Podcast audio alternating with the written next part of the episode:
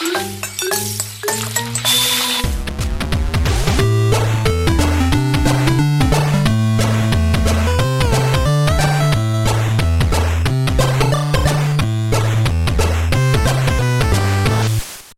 Welkom bij Buttonbashers aflevering nummer 72. Een, uh, een uitzending die eigenlijk als hoofdonderwerp muziek in games deel 26 had. Volgens mij is het 4, maar ik weet niet helemaal exact meer wat het cijfertje is.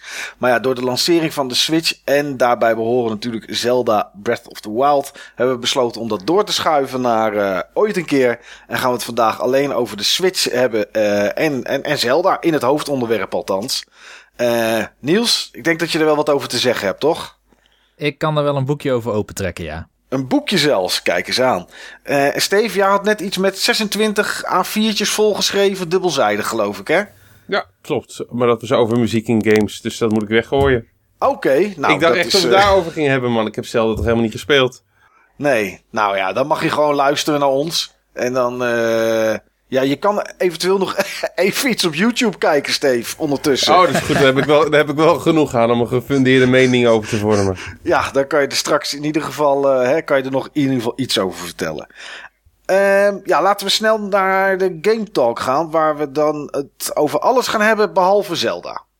Ja, dit is trouwens echt een hele unieke uitzending op een aantal vlakken. En die gaan we allemaal nog wel langs tikken op het moment dat ze voorbij komen. Ik tik ze wel af, maar zeer unieke uitzending.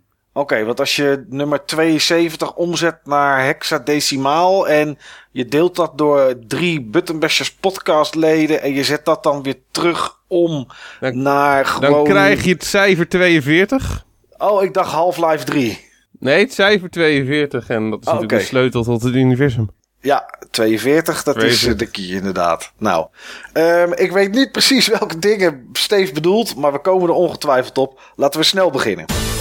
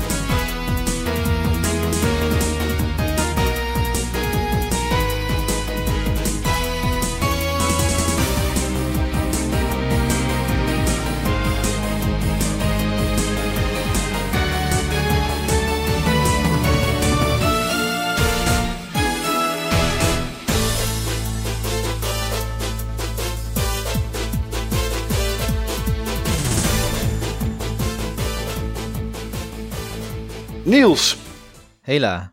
Jij wilde het niet over The Last Guardian hebben, zei je van tevoren. Nee. Maar ik wil eigenlijk wel dat je het erover hebt. Want ik wil daar ook nog iets over kwijt. Dus begin maar. Niels, oh, jij hebt The Last Guardian gespeeld. Ja, jij moet dan beginnen. Oké. Okay. jij hebt het nog nooit over The Last Guardian gehad in de podcast. Jawel, ik heb het wel Jawel. over The Last Guardian gehad. Wel, de vorige, oh ja, de vorige keer uitgebreid ja, zelfs. Ja, potverdorie. Maar inmiddels heb je hem uitgespeeld. Of had Ja. je dat toen ook al? Nee, Nee, toen nog niet. Nee. Nee. Nee, ik heb hem uitgespeeld. En juist doordat ik hem had uitgespeeld en had gezegd, speel hem nou maar door, Mike, heb jij hem ook doorgespeeld. Ja, dat klopt inderdaad. Ja, ik ehm, was ergens op een punt waarbij je zeg maar door een soort, aan een soort van boom hangt. Dan, eh, de mensen die het gespeeld hebben weten dan ongeveer wel welk punt dat was. En toen zei jij tegen mij, Niels, ja, dat is ongeveer wel op 50%. Op zijn Ja. Michael Eh, Hutchins of niet op zijn Michael Hutchins? Nee. nee, want dan was ik op 100% Steve. Oké. Ja. Ehm, en dat was in een kledingkast, toch? Niet aan een boom? Eh, Dat was inderdaad in eh, een kledingkast, in een hotelkamer volgens mij. Ja. Maar lekker morbide begin. Eh, nee, dus ik ben, het, ik ben het verder gaan spelen omdat jij zei, Niels, dat ik het toch maar moest doen. Ja. Ehm, en waarom zei je eigenlijk dat ik dat toch maar moest doen? Nou, ehm, vanaf de helft van het spel, dan begint het wat mij betreft pas. Althans, het doet er heel erg lang over om een introductie aan de speler te doen. De Ja. eerste, laat, pak een beet, zeven uur. Hebben heel weinig afwisseling. Eh, meestal probeer je trico ergens te krijgen door een hendel over te halen en dan een, eh, een hek of zo open te doen. Ja, Ehm, na die zeven uur, dan komt een moment, en daar hebben we volgens mij vorige podcast over gehad, dat de rol heel even omdraait van jij degene die de hele trico probeert te nurturen. Het, grappig genoeg sprak ik Emil Kamp hierover. En Emil Ja. Kampen die, eh, die had in eerste instantie een eh, vrij negatieve indruk van The Last Guardian. Toen hij die op volgens mij de E3 had gespeeld. E3 was dat, ja. Of ja. wat- nee, Tokyo Game Show was dat. Waar Oh, oké. Ja. ja. Daar was hij toen heel negatief over. En toen zei ik, ja, maar er komt dadelijk een moment. En hij zei, leg dat moment maar uit, want ik ga hem toch niet meer spelen. En Nee. toen zei ik, nou, dat is, dan ben je hier en hier. En dan heb je eigenlijk geen optie meer en dan moet je iets doen. En toen zei hij, oh, maar dat is precies het ding wat ik op de Tokyo Game Show heb gespeeld. Dus eigenlijk Oh. had hij de climax van het spel gespeeld, zo'n beetje. Ja. Althans, de climax van ehm, het eerste gedeelte van het spel. En Oké. het tweede gedeelte van het spel komt meer direct verhaal in beeld. Ja. Wordt iets meer duidelijk wie Trika nou precies is in dit hele avontuur. En ik moet zeggen dat ze dat op zich best wel goed weten te brengen richting het einde toe. Dus ik was wel tevreden over hoe het eindigt. En dat is ook de reden dat ik tegen jou zei: speel nou maar door. Ja. Want ik denk dat het einde je toch wel zal bevallen. Ja, nee, dat heb ik dus gedaan. Ik heb, eh, ik heb hem nog niet uitgespeeld. Maar ehm, ja, ik ben verder gegaan vanaf het punt dat ik zeg maar aan die, aan die boom hing. En eh, wat mij opviel was wel, ehm, ondanks dat jij het ook gezegd had, maar toen ik het aan het spelen was, dat de game meer afwisseling inderdaad heeft. Het begin is inderdaad gewoon eigenlijk klimmen door een gaatje heen, verder lopen, op trico gaan zitten, hopen dat hij verder springt, klimmen door een gaatje heen, een hendel overhalen. Eh, en dat is het eigenlijk zo'n beetje inderdaad. Meer is het niet, de eerste, het eerste, de eerste helft van de game. En dat verandert niet fundamenteel heel veel in het, in het, in het verdere gedeelte van, van de game, in het tweede gedeelte. Alleen de, de manier en de setting en de, de, de, ja, god, de manier waarop ze het brengen is zeg maar net even anders in, eh, in het tweede gedeelte. En eh, ja, dan is er wat meer, wat meer actie ook, Ja. moet ik zeggen. Het is, ehm, in het eerste gedeelte wordt volgens mij één keer ergens de camera overgenomen. En dan krijg je een beetje een soort filmische, filmische scène te zien. En in het tweede gedeelte is dat echt wel een keer of drie, vier. Ehm, ik ben bij een soort van bossfight, zeg maar, geweest, als je het zo mag noemen. Dat stak ook wel aardig in elkaar. Ehm, ja, en ik geloof dat ik nu. Ja, poeh, ik, ik moet denk ik nog een uurtje of zo eh, van wat ik gezien heb. Want ik was eigenlijk op een gegeven moment benieuwd van, oké, hoe ver ben ik? En toen zag ik, ehm, ik zag ergens een guide op Polygon. En die hadden dat opgedeeld in chapters. En die hadden 20 chapters ervan gemaakt. En ik ben bij chapter 19 of zo. En 20 was de laatste. Eh, ik, heb, ik heb niet gelezen wat ik nog precies moet doen. Maar ehm, ja, ik ben zeg maar echt richting het einde. En eh, de problemen zijn nog steeds niet weg. Ik heb, ik heb voor de grap ook een keer de camera met rust gelaten. Nou, dat lijkt wel een. eh, ja, lijkt wel of, of de camera dan in een wasmachine zit af en toe.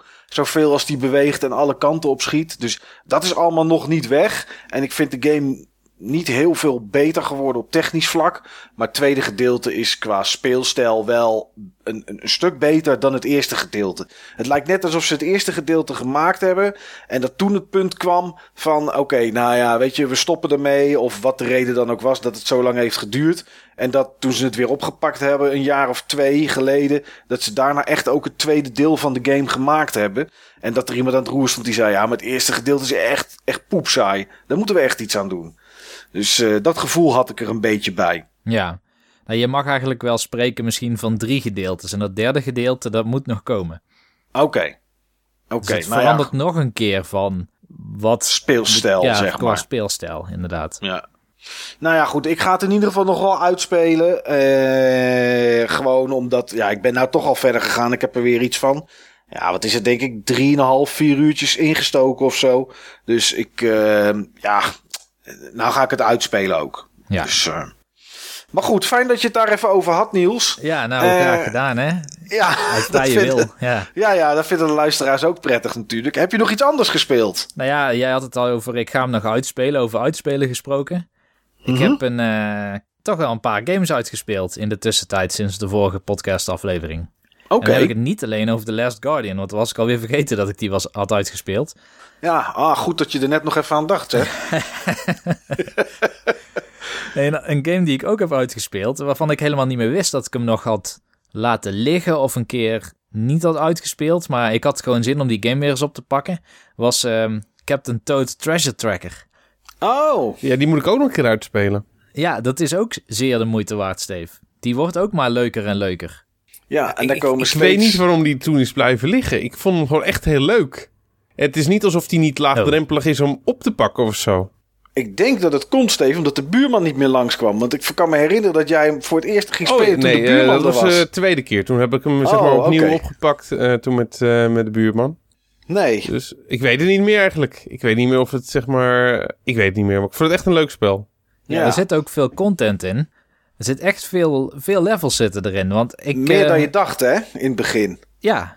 Ja. Ja, je, inmiddels uh, mag je dit soort dingen denk ik wel zeggen. En het is ook geen verhaalspoiler. Nee. Maar uh, op het moment dat je denkt dat de game is uitgespeeld... En dan heb je al het idee van, nou weet je, het was ook weer niet zo'n hele lange game die ik nu heb gekocht voor bijna full price.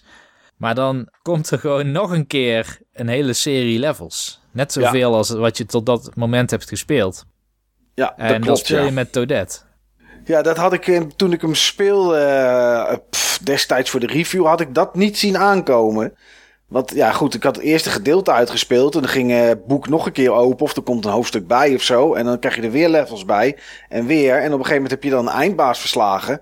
En dan denk je, nou oké, okay, dat was hem dan. En hopla, daar zijn in één keer nog een hele zwik aan levels. Ja.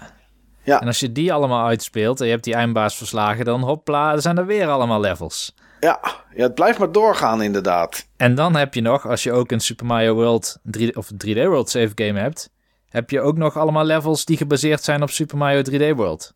Ja, klopt. Ook nog. Dus ja. uiteindelijk heb je echt veel levels. En die, die leveltjes die zijn gewoon leuk, want ze duren soms tussen de 10 minuten en de 20 minuten om uit te spelen. Maar om het level door te krijgen vind ik best wel leuk. Ik zou het eigenlijk liever als een 3DS-title misschien gehad hebben. Dan dat had ik er verbaast meer... me zo enorm dat er geen uh, sequel is uitgekomen op 3DS of versie op de 3DS. Daar snap ik tot op de dag van uh, vandaag weinig van. Nee, ik ook. Het leent er zich zo goed voor. Ook gewoon dat 3D-effect. Ja. ja, dat zijn we nou kwijt met de Switch. ja, dat kunnen we schudden inderdaad. Ja, het kan nog hè.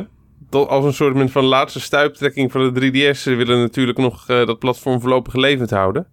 Ja, dat daar toch nog eens een keer iets voor uitkomt inderdaad. Dat hij misschien voor beide uitkomt en dat je hem ook nog dus 3D zou kunnen spelen op de 3DS.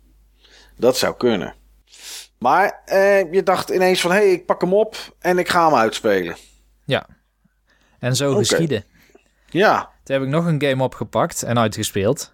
En dat is uh, Professor Layton en The Lost Spectre. Oh jeetje, welk deel is dat in de reeks? ja, want uh, in Nederland hadden we de melodie van het spook. En dat is deel 4.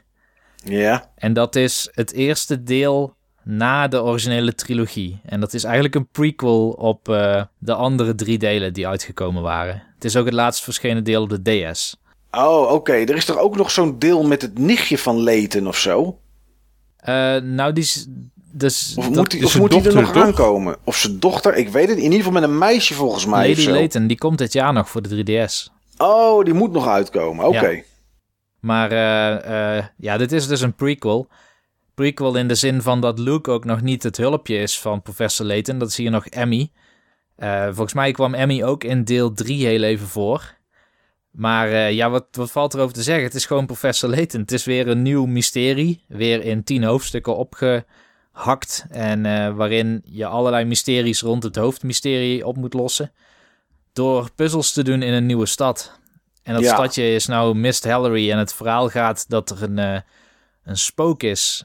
En Luke kan elke avond voorspellen waar het spook zal komen. En op het oh. moment dat hij dat voorspeld heeft, dan komt er heel veel mist in de stad. En dan komt er een spook en die vernielt van alles. Zo. En professor dat Layton is, uh, denkt heftig. natuurlijk... Ja, precies. En professor Layton die denkt... Maar dat is uh, supernatural. Bijgelovig. Ja, natuurlijk. Ja, bovennatuurlijk inderdaad. Dus uh, dit moeten we onderzoeken. Er moet een logische verklaring voor dit fenomeen zijn. Oké, Ehm, en en toen je hem uitgespeeld had, had, was het ook logisch of was het echt far-fetched? Het was logischer dan ik... Nee, ja, eigenlijk niet. Het was, het was farfetched, maar het was, Oké. Het was eh, misschien ongeveer net zo farfetched als de eerste twee Layton games waren. De derde is wel heel erg farfetched. Is die derde met die trein? Nee, dat is de tweede volgens mij. De derde gaat over een tijdreis. Dat ze teruggaan naar het oude Oh Londen. ja, Londen. Ja, ja, ja, ja. Die heb, ik, eh, die heb ik ook nog een stuk gespeeld. Maar ik moet wel zeggen, dit is wel tot nu toe de zwakste Professor Layton game die, game die ik heb gespeeld. Misschien is het doordat je het in- gewend in bent.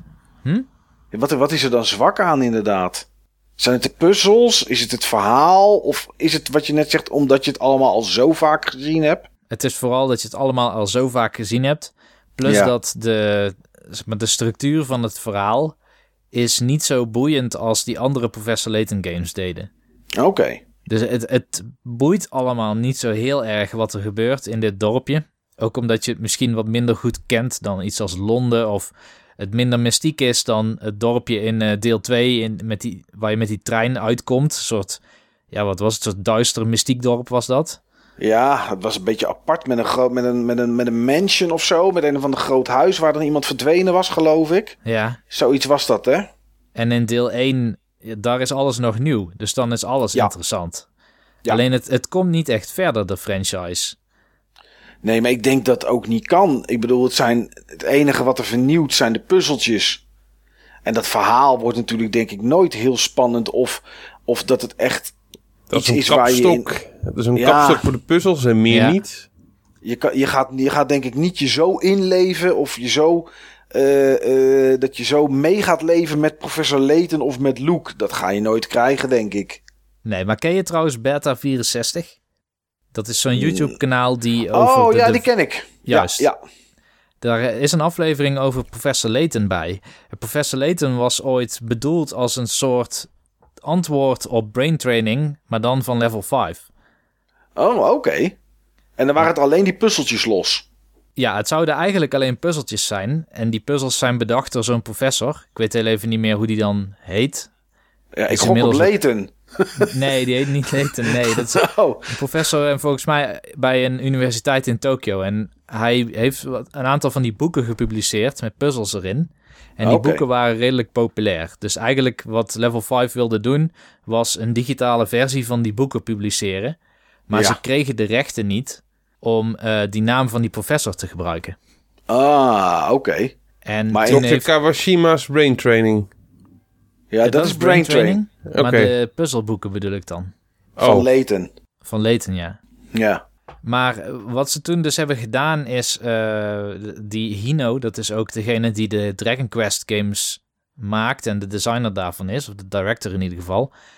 Die, eh, die heeft toen bedacht dat er als er een mysterie omheen zou zijn en eh, het een grafisch stijltje zou hebben dat vooral meisjes zou interesseren, dat het wel een eh, soort casual game kon worden die beter werd geaccepteerd.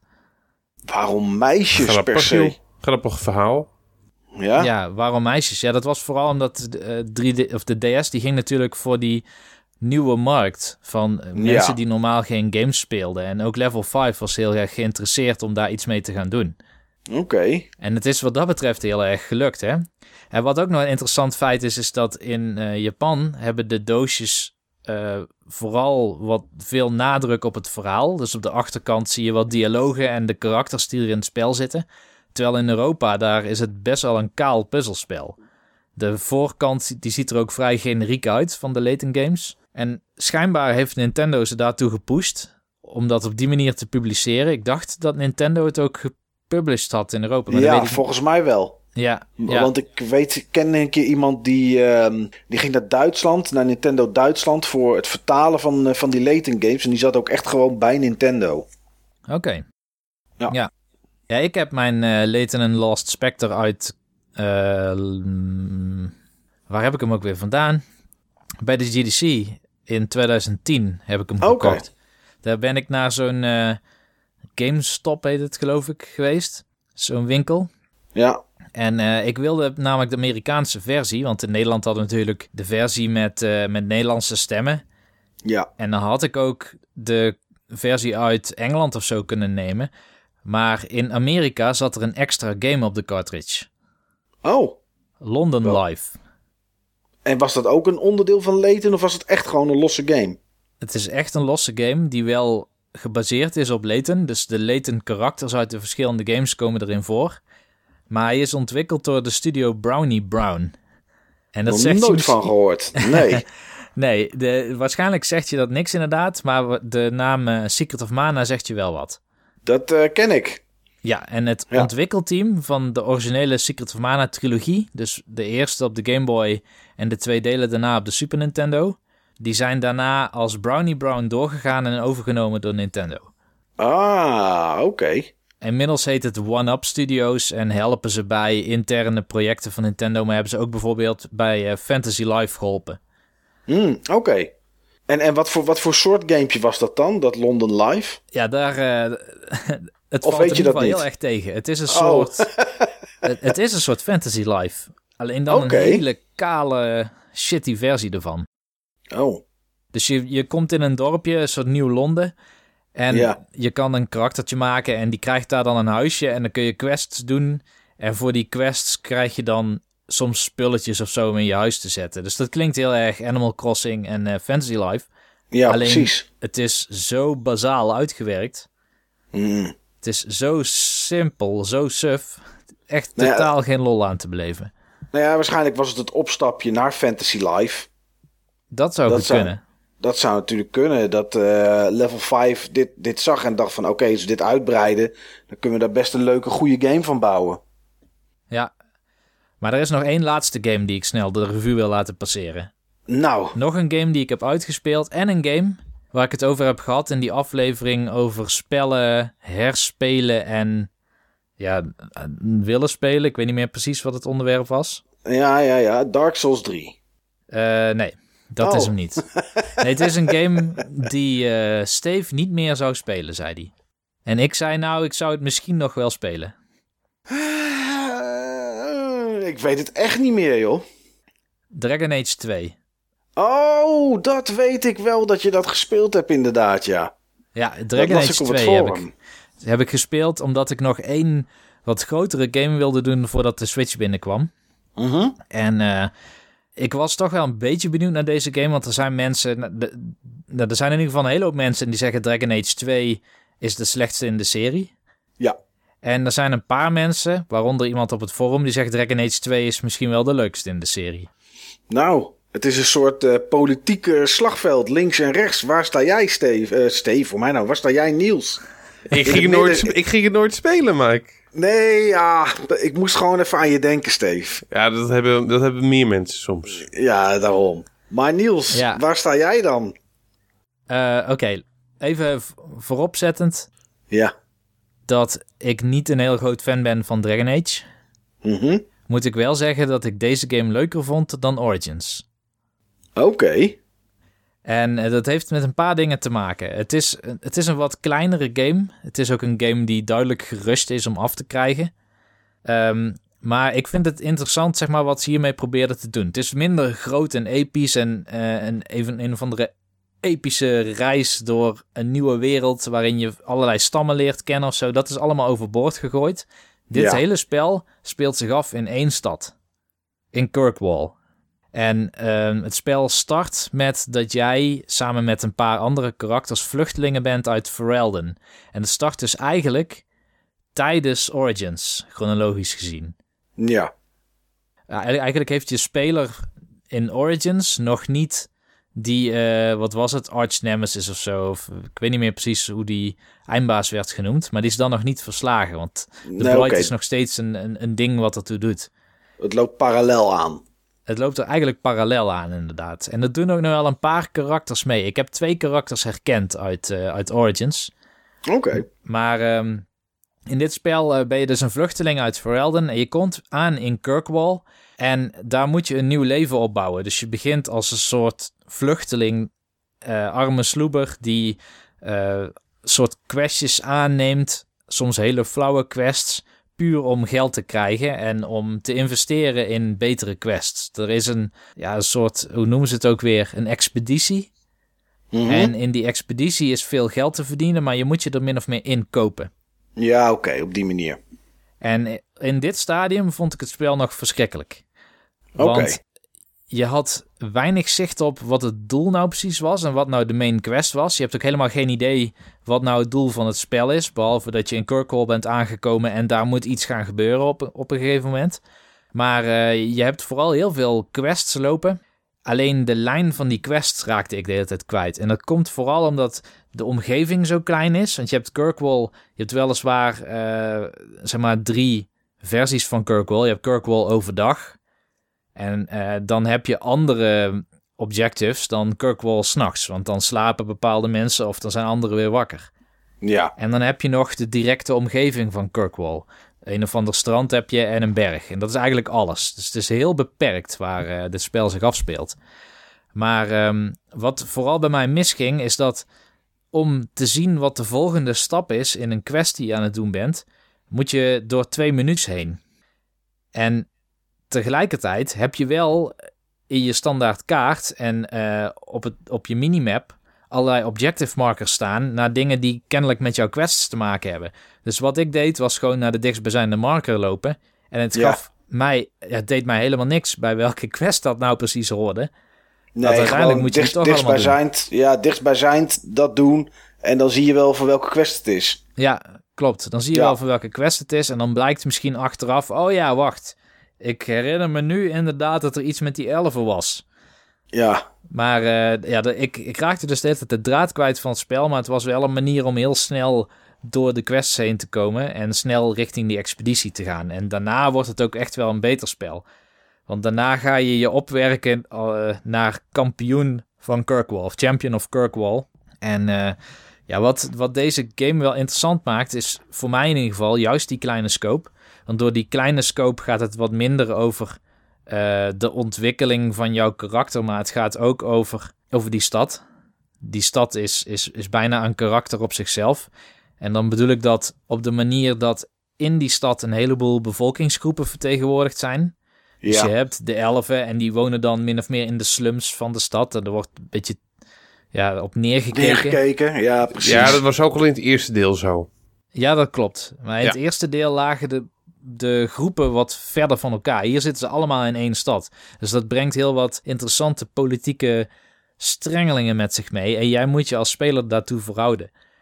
En dan maak je ook van die keuzes in, net als deel 1, waardoor je iemand misschien wel in je party krijgt ten koste van een andere partymember. Maar het is wel minder duidelijk dan in deel 1. In deel 1 was het allemaal veel transparanter welke keuze nou tot wel, wat voor soort uitkomst zou kunnen leiden. Want je, je deed gewoon iets voor iemand en dan werd die bevolkingsgroep waar die bij behoorde blij. En dan kreeg je daar goede street cred. En dat ging dan bijna altijd ten koste van een andere groep met wie ze rivalen waren. En hier Ja. is dat allemaal genuanceerder. Dus je, je weet soms niet helemaal waar je staat bij die bevolkingsgroepen, maar dat is juist ook wel weer spannend. Maar je hebt hier dus ook weer die Dalish en de, en de Dwarfs en de, de Templar. Eh, maar het is vooral eigenlijk de, de magiërs die in dit deel een hele belangrijke rol spelen. Want net als in eh, Origins zitten magiërs in een circle. Die zijn eigenlijk bij wijze van spreken opgesloten omdat eh, ze allerlei bovennatuurlijke krachten aan kunnen wenden. En soms dan kunnen ze zich laten verleiden tot iets dat blood magic heet. Ja. En blood magic, ja, dat, dan zijn die mensen zichzelf niet Ik dacht in eerste instantie dat je butt magic zei. Blood magic. Ja, blood magic. Ik toen dacht ik, hè, butt magic? Blood. Maar inderdaad, blood magic. Ik heb, het speel- ik heb het eerste spel dat ik ook gespeeld. Sorry, Niels. Nee, dat maakt niet uit. Eh, maar dat, dat vind ik wel... eh, daar zoomt het heel erg op in. Op, op wat die magiërs nu zijn. En de magiërs beginnen ook steeds meer het gevoel te hebben... dat het een nu of nooit moment is om eh, de situatie om te keren. Of niet per se om te keren, maar om... eh, de status quo te, door- te doorbreken. En niet meer gevangen te zitten en eh, opgejaagd te worden door de Templars. Oké. Had, je had, had je hem uitgespeeld, Niels? Ja, ik heb hem ook uitgespeeld. Dus ik heb hem eigenlijk eerder uitgespeeld dan Origins. Want daar ben ik gestopt bij de laatste eindbaas. Oké, en als je dan het einde van, eh, van Dragon Age 2 pakt, zit dat dan nog voor het einde van Dragon Age Origins? Of zit dat erna, zeg maar? Voor mijn... Nou, dat is moeilijk, want het... Weet je wat het spel doet? Het is een navertelling van een gebeurtenis. Oké, Dus op het moment dat jij de vluchteling bent, ja. dan is het in ieder geval voor het einde. Maar op het moment dat het een navertelling is... Ja, dan, Dan- is het erna. Ja, nee, ik denk dat het er nog steeds dan voor is. Maar het is wat moeilijker om eh, mijn vinger op te leggen. Maar wat, er, er zitten wel een paar rare dingetjes in. Eh, misschien heb ik eh, tegen een glitch aangelopen of zo, maar ehm, eh, je, je hebt in dit deel je hebt sowieso meer focus op combat. Op een hele positieve manier. Dus de encounters met vijanden zijn leuker dan in Origins. Maar wat nieuw is, is dat je ehm, een andere schaal hebt om jouw relatie ten opzichte van andere karakters aan te duiden. Dus je hebt nu een, een soort continuum die van friend naar rival gaat. En Ja. hier maakte ik iets heel grappigs mee. Want elke, net als in Origins, elke keer als je een keuze maakt of je hebt een dialoog en je antwoordt iets waar een partymember van jou het niet mee eens is, dan krijgt hij zeg maar plus 10 rivalry points of zo. ja, dan wordt de verstandhouding minder of juist beter. Juist. Ja. En ik kreeg dus de situatie dat ik... ehm, eh, er ging een, een, eh, een Dalish, dat is een soort elf is dat, die, die ging met me mee. eh Meryl. En zij is een, ehm, zij is een magiertype. En ik speel Dragon Age games graag met magiërs. Want die kun je super OP maken. Ja. Die schieten gewoon alles uit de lucht. Alleen elke keer is zij is een, een beetje een raar karakter, zeg maar. En eh, eh, ook al wil je die eigenlijk bevriend houden, toch koos ik in het spel vaak dingen die haar tot mijn rivaal maakten. Totdat zij maximaal rivaal van me was. Ja. Dus 100%. En exact daarna, eh, en dat heb ik schijnbaar getriggerd of zo, trok ze bij me in. Huh? En, en, Oké. eh, en waren we partners. Dus dat, dat was echt heel erg raar om te zien. Dus ik krijg letterlijk na, direct na elkaar, zonder, zonder ook maar een stukje interactie daartussen, krijg ik eerst een cutscene dat ze helemaal klaar met me is en me nooit meer wil zien. En meteen daarna trekt ze mijn huis in. Dus dat vond ik wel heel vreemd. Dat is waarschijnlijk om met je te trouwen en je daarna financieel helemaal leeg te trekken. Dat is dan haar wraak, eh, Niels. dat zou sowieso wel eens kunnen, ja. Ja, oké, dat is wel apart. attract, hè, zeggen ze ook, toch? Ja, daar heeft eh, Paula Abdul wel eens een liedje over gemaakt, volgens mij. Ja, oké. Maar ja, goed. Het het spel begint dus heel verwarrend, maar uiteindelijk wordt het, vind ik, best wel leuk. Eh, je kan ook beter strategisch nadenken over de skills die je in gaat zetten met je party.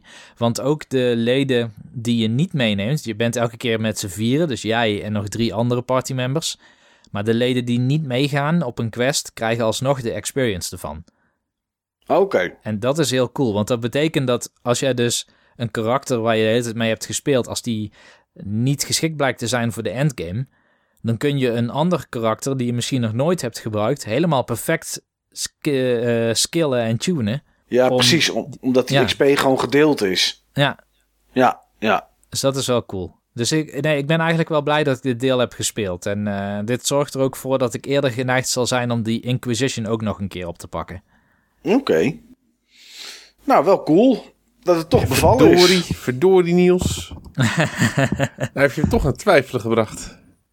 Maar ik vind het erg, eh, erg leuk dat je er zo positief over bent. Want ehm, ik vind het wel een serieus eh, mooie serie.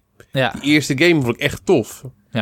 Nee, dat vond Ja, ik ook. En, eh, het, ik denk wel dat het echt een kwestie is van smaak.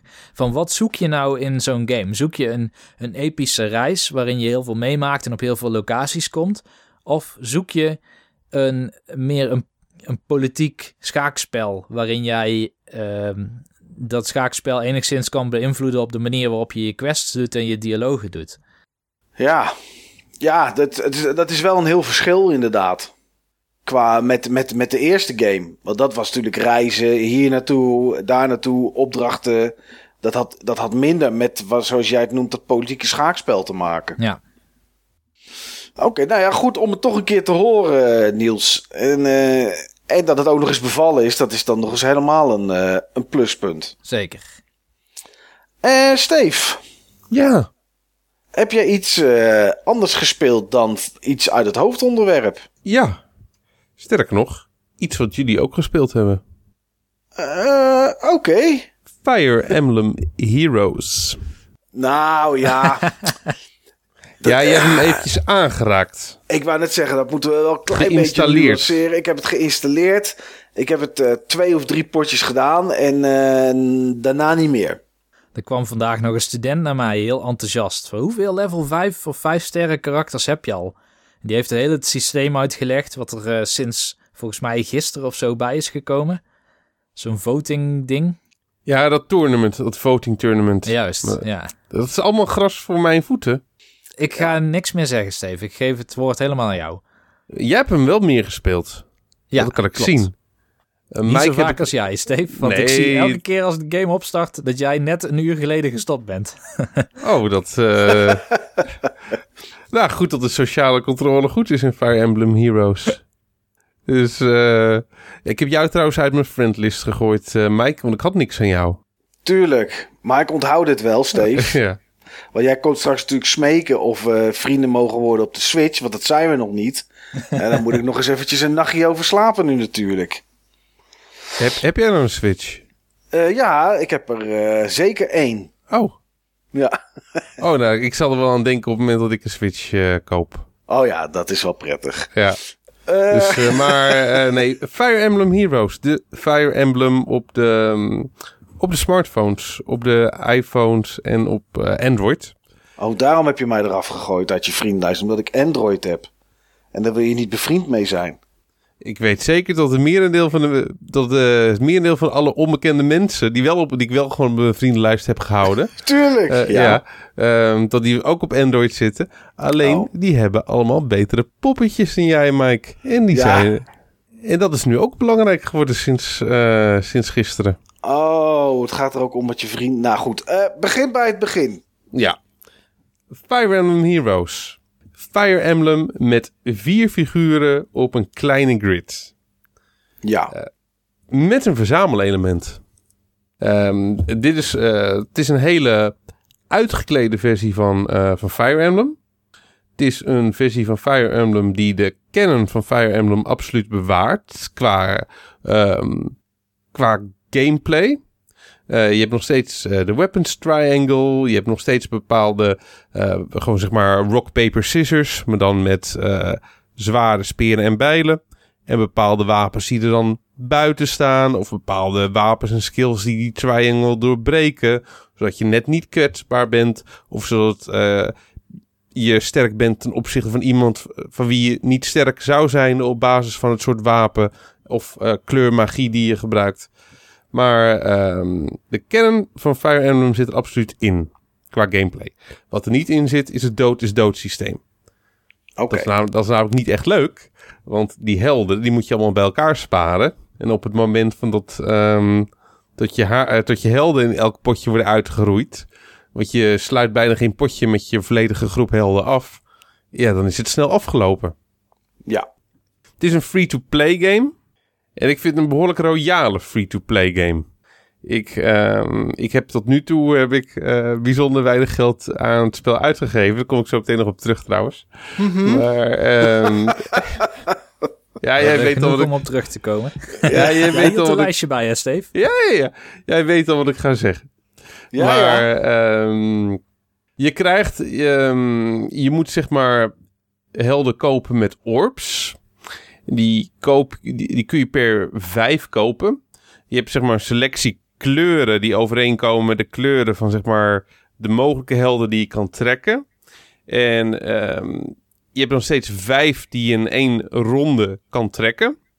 En de eerste die kost vijf orbs. De volgende drie kosten vier orbs. De laatste kost drie orbs. Dus op het moment dat je je vijf kansen benut, eh, kosten vijf helden 20 orbs.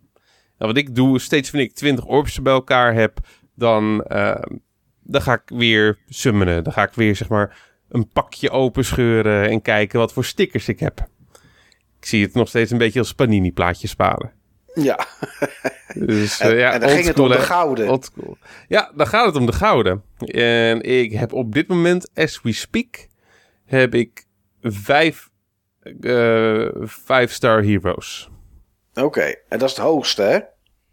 Dat is het hoogste.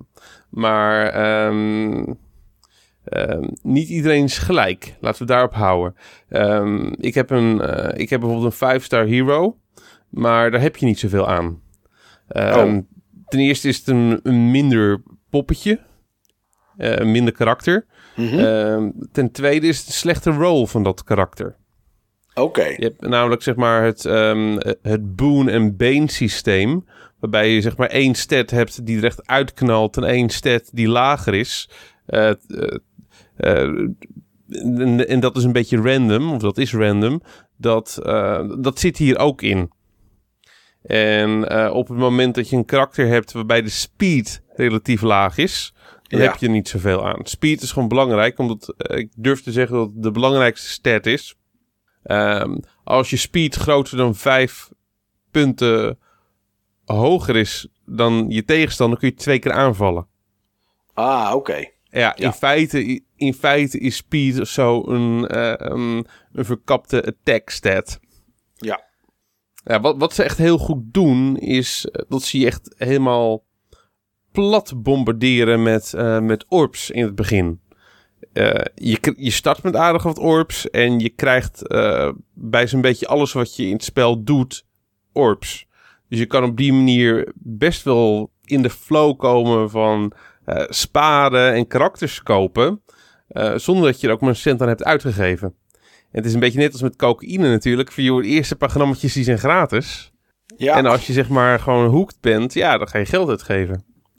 En dat, ja heb, zo ik ook, werkt dat. ja, dat heb ik ook gedaan. Want ik wou zeg maar een... ehm, ik wou eh, ook een, een leuk team bij elkaar hebben. En een goed team bij elkaar hebben is ook wel belangrijk. Eh, veel van de taken die je... Je hebt namelijk ook allemaal quests die je moet doen. En op het moment dat je je quests eh, doet met een, eh, ja, met een goed team... kun je daar gewoon veel makkelijker doorheen komen. En daarnaast heb je zeg maar een soort met van... Het is niet real-time, maar je, je battelt tegen mensen online. Ja. eigenlijk battle je tegen hun ghosts. Oh. Ehm, ja, eh, zeg maar, het spel maakt een snapshot van zeg maar, jouw helden. In dit geval hoop ik echt jouw helden tegen te komen, eh, Mike. ja, daar kan je makkelijk van winnen. hè? Ja. Dus eh, hij maakt een, snapshot van je helden. En die worden gewoon aangestuurd vanuit de AI. Net zoals dat, zeg maar, alle andere poppetjes die je tegenkomt ook vanuit eh, AI eh, aangestuurd worden. Alleen wel met precies de stats van jouw helden. En de skills van jouw helden. En de dingen die jij geselecteerd hebt voor ze. En ehm, een van de dingen die je bij elkaar spaart, dat zijn feathers. En feathers kun je eigenlijk alleen, eh, alleen verdienen met, die, met duels.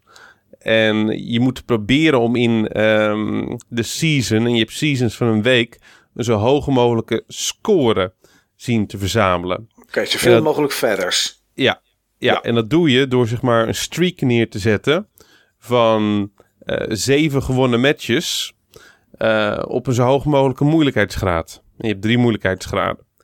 En eh, dat is nog best lastig. Ja, dat zal vast wel, ja. Ja, want ehm, ik heb dan wat geld erin zitten, maar op het moment van dat je een paar honderd euro erin hebt zitten, bij wijze van spreken, Ja, dan heb je natuurlijk een beter team dan dat ik heb. ja en op die kans moment- bestaat, maar het hoeft natuurlijk niet toch dan, Steve? Kijk, je hebt natuurlijk meer gerold, dus je hebt, je hebt een grotere kans op betere eh vijf sterren poppetjes, zeg Ja. maar. Ja. Maar het hoeft natuurlijk, als jij natuurlijk heel lucky bent, dan zou jij natuurlijk ook dat- zo'nzelfde soort team bij elkaar kunnen, kunnen Ja, rollen. Klopt, klopt als, je heel, als je heel lucky bent, inderdaad. En kijk, die feathers, eh, waarom ze relevant zijn. Je kan van die, met, met behulp van die feathers kan je eh, drie sterren karakters, vier sterren karakters maken. Dat kost Ja. je 2000 feathers. Zo dan. Ja. En vier sterren karakters, vijf sterren karakters kost je 20.000 feathers. Mijn hemel. Hoe Ja, lang en ben je- je daarvoor bezig voor 20.000 verders? Je kan ongeveer, zeg maar, afhankelijk van welke, welke karakters je hebt, ja. Eh, want je hebt zeg maar eh, eh, in die season bepaalde karakters die bonuspunten opleveren in je matches.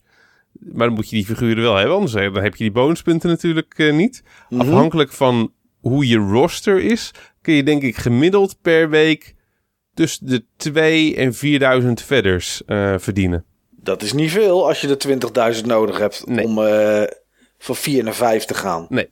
Dus je hebt gewoon zeg maar een kans om, eh, om zeg maar figuren te upgraden naar het hoogste niveau. Maar wat ze eigenlijk gewoon willen is van dat je gewoon geld uit gaat geven en dat je zeg maar die pakjes openscheurt. Net zolang van dat je, eh, dat je dan die karakters hebt. Want je kan natuurlijk geen verres kopen. Je kan geen verders kopen. Nee. Het enige wat je kan kopen, dat zijn orbs. En orbs kun je gebruiken om figuren eh, inderdaad eh, erbij te krijgen. Je kan ze krijgen door... eh, je kan ze inzetten om, om door te spelen op het moment dat je stamina op is. Je hebt eh, eh, 50 stamina punten en bij veel van de dingen die je doet... ehm, lever, je die, lever je die in en moet het stamina dan weer omhoog voor, zonder dat je door kan spelen. Anders dan zet je even vast. Je, Je moet kan je eh, wachten gewoon, of niet? ja, dan moet je wachten. Mhm. Dat, dat, dat is niet zo'n punt. Ik, eh, ik, ik maak mijn stamina gewoon op en ga ik iets anders doen. Ik speel er toch heel erg tussendoor op het openbaar vervoer, eh, in het openbaar vervoer of wanneer ik eventjes niks te doen heb. En dan Ja. ziet Niels me weer online. ja. Ja, Ja, komt weer even spioneren. ja precies. Maar eh, dat is het punt niet zo. En je kan die orbs gebruiken op het moment dat je zeg maar verslagen bent, van dat je toch nog verder kan gaan in een, eh, in een gevecht. Dat kan niet zeg maar in, dat, in die versus mode. En je kan ze ook gebruiken volgens mij om je kasteel te upgraden, toch? Ja. Ja. Heeft dat nut? Want daar heb ik namelijk in het begin heb ik allerlei Ja, moet je, dat moet je gewoon zo snel mogelijk doen. Want op die manier eh, krijg je sneller en meer XP. Oh, en dan kun je sneller zeg maar doorlevelen, die poppetjes. Ik wist natuurlijk, er zaten zoveel opties in toen ik die game in kwam. Dat en was toen, de juiste keuze. eh, oh, kijk, zie je, ik ben wel goed begonnen. Je bent uitstekend begonnen. Ja, daar is het ook bij gebleven, maar ik ben uitstekend Je bent begonnen. uitstekend begonnen. Oké. Maar ehm, ja, ik vind het gewoon echt een heel leuk spel. Ik kan iedereen uitnodigen om het eh, om te gaan spelen. Het ziet er goed uit. Zeker. Ehm, het, eh, het speelt lekker. Het, ehm, het is absoluut ook de kern van Fire Emblem die het, eh, die het raakt op het moment van dat je zeg maar die Fire Emblem hebt gespeeld en je bent ke- bekend met die karakters. Dan is er een dikke kans van dat je je favoriete figuren terug gaat zien. En anders, als ze er nog niet in zitten, komen ze er op, eh, komen ze er op korte termijn wel in. Want de cash cow moet natuurlijk verder gemolken worden. Ja, natuurlijk. Ja. En, wat is dan nu nog, zeg maar, jouw eh, de, eh, de play mechanic die er nu is? Dat zijn, zeg maar, die wekelijks toernooien, Steve, zeg maar. eh, Dat is wat het nu nog is. Ja, wat er nu bij... ge- eh, ze doen, oh, continu komen er ook dingen bij. Ze hebben zeg maar ehm, eh, extra quests die, eh, die erbij komen. Ze hebben maandelijkse quests. Ze hebben, ehm, ze hebben dagelijks zeg maar een map waarbij je zeg maar een karakter op een heel laag, eh, op een heel laag level erbij kan krijgen. Ehm, die je dan door kan levelen met verders. En dat is, dat is het grootste, schaarste goed. Dus dat is niet zo... dat is niet zo heel stimulerend om zeg maar een, een één ster karakter naar vijf sterren door te ontwikkelen. Maar het Nee. kan. Het kan. Ehm, ja, en vooral, ze releasen ook continu nieuwe figuren. Sinds de lancering van het spel zijn er denk ik zo'n 14 tot 16 nieuwe figuren gelanceerd. Som, eh, ook figuren die je zeg maar alleen dan kan krijgen op speciale maps. En die niet zeg maar de relatie ingaan eh, eh, met die pakjes. Oké. Eh, ze hebben nu dan wat, eh, wat Niels vertelde. Ze hebben een, ehm, een soort van populariteitstoernooi. Eh je hebt zeg maar acht karakters die het, die het met elkaar uit gaan vechten in, ehm, in drie rondes. Wie het populairste karakter is. En dat doe je door zeg maar je aan zo'n karakter te linken. En eh, dan heb je twee dagen. Dan ben je dan eh, bezig om ervoor te zorgen dat dat karakter meer punten eh, krijgt dan zeg maar zijn, tegenstander. En ehm, dat is dan uiteindelijk de winnaar van die ronde. En dan gaat het zeg maar steeds verder. Dus je hebt dan een week, zes dagen dan in dit, in dit geval, waarbij je zeg maar in zo'n event zit en hoopt van tot, eh, tot jouw karakter, wat jij support, het eigenlijk wint. En, eh, eh, en daar lever je er ook een bijdrage aan via dan speciale gevechten die weer met aparte currency worden, eh worden gefund. Het is best wel uitgebreid. Ik kan het zeggen, er zit wel een hoop in. ja, ik vind het voor een free-to-play game vind ik het echt bijzonder uitgebreid. Ik vind het ook echt heel goed uitzien. Er zit veel gameplay in. veel hoeks. Super Mario Run die heeft eh, veel kritiek gekregen omdat die 10 euro kost. Ja. Nou, di- en dit is echt een spel. Als je dit gaat spelen, dan stop je er zo een paar tientallen euro's in. Oké. Ehm, ik heb er 40 euro aan uitgegeven. Dat is best eh, stevig bedrag, eh Steve. Maar Ja. dat, vond ik, dat vond ik terecht. Ik, eh, ik vind het echt een heel leuk spel en ik heb er veel, ehm, ik heb er veel mee gespeeld. En ik wou het graag supporten. Nou, dat heb je op die manier denk ik wel heel goed gedaan. Ja, eh. ik vond 40 euro vond ik wel te duur voor, ehm, voor wat je dan kreeg. Oké, wat, wat kreeg ik. je daarvoor? Zo, Orbs gewoon ook Ja. allemaal? 80 orbs of zo. Oké. Ik weet het niet meer eh, precies, maar het, het was ongeveer het dubbele wat ik eigenlijk voor over zou hebben. Ja. Wat ik gedaan heb, ik heb zeg maar twee keer eh, gekocht wat ik zeg maar wou hebben. En ik heb eentje gerefund via de App Store. Oké, dus er zitten nu ergens in Japan zitten, zitten mannetjes heel zuur naar hun bankrekening te kijken. Ja, ja, ja. Om, omdat Maar ik heb het wel, ik heb het wel, ik heb het, sociaal, ik heb het gewoon direct gedaan. eh, want dat geld hebben ze gewoon nooit gekregen. Oh, Oké, dat heb je, heb je zo snel gerefund dat ze het toch niet... eh, Ja, je hoeft ook helemaal geen reden op te geven. Oh, oké, je dat- kan ja. gewoon terugtrekken en klaar. Ja, dus ik heb, ik heb gewoon mijn eigen 50% kortingsactie eh, gewoon in laten gaan op het moment dat ik wou. Oh, no remorse.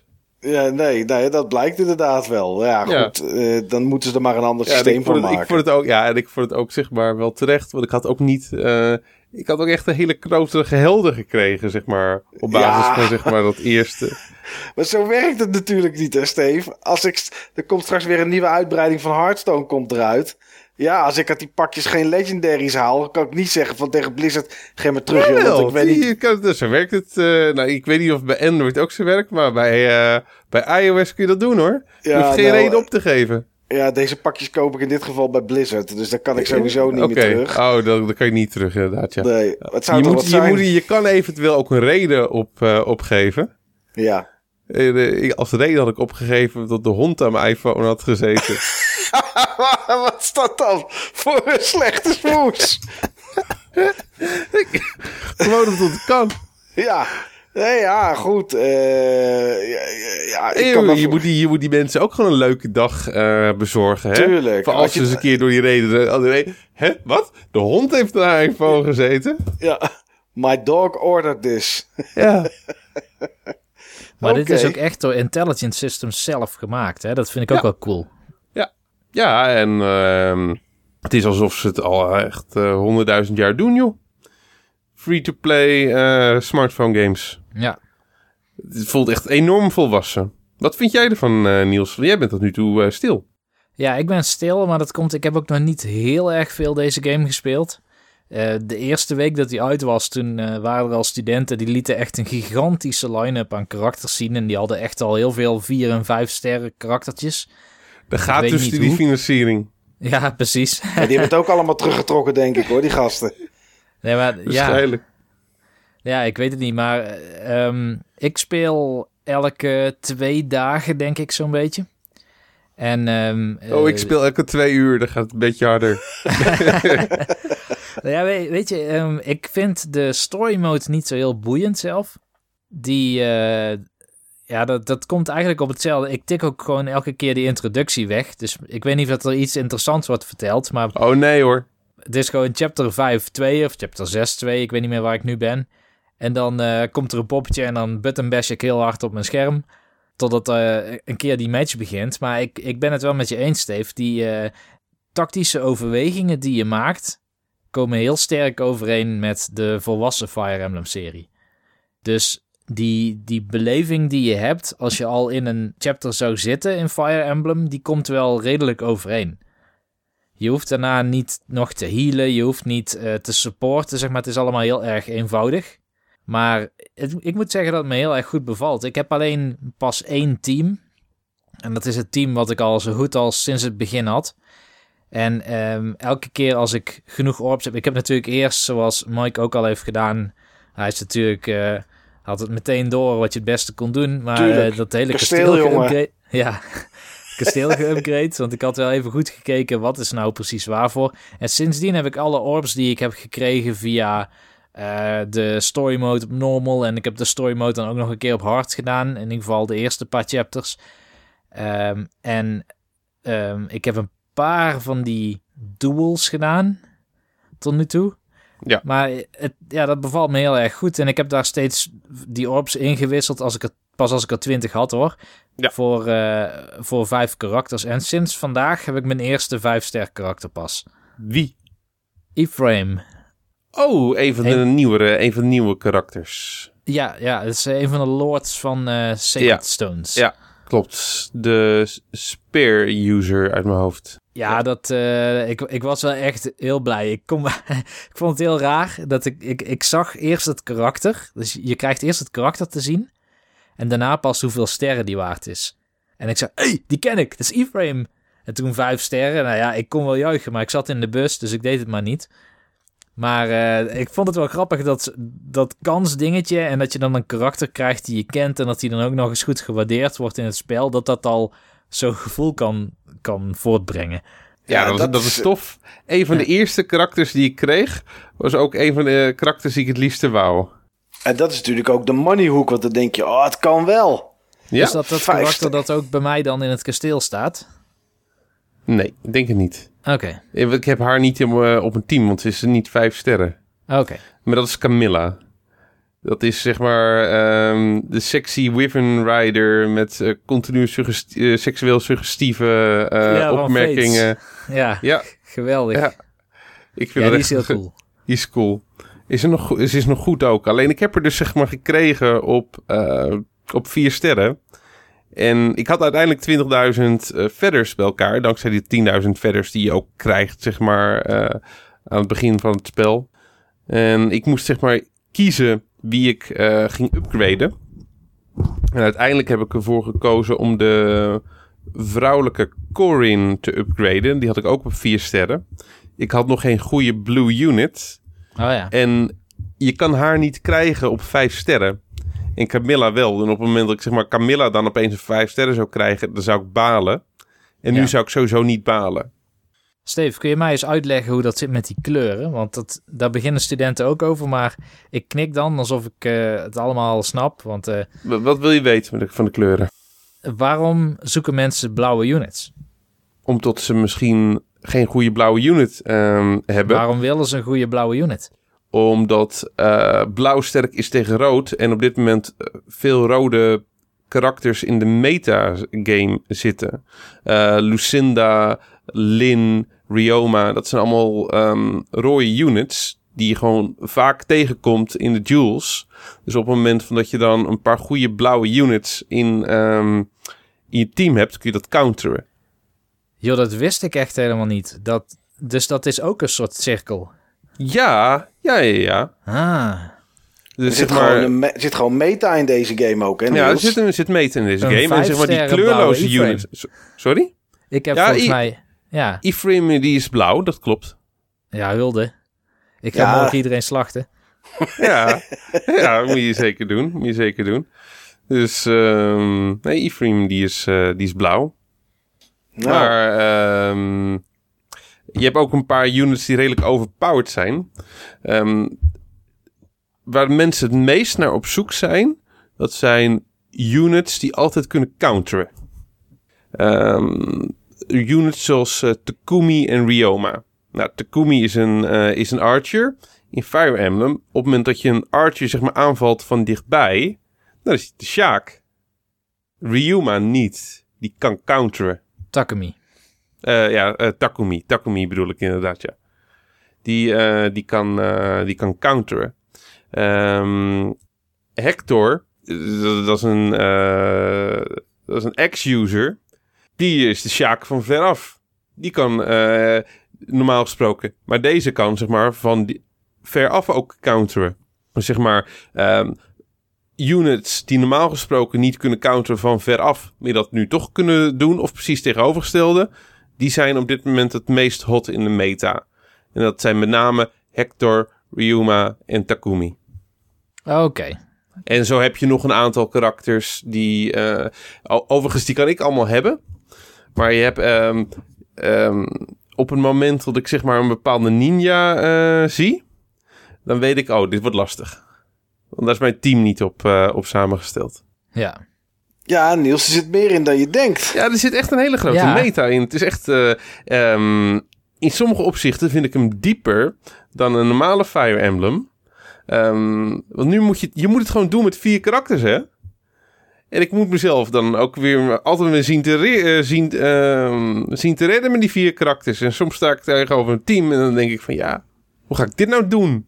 Dit wordt echt lastig, maar ik wil wel winnen. Want ik sta gewoon al op, ehm, op vijf wins in mijn streak. En ik wil mijn streak niet onderbreken. Hoe red ik me hier nou uit? Ja. En als het dan toch lukt, terwijl je het eigenlijk gewoon af zou leggen op basis van, eh, van zeg maar die skill tree. Ja, dat is cool. Ja. Dus eh, goed spel.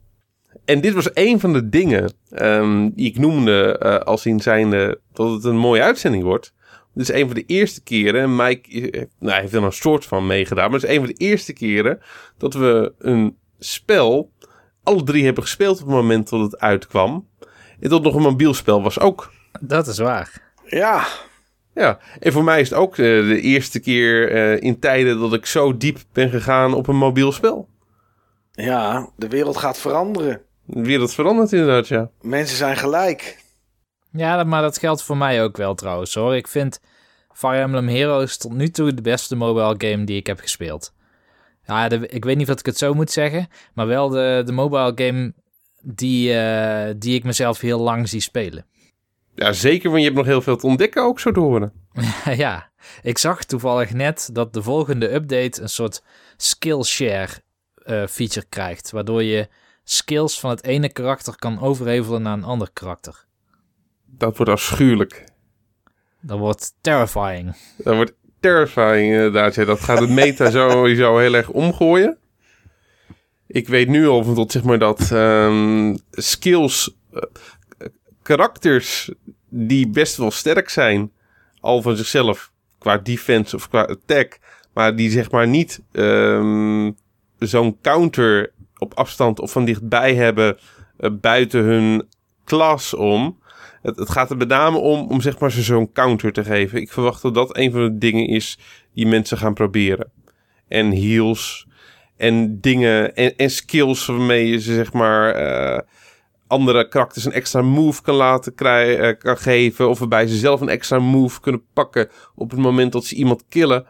Dat, dat soort dingen, dat, dat verwacht ik van dat het dingen zijn waar mensen op gaan spelen. Maar gaan we zien. Nou, eh, meer verhaal over een mobiele game dan ik dacht, eh Steve. Dat is wel. eh, maar ja, er zit ook een hoop in, dus wat dat betreft logisch.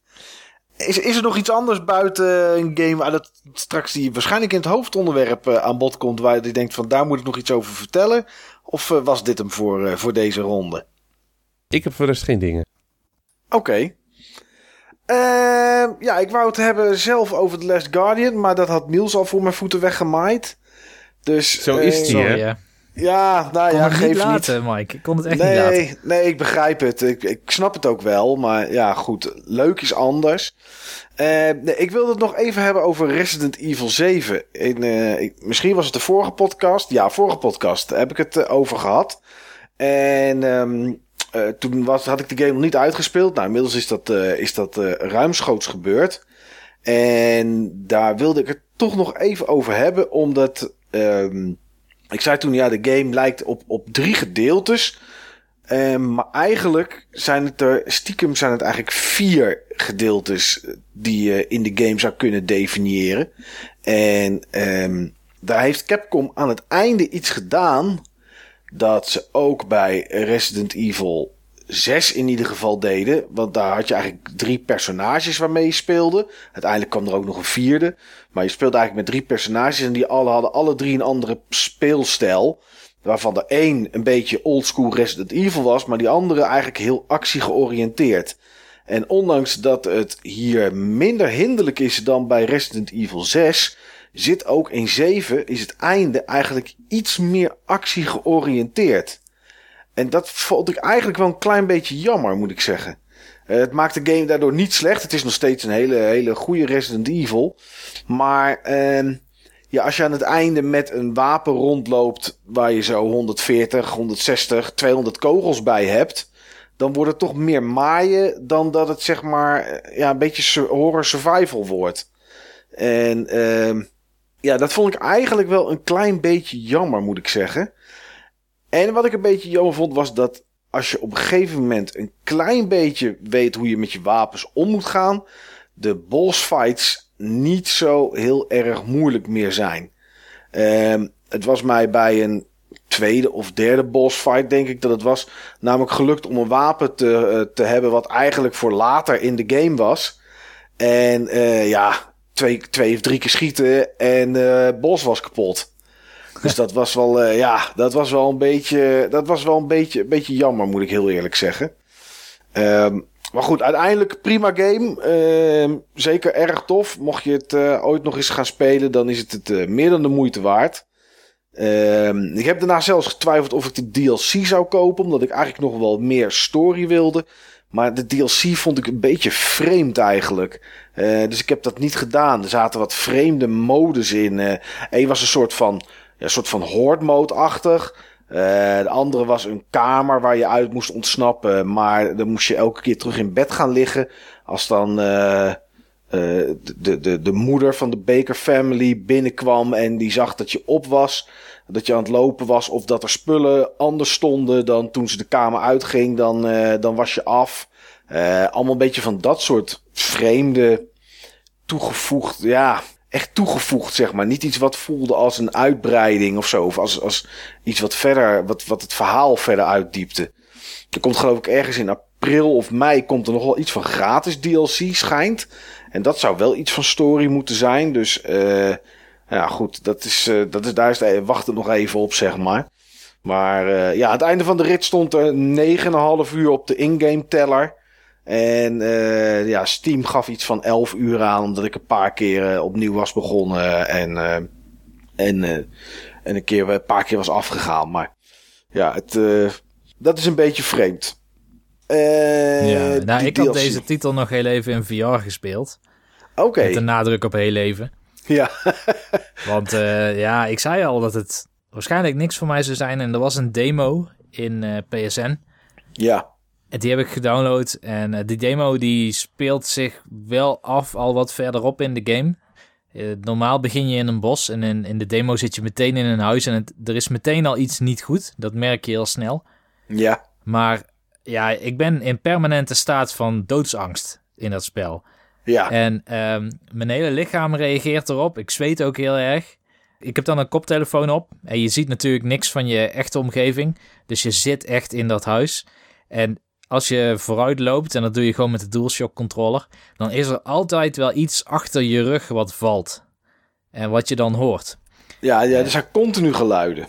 Ja, er zijn Ja, continu dat is gewoon geluiden. of doodseng. dat verschraapt iets inderdaad. Maar bijvoorbeeld eh, eh, een van de eerste gebieden waar ik dan ben, en dat was in een keuken. Ja, En dan doe je de koelkast open en er vallen natuurlijk organen uit, weet je wel. Nou, dat, dat went op een gegeven moment wel. Maar gewoon een simpele deur die dicht zit, is een complete uitdaging voor mij dan. Die ja deur ga jij, dicht. eh, ga je om het hoekje kijken als je hem open gedaan hebt, om te kijken wat er binnen is? Nou, eerst moet ik op die deur aflopen. Dat Ja. doe ik heel voorzichtig.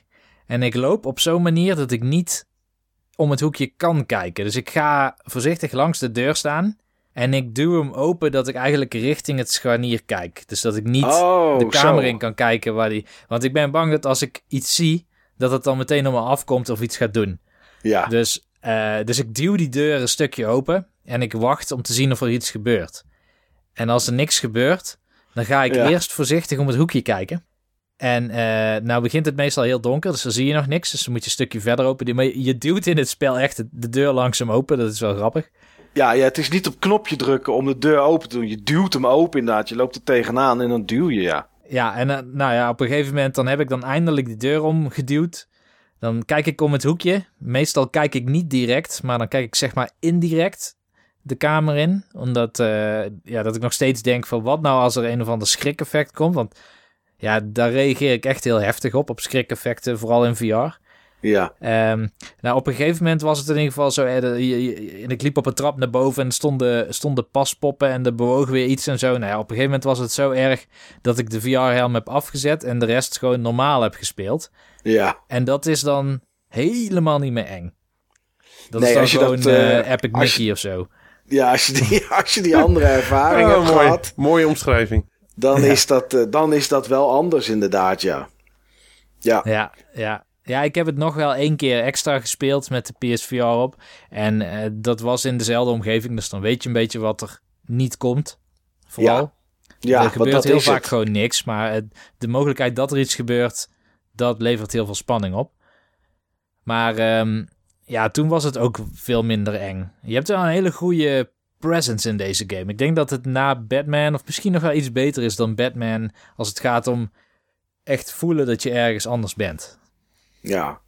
Ja, dat hebben ze. En het ziet er ook wel goed uit. Dat huis en zo. En eh, Absoluut. de sfeer in dat huis. Dat is wel, eh, dat is wel heel goed. En dat gaat ook naar, richting het einde. eh, verandert dat ook wel. Omdat het, het laatste gedeelte van de game. Het al- allerlaatste gedeelte van de game speelt zich weer in het huis af.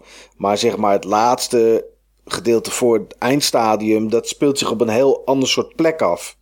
En dat, eh, ja, dat deed ook wel een beetje af, moet ik zeggen, aan, aan de spanning die er aan het begin is. Oké. Want ja, het begin is het huis en alles wat daar omheen zit. En dat, eh, ja, op een of andere manier is een huis, zeg maar, enger dan, ik noem maar iets, een, eh, een industrieel gebied.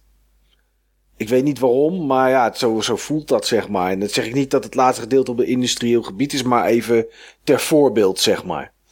Dus, eh, maar goed, ehm, volgens mij vroeg je de vorige keer van, eh, zit er iets met, eh, nog wel iets met Umbrella in, zeg maar. En nou ja, goed, dat had, ik al gezegd, er zit iets in. En inderdaad, er zit iets in. Het is heel licht. Maar de DLC, die als het goed is gratis is, die DLC die er nog aankomt, die, eh, ja, die gaat daar iets verder op in, zeg maar. Die zou een iets andere kant van het verhaal belichten. En daar zou dan iets meer Umbrella bij zitten. Ja, omdat, ik, omdat het eind dus toch nog even wel iets anders was dan, eh, dan het eerste gedeelte, of het, eerste twee derde gedeelte van de game, wilde ik dat toch nog even een keer, eh, een keer genoemd hebben.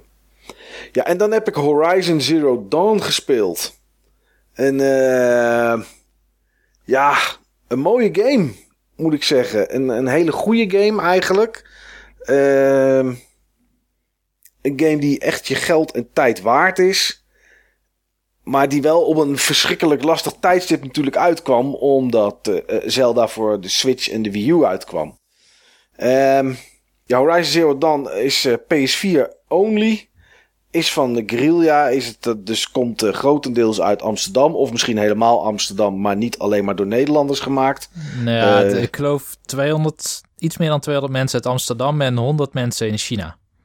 Ja, nou ja, en, en die 200 mensen in Amsterdam zijn ook niet allemaal Nederlanders. Want Nee. Daar zitten mensen bij die eh, geschreven hadden voor Fallout New Vegas, volgens mij. Mhm. Eh, dat soort dingen allemaal. Maar goed, wat, wat aan Horizon Zero Dawn vooral opviel... en wat mij heel erg opviel, dat had ik van tevoren eigenlijk niet bedacht... is dat het meer, ehm, en dat is overdreven zeg maar... meer roleplaying-achtig iets is dan ik dacht... Wat je in alle trailers hebt gezien en in alle video's was eigenlijk voornamelijk heel veel combat.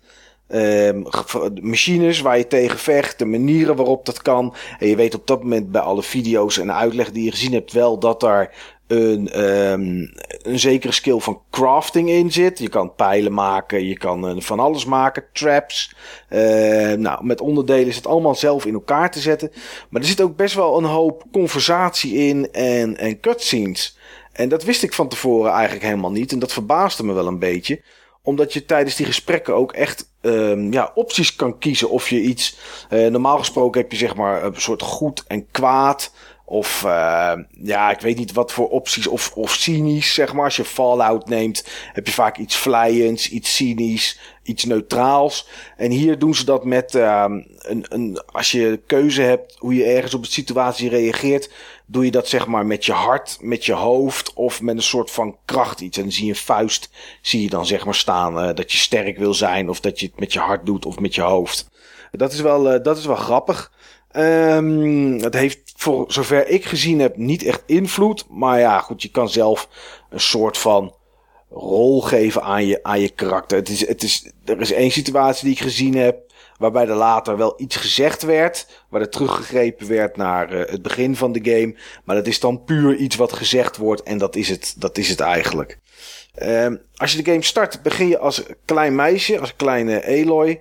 En ehm, ja, dan, dan zit je in de wereld die uh, op dat moment is, post-apocalyptisch. En onder de grond, daar zit zeg maar de oude wereld nog deels verstopt. Daar zitten de machines en um, de wereld van de machines. En ja, boven, boven de grond lopen er ook een hele hoop. En um, je bent een, een verbandeling samen met een, uh, samen met een kerel. En uh, om weer terug te mogen bij de stam, zodat je uit kan zoeken uh, wie, jou, wie jouw moeder is. Want dat is, dat is waar de game mee begint. Dat is het begin van het verhaal. Moet je een, um, een soort parcours afleggen, een soort trial. Ik weet even niet wat het Nederlandse woord is eigenlijk, wat we daarvoor moeten pakken. een proef. een proef, ja. ja Ze noemen proef. het letterlijk een trial in de game. Ja, ja, maar je moet een soort proef moet je afleggen. En um, als je wint, dan, um, dan hoor je en weer bij de stam. Maar dan mag je ook een wens doen en die wens die wordt dan verwezenlijkt. Nou, uh, het is aan jou de taak om dan natuurlijk eerste te worden en dan te vragen hoe dat, uh, hoe dat met je moeder zit. Nou, wat vooral wat mij erg opviel is dat ik verwacht had dat na die trial uh, eigenlijk ja, verhaal een beetje door zou kabbelen. Maar continu drukken ze nieuwe stukken verhalen, twists en dat soort dingen naar je toe. Waardoor het echt heel erg levendig blijft. En dat, dat heeft Guerrilla echt wel heel goed gedaan. Um, wat ze ook heel goed doen is, um, of hebben gedaan in dit geval, is de wereld zelf. Die is behoorlijk levendig. Er loopt, uh, er loopt wild, dus dieren en dat soort dingen.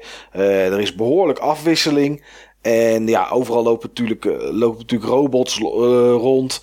Um, en als je eigenlijk de game eh, zou moeten vergelijken, is het eigenlijk van alles wat. Er zit wat Ubisoft-achtig in, zeg maar. Uh, er zit, en dan zou je kunnen kijken naar Assassin's Creed en een beetje iets van Far Cry. Er zit misschien wat van The Witcher in. Er zit eigenlijk van alles, zit er een beetje wat bij elkaar geraapt. En uh, ja, dat hebben ze neergezet in eigenlijk een hele goede setting. En een hele bijzondere game. Het ziet er grafisch ook erg goed uit, moet ik zeggen. Ook op gewone PlayStation 4 en dan op 1080p. Uh, het ziet er echt schitterend uit. En wat de game voor mij heel erg goed deed, was dat er best wel wat wow-momenten in zaten. We hebben ooit een keer zo'n uh, zo'n uitzending gehad. Met, uh, waar we wow-momenten gingen bespreken die we in games hadden. Uh, hier zitten wel een aantal dingen in die daar echt in, die daarin terug zou kunnen, in, terug zouden kunnen komen.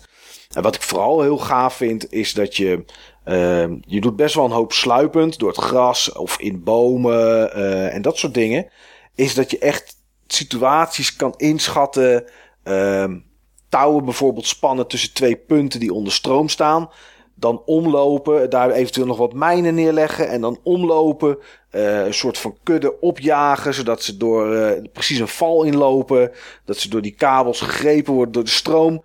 Um, als je die goed geplaatst hebt, staan er bijvoorbeeld een soort van opslagplekken met boomstammen die je dan kapot kan schieten met je pijl en boog. Zodat die boomstammen naar beneden rollen. En de laatste die dan bijvoorbeeld over zijn, kan je nog gewoon kapot schieten. Of je kan, uh, of je kan er naartoe en met je, met je stok, die later ook geüpgrade kan worden, kan je ze in, gewoon in hand-to-hand combat, zeg maar, in melee gevechten kan je ze neerslaan. Um, je kan bepaalde machines kan je overnemen. Dan kan je, kan je ze voor je laten vechten. Of je kan erop gaan zitten en gaan rijden. Het is, het is echt heel erg divers. En uh, het is niet zo dat alle gameplay mechanics die je in het begin te zien krijgt, dat dat het eigenlijk is tot aan het einde. Ze voegen steeds weer dingen toe. Op een gegeven moment krijg je een soort van visioenachtige dingen, zodat je kan zien hoe de wereld er eerst uitzag. Nou, er zit nog veel meer van dat soort dingen in. Uh, je kan armor kan je, kan je upgraden of nieuwe kopen.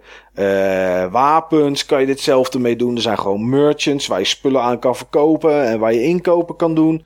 Er zit uh, uh, hunting grounds in, waardoor je, um, als je die goed doet, verdien je een token, waardoor je weer ergens in een stad op een bepaalde plek naar binnen kan. En anders mag je daar niet naar binnen. Uh, ja, er zit echt van alles zit erin. En dat is uh, niet overdreven. Heel de map volgestouwd met allemaal ongein. Maar ja, op een of andere manier voegt het allemaal net even iets toe. En wordt het in het totaal eigenlijk een, ja, een behoorlijk mooie beleving, moet ik zeggen.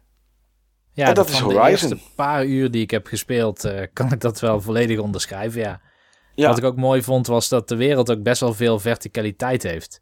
zeker weten.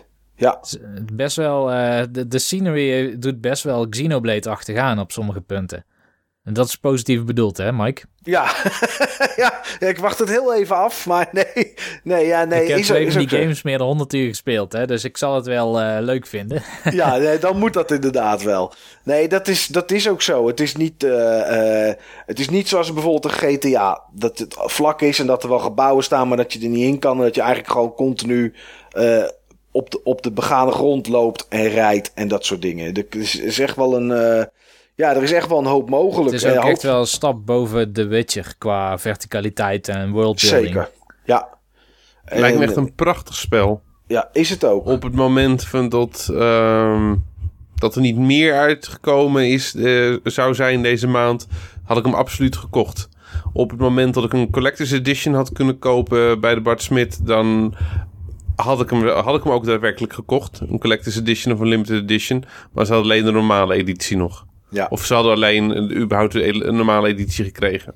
Ja, hij is ook best wel hard gegaan, want op een gegeven moment was er ook gewoon een schaarste aan, eh, aan, aan die game. Klopt, ook normale editie. Ja, ja. En dat is. eh, ja, het is gewoon echt. Het is gewoon echt een geweldige, een geweldige game. Eh, het draait ook heel goed. Eh, zelf heb ik eigenlijk geen frame drops gezien. Nou, er waren wel filmpjes online van Digital Foundry. En dan zag je dat af en toe naar de 28 eh, frames misschien ging of wat dan ook. Nou, dat is. Ja, eh, kleine micro-dips. Inderdaad, de 28, Precies. 28 was al een flinke dip. Vooral eh, eventjes één framepje op het moment dat er echt veel gebeurde. Ja, ja. Ik heb. eh, Niet merkbaar. En wat ze ook noemden, frame pacing perfect. En eh, controller response gewoon perfect. Ja. Nee, het is, eh, ja, het is echt gewoon een hele goede game. Als je ook maar iets van dit soort, van dit soort titels houdt, van die open wereld titels. En waar dan ook nog eens een goed verhaal in zit, wat ook gewoon, eh, wat ook je nieuwsgierigheid gewoon kietelt, zeg maar. Je wil gewoon weten hoe die wereld in elkaar steekt. En er zijn op meerdere plekken, meerdere manieren om, om, om die informatie te krijgen. En eh, ik vind sowieso post-apocalyptische dingen altijd erg, erg, erg boeiend. Dus dat heeft, eh, dat heeft natuurlijk ook meegeholpen. Maar het is, eh, ja, nou ja, wat jij zegt, Steven. Het is jammer dat het in een tijd uitkomt waarin gewoon heel veel games uitkomen. En misschien was het beter, nou ja, eind maart hebben we weer Mass Effect. Eh, ja, ik we- weet niet wanneer het Ik, juiste eh, moment was. Ik denk dat het het juiste moment was. Eh, het is volgens mij de grootste launch op, op PS4 van een nieuwe franchise tot nu toe. Qua sales figures. En de op één na grootste launch van een PS4-titel met alleen Uncharted 4 ervoor. Dus Nee, het, is- En hij is uitverkocht op veel plekken. Dus dan is het het goede moment. Ja, ja, voor, eh, ja, goed. Als je net zoals wij eh, heel veel spelen, dan was twee weken daarvoor of zo was Nio. Een week later was, eh, niet eens een week later voor hier. Drie dagen later was Zelda. Ja, weet je, dan. eh, En Nier komt in de tussentijd ook weer uit. Nier Automata. ja, Nier Automata, die is eh, de tiende uitgekomen en de zeventiende voor PC. En dan 24 maart of 23 maart Mass Effect. Ja, het is gekkenhuis. ik denk trouwens dat dit spel in Nederland ook wel buitenproportioneel goed verkocht heeft. Want er was hier ook extreem veel aandacht voor dat spel. Ook Ja. in eh, zo'n beetje alle mainstream media. Ja, zeker. Ehm, NOS-journaal, jeugdjournaal. Door eh, Guerrilla inderdaad, ja. Op het moment dat mijn moeder aan mij vraagt van... Heb je dat nieuwe spel al, wat in Nederland gemaakt is? Of wil jij die ook? mhm. Dan, ehm, dan is er wel echt serieus aandacht voor iets geweest. Ja, dan, eh, dan hebben ze het hier in ieder geval goed in de media gebracht. Ja. Nou ja, ik gun het ze ook. Ehm, eh, niet omdat het een Nederlands bedrijf is, want met Killzone, eh, dat boeit me echt niet zo heel veel. Maar dit, ja, dit verdienen ze ook. Dit verdienen ze ook gewoon. Het is gewoon echt een hele goede game. En dit is stiekem zo'n game waarvan ik hoop dat er geen deel 2 komt. Omdat, ja, weet je, als het meer van hetzelfde wordt, dan, dan, dan, ja, dan denk ik dat het, dat het minder wordt dan het eerste deel. Maar goed, dat, eh, Misschien ook niet. erg. Nee, Misschien misschien, ook ook niet. Misschien ook niet. Maar misschien is dat wel heel erg vooruitkijken op. Ja, voor de rest ehm, heb ik nog wel wat gespeeld. Maar dat is op dit moment nog niet het, eh, het benoemen waard om, eh, om het daarover te hebben.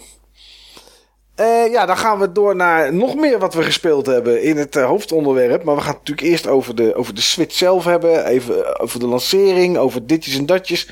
Oh man, we hebben zo'n hoop, we hebben zo'n hoop te vertellen. Laten we even een korte break nemen. En nou, als we terugkomen, dan, dan gaan we het eens uitgebreid hebben over de Switch.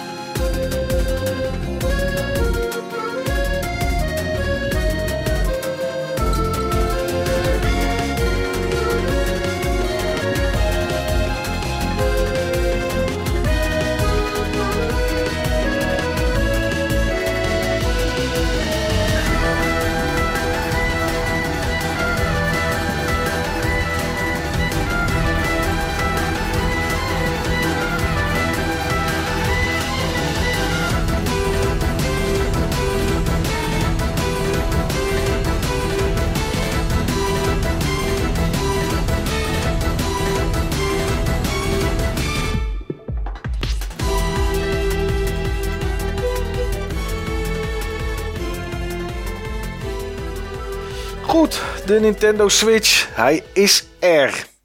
Even eh, heel kort krachtig. Niels, heb jij een Nintendo Switch? Ik heb een Nintendo Switch. Steve, heb jij een Nintendo Switch? Ik heb een Nintendo Switch. Mike, heb jij een Nintendo Switch? Ja, ik heb een Nintendo Switch. Ehm, we hebben er alle drie een. En of we er blij mee zijn of niet, dat is eh, waar we het zo in ieder geval over gaan hebben. Ehm, maar goed, we hebben onlangs een aflevering gehad over eh, eh, mooiste game eh, console lanceringen. En eh, ja, dus we kunnen eigenlijk niet even aanhaken om het even kort te hebben over... Steve, hoe was jouw lancering van de Switch? Top. Oké. Ik, eh, ik ben er samen naar, eh, ik ben samen naar Bart Smit geweest met die maat die bij de Bart Smit heeft gewerkt. ja. En waarmee ik korting heb kunnen scoren voor mezelf. En ehm, ja, je gaat er naartoe en je komt met, eh, met vier items terug. Oké, en wat waren die vier items? Switch, vrij essentieel. Ja. Zelda, Mhm. vrij essentieel. Een case, ook Om vrij eh, essentieel. Ja, ook vrij essentieel overigens. Als ik, eh, ja, ik wil zeggen ook vrij essentieel. En dan En bedoel je en een een- case voor om de, om de Switch heen of om Ja. hem mee te nemen? Protection, zeg maar, beschermingscase of, of draag, draag ik ga naar iemand toe case? Dat is toch hetzelfde? Eh, Oh. Nou nee, want ik heb ook van die, van die soort wat je, hoesjes die je om je telefoon kan doen tegen het vallen. Nee, niet zo. Nee, nee, Nee, zeg maar een, eh, een draagtasje. Een tas, ja, om het maar Ja. even plat te zeggen, gewoon een het, is gewoon een, een etui. Ja, nou ja, dat is wel een mooie benaming. Nee, dan, is, eh, ja, het dan is weten we wat het is. Ja, Ehm, en een Pro Controller. oké. Die vier Maar die items. wou ik in eerste instantie niet kopen. Mhm. Maar ehm, ja, met wat lichte aansporing heb ik hem toch eh, gekocht. Eigenlijk net zoals de hele Nintendo Switch. Ja, met wat lichte aansporing gekocht. Oké, eh, nou, een vrij eh, kale, normale lounge dus. Kopen en naar huis. Nou ja, als ik een vraag mag stellen aan Steve. Dat mag. ehm, is waarom heb je uiteindelijk die Pro Controller dan wel gekocht? Want ik dacht dat jij je Switch in eerste instantie alleen als handheld wilde gebruiken. Ja, dat dacht ik ook. Oké. Ja, ik, eh, het argument was eh, van we hebben er maar twee binnengekregen. En ehm, je weet hoe het gaat met, eh, met Nintendo. Kijk maar die NES Mini. Waarschijnlijk duurt het maanden voor ze er weer zijn. En misschien heb ik dan geen korting meer. ja, precies. Nou ja, ja, onlangs waren ze nog, die NES Minis, maar ze zijn nu geloof ik weer overal weg. Maar Nou ja, Ja. goed. En, en natuurlijk, ehm, en dat weet, dat weet ik van de dagen daarna van een kameraad van mij die op zoek ging naar een pro-controller. Eh, op het moment dat je er een zou willen hebben, in het weekend daarna, of een paar dagen daarna, dan werd het vrij lastig om ze te vinden ook. Dus eh, Dat was ook het argument. Ik weet hoe dat gaat, joh. Dus eh, ja, Ah, alles was vrij lastig te vinden. ja en nog, nog, nog nu helemaal, maar eh, Gewoon cases alleen al. Ik, ik, ik heb Steve nog gevraagd, Steve, wat is een goede case? ja, niet eh, die van Steve, kennelijk. Althans, ik, die is ik wel zou prima. hem niet, ik zou hem niet adviseren. Nee, want hij houdt de switch niet vast. hè? Mediamarkt heeft volgens mij eh, cases. Deze case heeft geen straps Ja. nee, precies. eh, aan de binnenkant. Dat vind ik heel jammer. Hm. Ik heb, eh, ik heb inmiddels wel een case besteld. Die komt morgen binnen. En eh nou ben ik. Ja, dan staat de Switch bij mij meer bij de tv in TV-mode dan dat ik hem meeneem. Dus voor mij is het echt puur een case voor als ik hem een keer meeneem, zeg maar. En die is inderdaad wel, eh, ja, een soort van schuimrubber zit er, in, zit er eh, in het middenin waar die dan precies in kan liggen. Dus hij kan sowieso niet naar links en naar rechts. En er zitten inderdaad twee, twee elastieke banden zitten erin, waar die dan eh, waar die onder zit. Maar goed. Ehm Niels, ja. hoe ging jouw lancering, zeg maar? Ja, ik had eh, twee switches in bestelling. Ik had Ja. een eh reizen bij eh Game Mania aanbetaald. En ik had er eentje nog bij Bol besteld. En dat was zo'n eh, zo'n neon. Zo'n Pipo de Blauw-rood. Clown.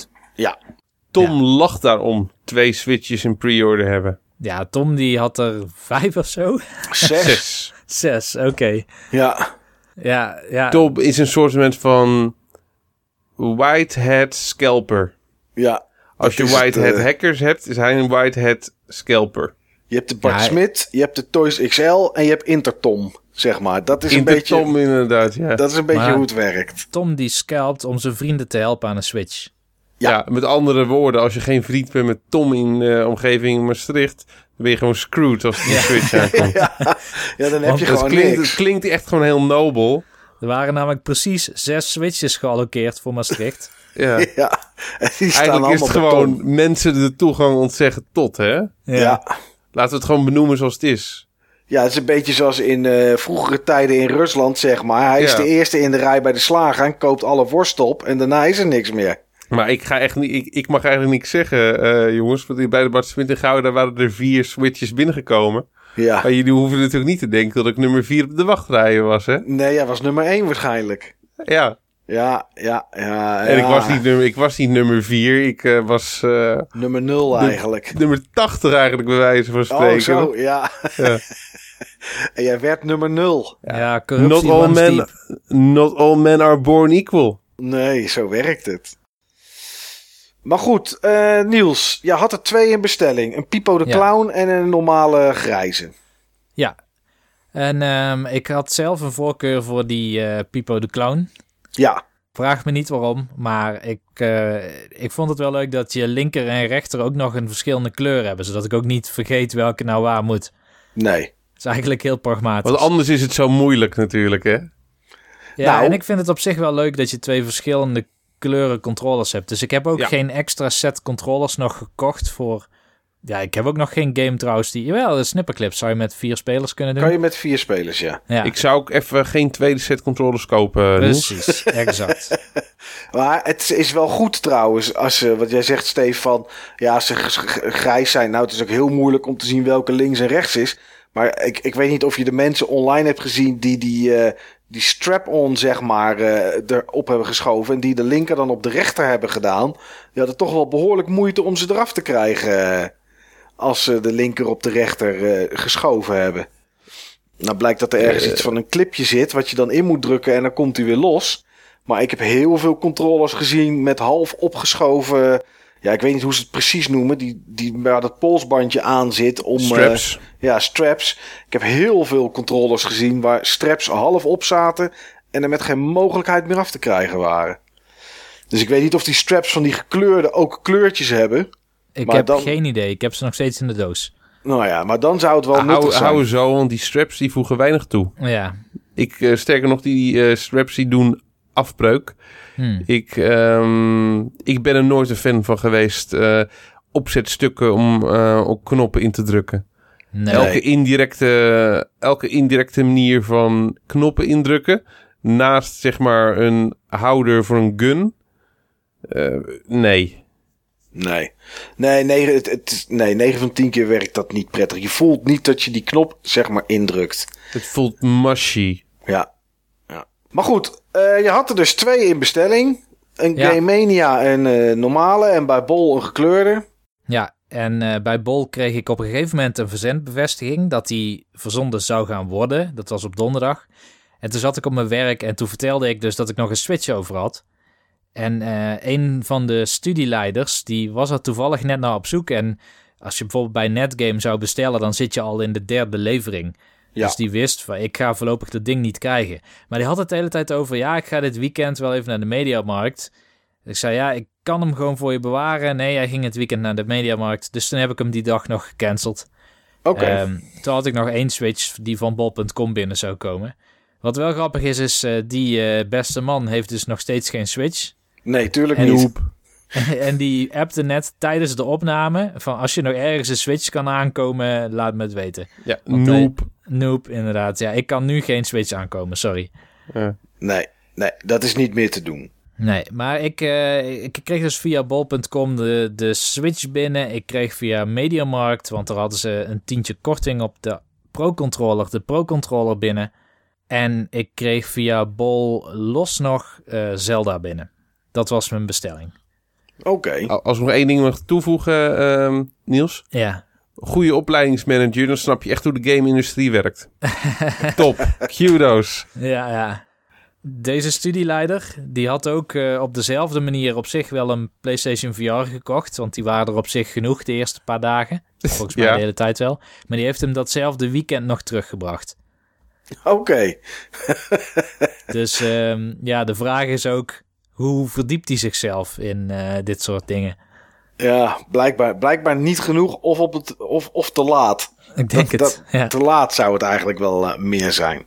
Ja. Eh, ja, ik had... Hij eh, werkte toch niet op zijn Xbox, die PlayStation VR? Nee. Wel PC, maar toen nog niet. Ehm, ja, ik had een Switch in de pre-order staan bij de Mediamarkt. Eh, ik wilde het eigenlijk niet doen. En toen was ik voor mijn gevoel toch een beetje te laat. Want het was zaterdag de 14e van januari. Dus een dag na, de, eh, na die onthulling. Ehm, maar ik kon hem daar nog wel bestellen voor 309 euro. Dus dat had, ik, dat had ik maar gedaan.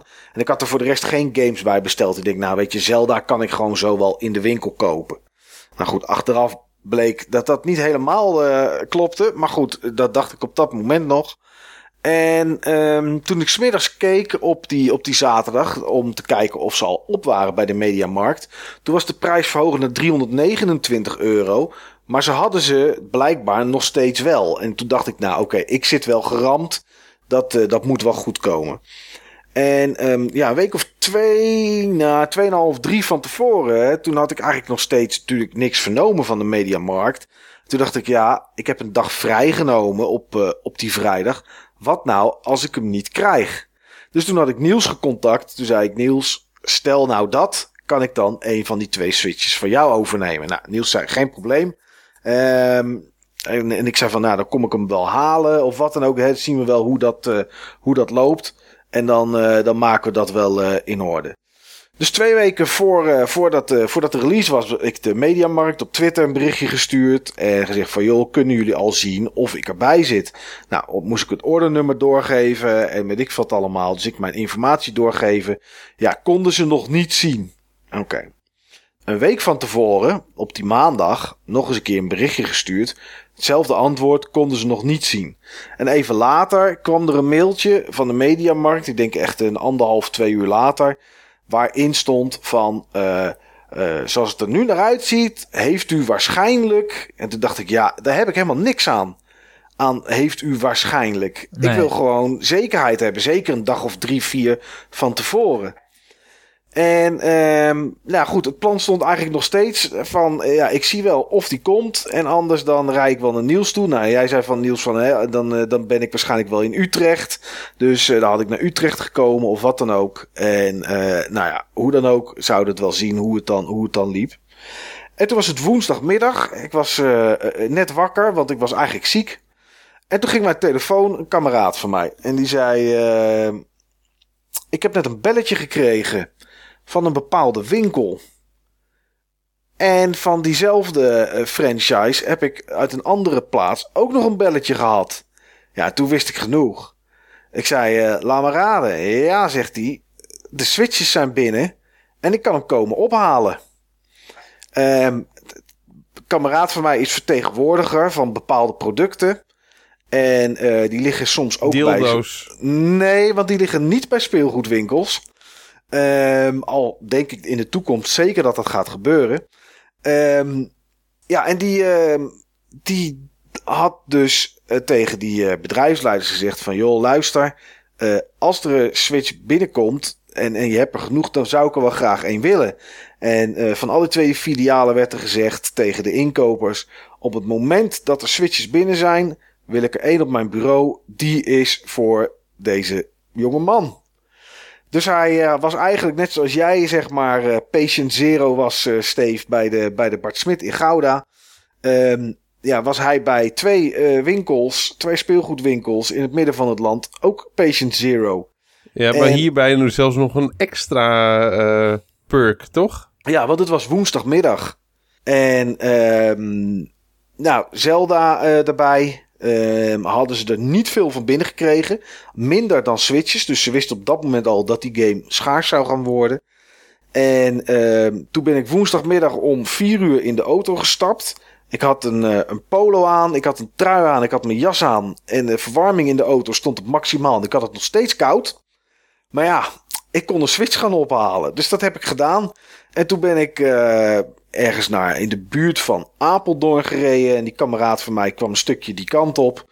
En uh, heel shady, zeg maar, op een parkeerplaats van, uh, van een. Uh, God, hoe heet die hotelketen met die pelikaan? Van de Valk. Ja. Op een, uh, op een parkeerplaats. Een toekan, oh, een toekan, ja, dat is Dat het is inderdaad. toekan, ja. inderdaad, ja. Nee, geen pelikaan, hoe kom ik daar nou bij? Nou ja, in ieder geval uh, uh, op de parkeerplaats. En uh, ja, goed, toen kreeg ik daar een plastic tasje. Met daarin een Switch en, uh, en Zelda. En uh, nou ja, geld overgemaakt. Uh, en toen had ik hem in handen. Was nog mooi, want er zat geen bon bij. En dat was niet omdat ze gepikt waren. Maar uh, anders had het hoofdkantoor van, van de desbetreffende speelgoedwinkels kunnen zien dat ze als zo'n Switch hadden verkocht. Ja, dan kregen ze natuurlijk op hun flikker. Dus het moest ook contant betaald worden. Het was allemaal een beetje, een beetje schimmig, zeg maar. Maar goed, ik had uh, twee dagen eerder had ik uh, de Switch en kon ik al aan, uh, aan Zelda beginnen in dit geval. En dat was ook het enige wat ik had, zeg maar. Ik had een Switch en Zelda. Ik, uh, ik vond dat qua, qua bedrag mooi genoeg. Uh, inmiddels heb ik dan wel zo'n zo'n zo'n zo'n etui, zo'n draagtas gekocht. En snipperclippers heb ik gekocht. Of, of snipperclips bedoel ik, zo heet het. Ja. Die heb ik, uh, die heb ik digitaal, digitaal gekocht. Uh, ja, goed, thuis uitpakken. En ik weet niet hoe wat de reactie was bij jullie jongens toen je de doos openmaakte. Maar ondanks dat ik het schermpje al een keer had opgemeten. En uh, dat ik wist hoe groot het allemaal was. Was het eerste wat me van eigenlijk alles opviel. Ondanks dat ik dat al had ingecalculeerd. Potverdorie, het is allemaal wel heel klein hè. Ik weet niet hoe dat bij jou was Niels. Ja, eigenlijk hetzelfde. Ja. Maar dat komt, je hebt altijd die switch ook in, uh, met, met uh, zeg maar de oortjes, met de, de controllers eraan gezien. Ja. Maar op het moment dat je de doos openmaakt, en het is weer zo'n, uh, de, de, de Wii U had het ook, zeg maar, het zijn twee van die compartimenten. Ja. en bovenop heb je dan het schermpje los en Ja. de Joy-Cons los. En dan ziet dat schermpje er aardig klein uit. Dat ziet er net iets groter uit misschien dan een uh, ja, vrij moderne mobiele telefoon met een wat groter scherm. Ja, het is een beetje een TomTom XL gevoel Ja, had ik er een mini. beetje bij. iPad, ja, en dan nog kleiner misschien dan een iPad mini, toch? Ja, iPad mini is volgens mij 7 inch of zo het scherm. En dit is 6,2. Ja, eigenlijk inderdaad zo, echt zo'n... Uh, een, 6, een iPhone zo, 6S zo'n zo'n of zo. tweener, zo'n tweenerphone inderdaad. Ja, zo'n Ja. phablet. Ja. Ja. eigenlijk is het gewoon een phablet. Ja, een Galaxy Note. Beetje dat idee inderdaad. Ja, ja dat, dat is niet groot. Nee. Nee, en dan die Joy-Cons erbij. Het zijn naar mijn gevoel vooral die Joy-Cons die dan het gevoel geven van dit is klein. Want die Ja. Joy-Cons, als je die voor de eerste keer ziet, zijn kleine dingetjes. Ja, ze zijn echt heel klein. Het past Ja. eh, met gemak tussen duim en wijsvinger in. Kleine poppenhuiscontrolletjes, denk je dan? Ja. Ja, en toen had ik ze in mijn handen. En ehm, ja, het eerste wat ik dacht was van... Man, man, man. Wat hebben ze een hoop knopjes op zo'n heel klein stukje plastic gekregen. ja. Dacht jij, dacht jij een stukje plastic? ja. Jij niet? Nee, ik niet. Wat dacht Ik jij dacht, dan? een van de de- eerste dingen die ik dacht van... Wow, dit voelt eh, stevig en solide aan. Oh, dat wel. Maar eh, ja, ik denk wel gewoon gelijk een stukje plastic. Maar dat denk ik ook van een Xbox controller of PS4. Gewoon dat Ja. plastic is. Niet, niet, niet neerbuigend, zeg maar, in dit geval. Dat komt zo meteen wel. Maar eh, nee, ja, dat was het eerste. Ik dacht, er zitten echt een hoop knoppen op. Want ik had niet verwacht eigenlijk, ondanks dat je het wel moet verwachten... dat er een, een L en een R, maar ook nog een ZL en een ZR op zat. Want ja, die zijn toch best wel klein. Die had ik En- ook nog niet helemaal op een netvlies inderdaad. eh. Nee, ik dacht er zit wel een trigger en dat is het. Maar ja, ze zitten er gewoon, eh, ze zitten er gewoon echt op. En ehm ja, ja, de dock, dat is natuurlijk gewoon echt een stuk plastic. Maar dat wisten we al van tevoren. Eh, en dan vond ik de adapter nog vrij groot. Die erbij zat, moet ik zeggen. Omdat het USB-C is is. ook vrij, die is ook vrij groot. Ja, waarom dat zo is, weet ik niet. Want ik las ergens dat van, al, van de voltage of van de ampère of weet ik veel wat dat ding uitstoot. Het zal wel voltage zijn. Dat die daar eh, van de 39 volt geloof ik die er uit dat ding komt, maar 18 gebruikt of zo. Dus ik weet niet, 15 geloof ik. ja, dus ik weet niet waar die anderen naartoe gaan. Die blijven waarschijnlijk gewoon hangen of zo. Maar eh, of, of misschien gebruikt hij die op het moment dat de Joy-Cons eraan zitten om die op te laden. Dat zou natuurlijk nog kunnen. Dat hij dan wat meer stroom gebruikt. Dat weet ik niet. Maar ja, ja, het is ook voor randapparatuur hè, aan de dock. ja je kan een harddisk aan. in. Ja, Ja, je Ja. kan een harddisk aan of eh, je kan een LAN-adapter. Of, eh, of ja, misschien kun je zelfs een USB-hub of zo aansluiten. Ik geloof dat bijna alles hele standaard protocollen gebruikt. Dus die Joy-Cons werken ook op je PC. Klopt, En de ja. Pro-controller ook. ja er werkt gewoon, is gewoon standaard Bluetooth eh, waarmee, dat, eh, waarmee dat werkt inderdaad. Ja, Dus dat is wel, eh, dat is wel grappig. Eh, waren voor de rest nog dingen, Steve, dat toen je de doos open trok, dat je dacht van, jeetje. Nee, want ik heb in eerste instantie het merendeel van alles eigenlijk in de doos gelaten. Ja, Ehm, ik heb die straps heb ik dan nog vrij snel uit de doos gehaald. ja, daar was ik niet van onder de indruk. nee. Eh, bij die straps vroeg ik me eigenlijk wel direct af van why? Wat voegt dit toe? Ja, de e- enige reden waarom ze er denk ik bij zitten is dat als je een game hebt met movement, dat je controllers niet door de kamer vliegen. Ja, ja dat klinkt plausibel. Ja, en dat doen ze dan ook voor zichzelf. Op het moment dat iemand zo'n controller ergens door een Ming porseleinen vaas heen gooit, Ja, dat er dan, eh, ze dan zeggen ja, we hebben geadviseerd om die strap te gebruiken. En dat gaat gebeuren natuurlijk. Ja. Eén ding scheelt, ze zijn een stuk kleiner en lichter nu. ja, ik denk niet dat we, dat we foto's krijgen te zien van mensen die ermee door hun tv gegooid hebben. Want dat, Nee. dat red je niet. Daar zijn ze echt te licht voor, inderdaad. Ja, voor de rest zaten er wat boekjes in en, eh, en een hoop Ja, en karton. dat ding hè, waar je de Joy-Cons in kon schuiven. Dat je Oh soort- ja, Oh de, ja. De, de grip. de De grip. grip, inderdaad, ja. ja. En omdat ik geen pro-controller heb, is dat voor mij natuurlijk zeg maar mijn, eh, mijn main controller. Daarvan was ik ook in eerste instantie niet onder de indruk. Het is natuurlijk echt een heel simpel plastic ding. Ja, En ik schoof die controllers erin, die Joy-Cons. Dat, dat was niet direct, want ik heb ze... Dat was misschien pas na anderhalve dag of zo. ja. Maar ik, ehm, ik vond hem heel erg nauw, die grip. Is Ik, het vo- ook. ik vond het niet prettig. nee, ik heb in Inmiddels het, eh, heb ik me daarvoor bedacht. Oh, ik dacht laten behandelen. Ook.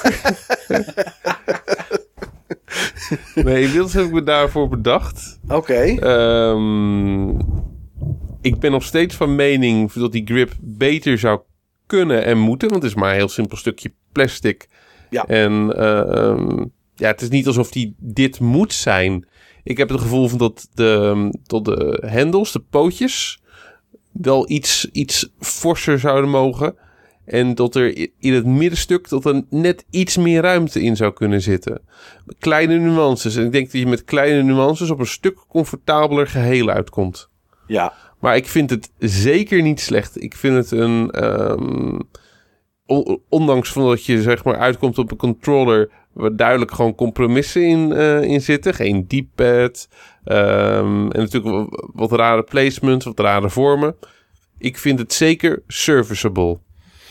is het ook. Maar ik vind, ik heb de eerste, wat jij zegt, had ik ook. De eerste paar uur dat ik ehm, gewoon in TV-mode heb gespeeld. En dus de, de Joy-Cons in de grip geschoven had, heb ik niet lekker zitten spelen. Ehm, wat, wat ik vooral nadelig vind en, en, en wat niet prettig werkt, ehm, is ten eerste de vierkante vorm. Je bent toch altijd iets langwerpigs, meer eh, gewend. Van PlayStation controller en Xbox One controller is iets minder langwerpig dan de DualShock. Maar is toch ook wat meer in de breedte. En dat is toch hoe je handen iets prettiger zitten. Maar als je, hem in de, als je de Joy-Cons in de grip geschoven hebt. En je wil de, de L en de R toetsen bedienen. Dan liggen die niet prettig bij, ehm, bij je wijsvingers. Je moet je vingers wat omhoog doen. En dan komt er een soort van spanning op je hand te staan. En dat vind ik, dat vind ik niet prettig werken. En Dus, ehm, ik weet niet hoe dat zit bij de Pro-controller. Of, het, of, of dat daar prettiger is. Maar dat kunnen jullie me vertellen. Pro controller is überhaupt veel prettiger. Als controller. Maar dat is heel, dat is heel logisch. Ja. Prima controller. ja. Ehm, uitstekende controller. Wat me wel opviel is van tot de, de sticks aan de wat lange kant zijn voor mijn gevoel. Oh, dat vind ik juist voor de Joy-Cons dat ze erg kort zijn. Die zijn ook erg kort, maar ja, dat, dat is logisch. Dat, eh, dat moet allemaal eh, solide blijven en dat moet allemaal compact. Ja, Ehm, maar ik vond die, die sticks vond ik aan de lange kant en een beetje ehm, niet zoveel spanning erop, wat, eh, wat, wat los. oké. Ten opzichte van bijvoorbeeld de PlayStation sticks. ja. En je hebt geen analoge triggers. Dat is ook iets wat mist. Ja, Oké. maar daarin volgt het, zeg maar, het, eh, kijk, die, die Pro Controller volgt gewoon het button design van, eh, van, van de Joy-Cons. Hij Ja. heeft dezelfde knop, alleen zit, op alle, zit alles op een wat andere plek. Zeg maar de plek van die, eh, die plus en die min knop. ehm, dat is nu veel meer naar de midden toe.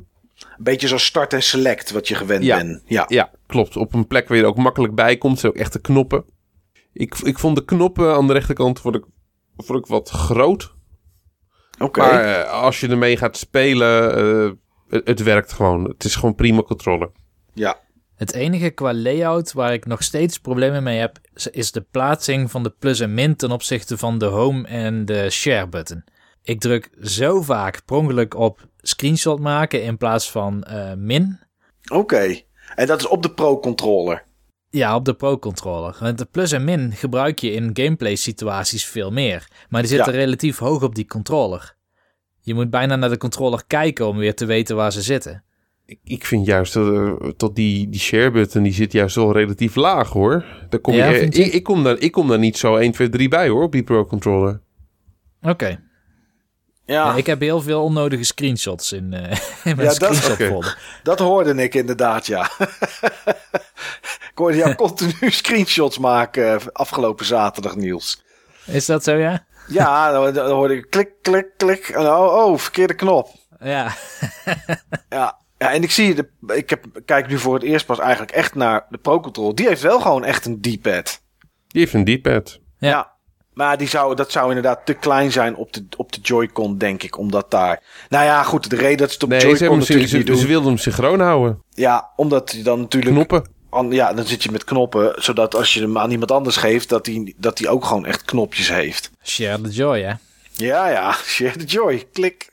Nee, het enige wat ik, waar ik niet aan kan wennen is, en ehm ik weet niet of, of, ja, of dat, of dat aan mij ligt of wat dan ook, maar dat is de A en de B.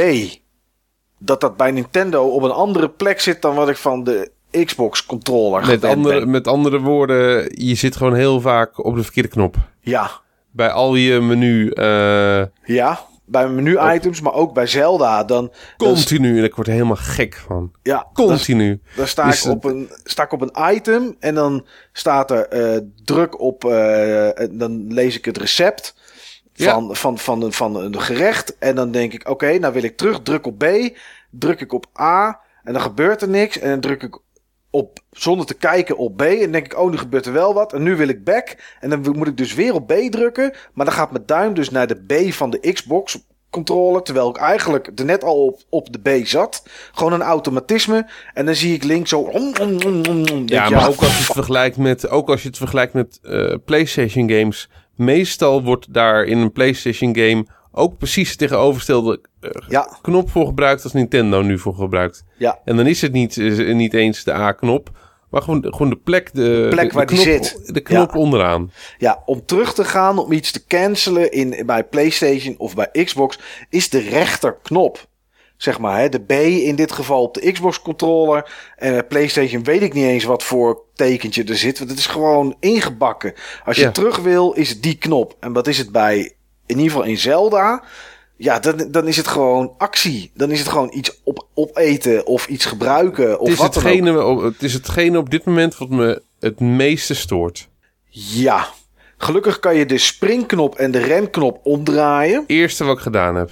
Ja, nou bij mij pas later toen ik het wist. En nu, ja, nu zitten we al bij Zelda. Maar goed, het gaat toch over die controller. Maar wat ik dus hinderlijk vind, is dat, dat ik ben dus gewend dat rennen... dat dat linkerstick indrukken is. Dat is 9 van de 10 keer. Dat Oh, is maar bij- daar ben ik wel zo blij mee dat het niet zo is. Want daar heb Oh. ik dus ooit die RSI van gekregen. Dat kreeg ik in het spel... Wat was dat ook weer? Steve, je hebt hem gespeeld. Dat is zo'n eh, twin-stick shooter op de PlayStation 3, maar je hebt hem op de 4 gespeeld.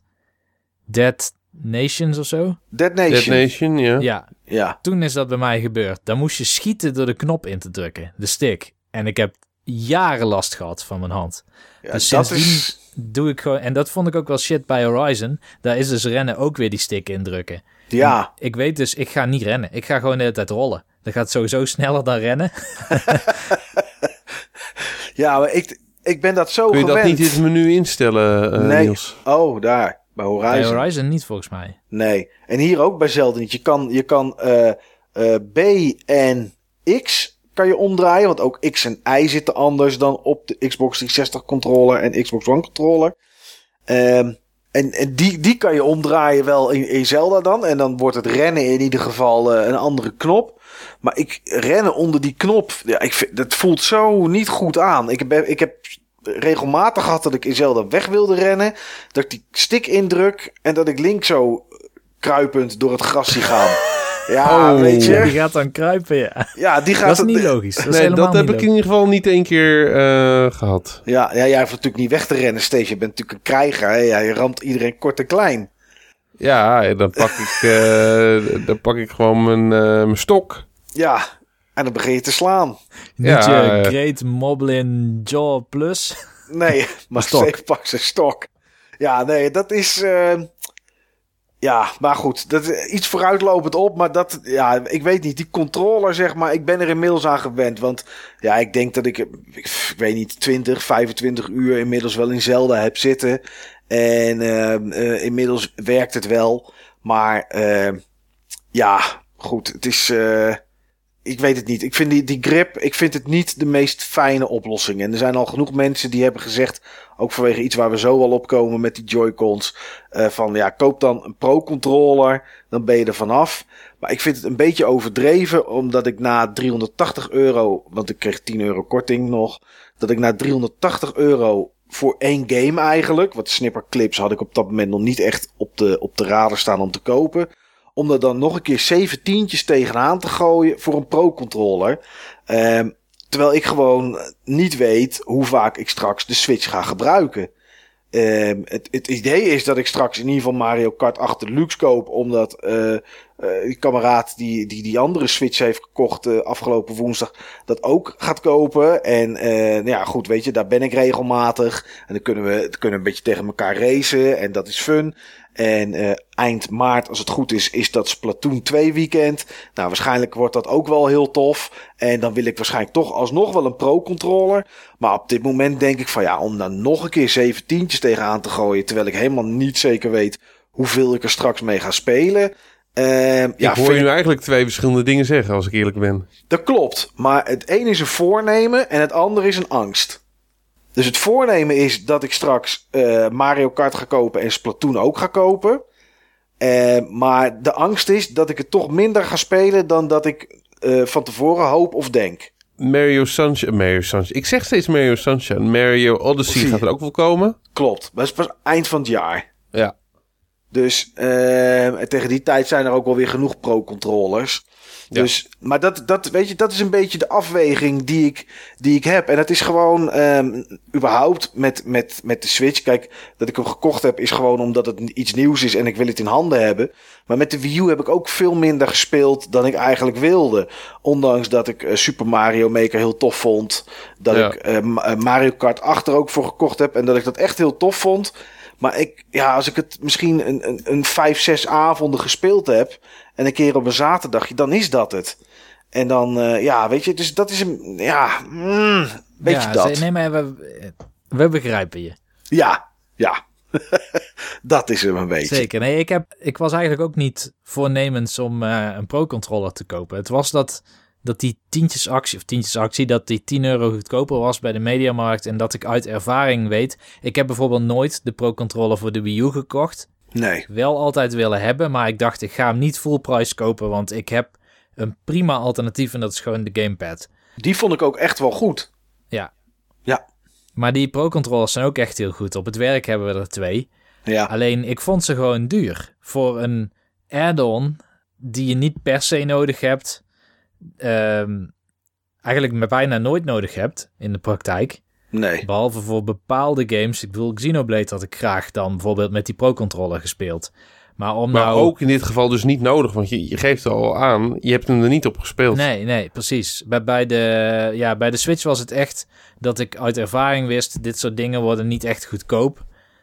Dus dan maakt het niet uit of dat je ze nu koopt met korting of pas over een paar jaar of zo. Nee, precies. En als je hem toch wil hebben en, en, en het biedt comfort, dan heb je het vanaf dag één al. Dus ja, ja. ja dat zit daar in ieder geval uh, wel bij in. Uh, maar goed, dus ik zit met de grip en uh, ja, dat is ja, redelijk inmiddels. Maar ik vind de button placement niet altijd even prettig, moet ik zeggen. wat ik wel mooi vind, jongens, en ik weet niet hoe jullie dat vinden, is de interface. Hoe vind je die, Steve, van de Switch? Fantastisch. Een verademing. Ja, hè?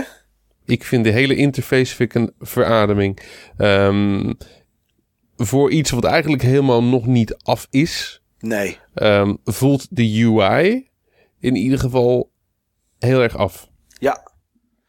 Ja, het is... UI, fantastisch. Ik vind het uh, qua UI de beste UI op een spelcomputer die ik um, tot nu toe heb uh, gebruikt.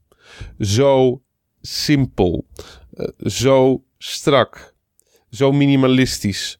Ja. Top. En zo snel. Holy moly. Zo snel. Echt helemaal top. Echt. Ja. Uh, Ook de uh, spe- Elke keer als ik uh, Zelda ga spelen, of dat het nou in handheld mode is of op de console, ik ben gewend heel even te moeten wachten. Ook al Ja. zat je in sleep mode. Dit is echt instant. Ja. Je drukt, poem, Zelda staat weer aan. ja, Ja, werkelijk waar fantastisch. En het brengt me direct op een van de belangrijkste ehm, dingen die op mij echt indruk heeft gemaakt van het hele apparaat. Waarbij de UI echt een heel groot onderdeel van is, maar niet alleen. Het ding is zo naadloos. Alles is zo naadloos.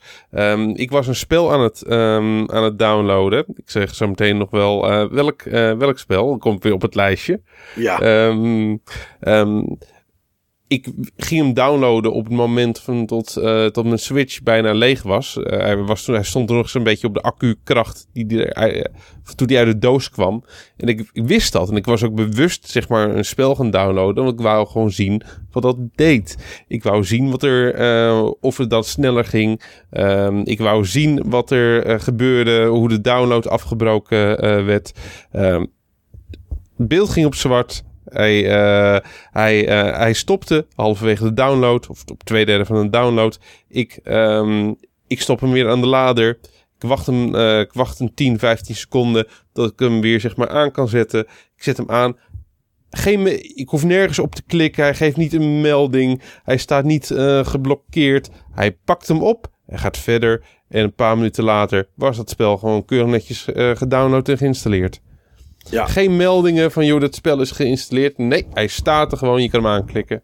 Ja, ja dat is echt heel goed. Ik, uh, ik vond het een beetje eh, Apple-achtig qua, qua bediening ook. Weet je, het is, uh, je, je, ziet wat iets is. Het zijn duidelijke plaatjes onderaan ook die aangeven uh, waar het voor staat. En ik vind de e-shop vind ik echt, echt geweldig. Het, je hebt gewoon recent uitgekomen aankomend en je kan een code invoeren. En dat is het. En je kan dan natuurlijk nog zoeken, maar dat is het.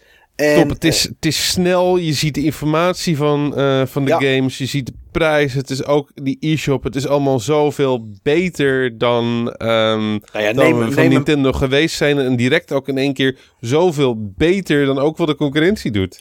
Als je de PlayStation Store neemt op de PS4, dat is gewoon een draak van een shop. Die is het is traag. Het is onoverzichtelijk. Ja, het is het echt. ja. ja, het is echt een bende. En dit zijn gewoon blokken, allemaal dezelfde grootte. Uh, geen rare fratsen. Nee, het is, uh, ja, het is, het is echt een, een geweldige, geweldige shop. Ja. Ja, en uh, die interface, zoveel um, toffe kleine micro-interacties. Als je zeg maar, um, als je de controllers eruit haalt, dat je ook nog eventjes op je scherm ze eruit ziet gaan. Op het moment dat je ze erin stopt, klik. En je hoort gewoon echt gewoon klik uit die, uh, uit die speakers komen. Gewoon een Twitch uh, geluid. En je ziet nog eventjes iets op scherm uh, gebeuren. Ja. dat zijn van die dingen, dat, dat zijn van die details, dat, dat voelt gewoon goed überhaupt, hè, de klik, de mechanische klik van de, van de Joy-Cons, die is zo heerlijk. Ja. Het is echt een van de lekkerste geluidjes dat ik een gameapparaat ooit heb horen maken. Ja, eh, het is gewoon een lekker geluid. En dan gooi je ze ook nog eens een keer gewoon die klik op uh, de speakers eroverheen. Ja. En zet je in dat dingetje op het scherm. Oh. oh het is, toen ik dat voor de eerste keer deed, uh, toen had ik echt direct het gevoel van dit is gaaf. Ja. Oké, dit, dit is gaaf, dit is goed, hier is over nagedacht. Ja. Dit is goed. En die, het, het ding op het moment dat je die Joy-Cons uh, aan de zijkant hebt uh, geschoven, het voelt gewoon goed. Um, die tablet, hij is slick, hij is mooi gedesigned. Uh, het is, uh, het is een ander soort tablet dan een tablet uh, die je gewend bent. Hij is net iets, uh, iets, iets dikker. Er zit een, um, er zit een ventilatiegat uh, in. Ja. Um, hij is dikker omdat die dingen er nog aangeschoven moeten, moeten worden. Er zit een ventilatiegat in omdat je eigenlijk continu relatief zware dingen erop aan het doen bent. Games. Um, eigenlijk gebruik je hem niet voor lichtere taken. Je kan er nauwelijks lichtere taken op uh, doen. Je kan er het niet eens op uh, webbrowser bij wijze van spreken. Nee, nee, ik kan niet. Er zit geen. Ja, er zit wel een browser in. Als je connect met eh, Twitter en met Facebook, doet hij dat met Opera. Maar uh, er is geen browser-app. Nee. Die, die is er niet. Nee. En ik vind een ventilatiedingetje. je hoort hem niet. Je hoort het ventilatortje niet draaien. Maar ik heb wel een keer, toen had ik een koude neus. En dan heb ik wel de switch bij mijn neus gehouden. En toen dat, er kwam net genoeg warmte uit om mijn neus te verwarmen. Dus dat is wel, uh, dat vond ik toch wel, ja, daar had ik niet in boekjes zien staan of zo. Nee, dat dat ook kon. Ik Mooi feature. Zeggen, ik heb het nergens gelezen. Op het moment dat hij uit de dock komt, is hij ook wel wat warmer, je switch. Klopt, ja. ja dat is, Op het moment uh, dat je hem buiten de dock oplaat, is dat niet het geval. Nee. Nee, dat is, uh, dat, is erg, uh, dat is erg goed gedaan. Maar inderdaad, uh, ja, UI, het is gewoon simpel, minimalistisch en het werkt gewoon. Ja, Ehm, waar ik binnen de interface minder over te spreken ben, Ja. zijn de friendcodes. Ja, die... eh, Waarom? Waarom? Ja, ik denk, heel simpel gezegd, omdat het nog niet af is. Ik denk dat die friendcodes straks wel blijven, maar dat je gewoon via Facebook, Twitter of toch je Nintendo ID die eraan gekoppeld is, iemand kan vinden. Maar dat is, het, dat is hetzelfde hè, voor mijn gevoel met. Ik was op die vrijdag enorm aan het zoeken en ik heb het daarna nog heel vaak gedaan in mijn Google Play Store naar de app voor eh, berichtjes te sturen aan vrienden, party chat. Nee, die, die is er niet. Ik dacht dat die er al zou zijn. Maar die is er ook nog niet. En dan hoop ik eigenlijk stiekem dat hij er eind april wel eens als Super Mario Kart uitkomt. Want eh, ondanks dat het niet nodig is, zou ik het toch best leuk vinden als ik met iemand aan het spelen ben. eh, met, met een bekende om te praten. Ja, ik kan ook Skype gebruiken. Eh, ik kan ook Discord gebruiken. Nou, op zo te horen hadden, hadden jullie daar een prima oplossing voor. Ja, zeker wel. Dus dat, dat, is, dat, dat, dat werkt. Alleen, ja, weet je, dat, het- ik denk dat daarom ook de reden is dat, dat we nu nog friendcodes hebben. Omdat het gewoon nog niet af is. Zou kunnen. Zou kunnen. En, ehm, ja. Kijk, weet je, aan de ene kant is een friendcode, in, als je het heel zwart-wit bekijkt, is een friendcode niet erg. Of ik nu tegen jou zeg, Steve, zoek op, eh op eh dokter dr.bigdick96 underscore xlnl. SSJ4. Ja, precies. Of dat ik aan jou tien cijfertjes geef. Weet je, heel veel van die internetpiratennamen, die zijn toch niet te begrijpen. Of, of lang, of weet ik veel wat. Ehm het enige is dat als je gewoon zegt, ik heet Apenhul. Ja, weet je, dan is dat vrij makkelijk om iemand daarmee terug te vinden. Dat wel. En ehm op het moment, maar die feature is er nu ook niet. Dat je kan zeggen van eh, voorgestelde vrienden. Hè, stel dat eh, iemand, dat, wat je op de PlayStation hebt en op Xbox. Een van jouw vrienden, eh, die, die heeft iemand. En daar heb je drie gemeenschappelijke vrienden hebt. Dus dat je die persoon waarschijnlijk ook wel kent. Ja, dan is het makkelijker om dat te doen ehm, aan een naampje dan aan een cijfertje met een plaatje van Mario of Donkey Kong. Want daar ga je iemand niet aan herkennen. Maar ook die feature is er nog niet. Dus Het is eigenlijk raar, want een week of twee van tevoren hebben ze de Nintendo Accounts website verbeterd. En daar kon je nu weer een nieuw type account aan toevoegen. En iedereen dacht dat het voor de Switch zou zijn. En dat dat het account zou zijn waar in de toekomst dus alle Nintendo-apparaten eh, jou als gebruiker mee eh, identificeren. ja. Ja, want je kon, eh, je kon daarop inloggen en dan kon je je naampje reserveren, zeg maar. Ja, Dus dat heb ik gelijk gedaan. Ik heb gelijk daar eh, Jungle Jack neergegooid. Ik denk, anders ben ik straks weer Jungle Jack NL. En eh, nu wil ik wel eens de eerste zijn. Dus ik dacht, nou mooi. ja. Daar ben ik klaar mee. Maar ja, dat was toch even niet het geval. eh. ja, het is op dit moment toch weer friendcode. Maar goed, ik heb twaalf vrienden. Dus het is, wel, het is wel te doen allemaal.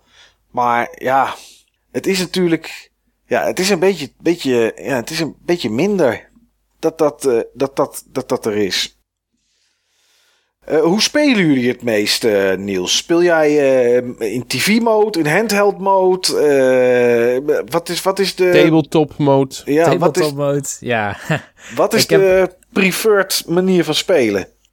ja, daar ben ik nog niet uit. Oh, Daar ben ik nog steeds niet uit. Ehm, het Switch, ik zie Switch voornamelijk als handheld, persoonlijk. mhm. Eh, een handheld die ik kan docken, waardoor ik hem ook op de televisie gewoon door kan spelen. ja. Ehm, ik speel Zelda bij voorkeur. En ongeveer alle spellen denk ik wel op de televisie, toch. Maar ik ben er nog niet uit of dat ik de televisie comfortabeler vind dan de handheld. Want ehm, ik heb de afgelopen dagen ook in de trein Zelda zitten spelen. En je levert niet in aan immersie als je met een koptelefoon in die wereld zit. Sterker nog, sinds dat ik Zelda eh, op de handheld ben gaan spelen met een koptelefoon, speel ik het nu ook bij voorkeur met koptelefoon op de televisie. Oké. Ja, sowieso koptelefoon. Hè, eh, dat helpt sowieso natuurlijk wel. Qua Ja. in die wereld zitten. Maar het, kijk, het scherm is, eh, is zo goed. Het is echt een goed scherm. Ja. Eh, het is vergelijkbaar volgens mij met eh, de schermen die Apple voor iPhones gebruikt. Niet helemaal dezelfde kwaliteit. Ik bedoel, de Apple-schermen zijn scherper, stuk scherper. Maar het is scherp genoeg Zeker. eh, voor het soort games dat, dat we nu hebben. Maar het is ook groot genoeg dat ik helemaal in die game ben gezogen. Dus ik vind dat ook prima. En ik heb één keer ook, nee, ja, één keer inderdaad op mijn werk. Dat was eh, gisteren. Ik heb een keer met eh, de directeur eh, Snipperclips gespeeld. ja. Dat was, dat was best wel leuk. Ik had het ook nog niet eerder gespeeld. Maar de tabletop mode werkt prima voor zoiets. Ja. Maar ik zie mezelf geen vier-player splitscreen Mario Kart of zo doen. Nee, maar ook geen twee-speler, denk ik. Het is- dan is het toch net Ehm, even te... Hangt ook een beetje vanaf hoeveel je autootje ziet en hoeveel je baan ziet natuurlijk. Ja, ja. Dat wel. Maar ik vind beide echt heel comfortabel. Ik vind de handheld experience beter dan wat ik had verwacht. Oké, dat, is, nou ja, dat is goed om te horen. En jij, Steve? Want, wel, Niels merkte natuurlijk net al op... Hey, je zou hem eigenlijk puur toch als, hand, als handheld gebruiken... maar toch de Pro-controller. Wat, eh, waar heeft hij het meest gezeten? Op je schoot of gewoon in de dock? Dan zou ik eigenlijk iets anders moeten zeggen. ik vind het zo geweldig gaan praten. dat Ik ergens anders heb... Nee, eh, Eh, mag ook in bed, hè? ja, ja. Ik, eh, ik kwam laatst die vriend van jou tegen toen hij zeg maar weer zijn, zijn ding aan het vinden was. Nee. Nee, eh, nee ehm, ik heb hem het meest gebruikt in handheld mode. Ehm, in eerste instantie zijn die Joy-Cons eraan gegaan en eigenlijk er amper vanaf geweest. Behalve om, dat behalve om dat lekkere geluidje te maken. Ja, je moest ook wel trouwens, want ik had hem helemaal mooi in de dock gezet. Bij mijn tv en alles. En ik zet hem aan om hem uit te configureren. Ja, eh, pak hem uit de dock en door de controllers eraan. Dat moest in handheld mode. Dus Ja. eh, zo moest je in ieder geval beginnen. Dus dan moet je beginnen inderdaad. En dan lood zie je, zie je nog een aantal modussen door. Ehm, ik heb met het meeste gespeeld in handheld mode. Ik heb hem... op diezelfde avond heb ik hem ook uitgeprobeerd in, ehm, in tabletop mode. Ja. Met eh, de tweede game die ik gekocht had. Dat was ook de game die ik zeg maar als download experiment had gebruikt. Dat was Race RMX. Oh ja. Een eh, F-Zero Wipeout-achtige, Extreme G-achtige race-titel. Fast RMX heet hij. Ja, vast, sorry, Oh ja. Fast RMX. Ik noem hem steeds Race RMX. Fast RMX, bedankt. Ehm, tof spel. Was ik niet heel erg over te spreken van hoe dat werkte met, eh, met tabletop mode.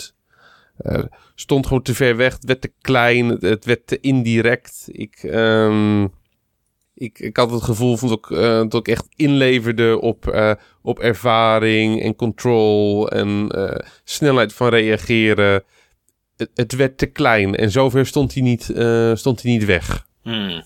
Dus ik had eigenlijk tabletop mode al afgeserveerd. Ik had eh, van tevoren had ik ook mijn twijfels bij tabletop mode eh, rond de drie modes. En zag ik mezelf dat eigenlijk niet doen.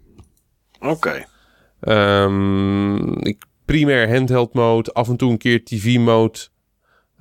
maar 90% handheld mode. Oké. Ben ik volledig op teruggekomen, nu al. Ik had mijn Switch meegenomen naar, eh, naar Jelle, Carl 2. Daar was ik dit, eh, dit weekend. Was dat op een plat dak buiten? Dat was op zijn dakterras, inderdaad. Ja, dat was op zijn dakterras als de vrienden. En eh, terwijl, eh, terwijl Jelle ehm, Een baard ja, aan het groeien was. De, de barbecue aan het bedienen was en alle hipsters binnenstroomden, Ja. had ik eventjes mijn, eh, mijn, eh, mijn Switch eh, ja, tevoorschijn. En hebben we met, eh, met vier man One to Switch gespeeld.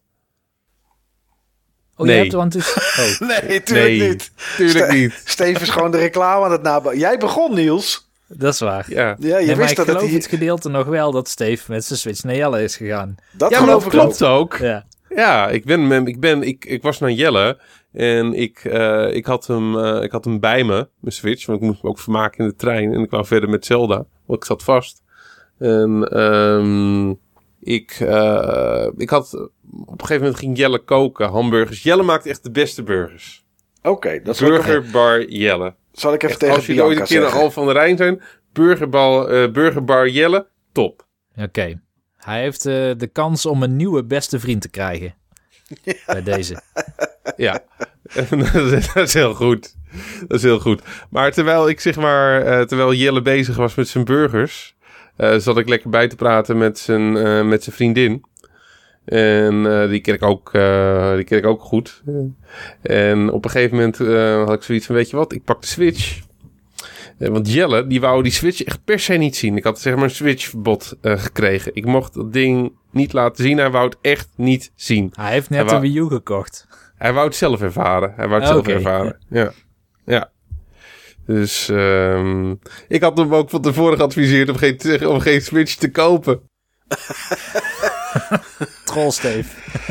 Ja, nee, maar dat geloofde ik ook echt. Joh. Ik, dat, en, eh, zeg maar, ehm, ja, één week later was ik, eh, één week nadat ik hem toen voor het laatst gezien had, was ik op mijn mening teruggekomen. Had ik zoiets van, eh, dat was na het telefoontje van Tom. Ja, dat telefoontje wat ik zelf geïnitieerd had, zeg maar.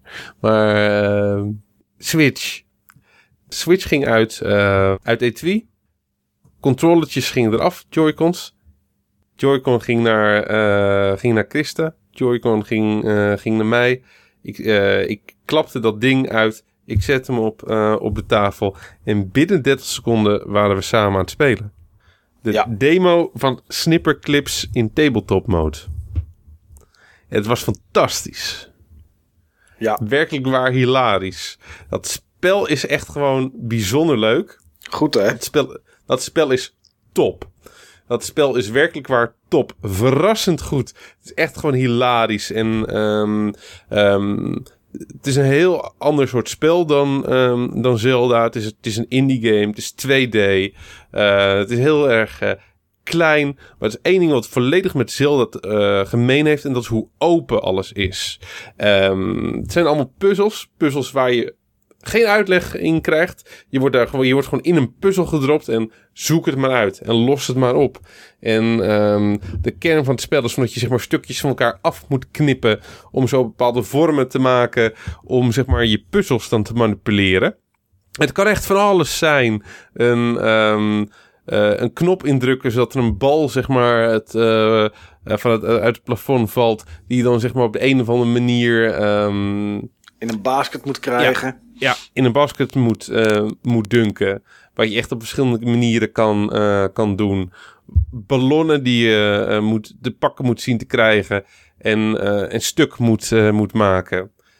Echt af, van alles. Het is... ehm, het, het is het, enerzijds doet het me denken aan cut the rope, maar het is geen cut the rope. Want cut the rope is het principe gewoon altijd hetzelfde. Zorg ervoor van dat, tot het, het snoepje in de mond van het beest van Nom Nom eh, komt. En hierbij het is gewoon van alles. Ja. En het, het is... Dus elke puzzel is op zoveel manieren op te lossen. Althans, zo voelt het. Dat is En ook zo. ja, Is ook zo. Want ik heb, ik heb het gekocht. ja. En ik heb het met Bianca gespeeld. En Bianca doet eigenlijk nooit gamen. Maar ik zei, kom. Ik zeg, eh, dat ding is er. Hier, jij controller in je hand. Ik controller. Ik zeg, en we gaan het gewoon spelen. Nou, ten eerste hebben we inderdaad, wat jij zei ook Steven, hebben enorm gelachen. We hebben met z'n tweeën de eerste wereld uitgespeeld. Dus het zijn volgens mij 15 puzzeltjes of zo. 15 of 18. Nou, dan komt er weer een nieuwe wereld. En, eh, en, maar op een gegeven moment, ja, we zaten zo te klooien met die bal die op een gegeven moment hoger in een netje moest. En zonder, en heel dom ook, zonder eh, natuurlijk een, een, een, een eh, soort kommetje uit elkaar te knippen, dat die bal erin lag. Gingen we gewoon proberen die bal te laten vallen. De een ging op de ander zitten en dan heel voorzichtig lopen. Ja, eh, het sloeg helemaal nergens op op de manier hoe we het probeerden. Maar het was wel lachen. En, je kon, en het was op een gegeven moment nog gelukt ook. En toen later dacht ik, ja, stom. We hadden gewoon een kommetje in elkaar kunnen knippen. En dan had die bal gewoon rustig gelegen. Dan had je gewoon kunnen lopen. Maar het is, het, het, is, het is allemaal op meerdere manieren te doen ook, inderdaad. Dit is echt zo'n spel. Ik bedoel, in eh, de tijd van de Wii, toen was de slogan ook zo'n beetje bringing smiles to faces. Ja, En bij dit spel heb je constant een glimlach. ja, Direct. Gewoon Ja. echt direct al gewoon in de tutorial. ja. Maar Ja, die, die, twee tientjes. eh, die twee tientjes zo vreselijk waard. Ja, ja het is, eh, dit is echt. En ik had het er van de week met die, met die kameraad van mij over. ehm, dat het eigenlijk. Dit had ook gekund op de PS4. Iets minder prettig misschien, maar had je ook in elkaar kunnen knippen. En, en kunnen lopen met, met een poppetje en, en weet ik wat allemaal. Had prima gekund. Had ook gekund op de Xbox 360 en weet ik wat allemaal. En waar komt een titel zoals dit op uit? Op een Nintendo console. En dat is toch wel... Uh, ja, ik vind dat toch wel apart hoor, moet ik zeggen. Dat Nintendo dit brengt. En dat niet een Sony of een Microsoft dit brengt. Oké, een van de dingen eh, die ik heel erg sterk heb, heb gekregen qua gevoel... is dat Nintendo de new home of indie wil, wil zijn. En dat Nintendo ook de nieuwe home of indie gaat worden. Eén van de, een van, uh, een van de, maar meer dan voorheen. Ik, meer dan voorheen wel. Of het de wordt, weet ik niet. Maar dat komt omdat Microsoft nu heel erg aan het drukken is met zijn Windows Unified Platform. En dat straks echt alles wat op PC gemaakt is ook gewoon zo klakkeloos één op één op de Xbox One gedrukt kan worden. En dan is elke game die op Steam staat en die op Windows werkt, kan naar de Xbox One. Zonder enige moeite. Maar, eh, sorry, ik moet nog iets specifieker zijn. Ze willen, naar mijn gevoel, niet zomaar elke indie. Maar ze willen gewoon echt een hele specifieke indie. Ze willen ook gewoon een beetje de crème de la crème. Ja, de cream of the crop. Ja. ja, als ze dat net iets meer doen dan de PS4. En uh, iets minder alles er naartoe trekken als de Xbox One. Dan zouden ze daar een hele goede in kunnen worden. Dat is zeker zo. Uh, ik, ik, wil nog even terug eigenlijk. Want we zijn nu al bij, bij snipperclips.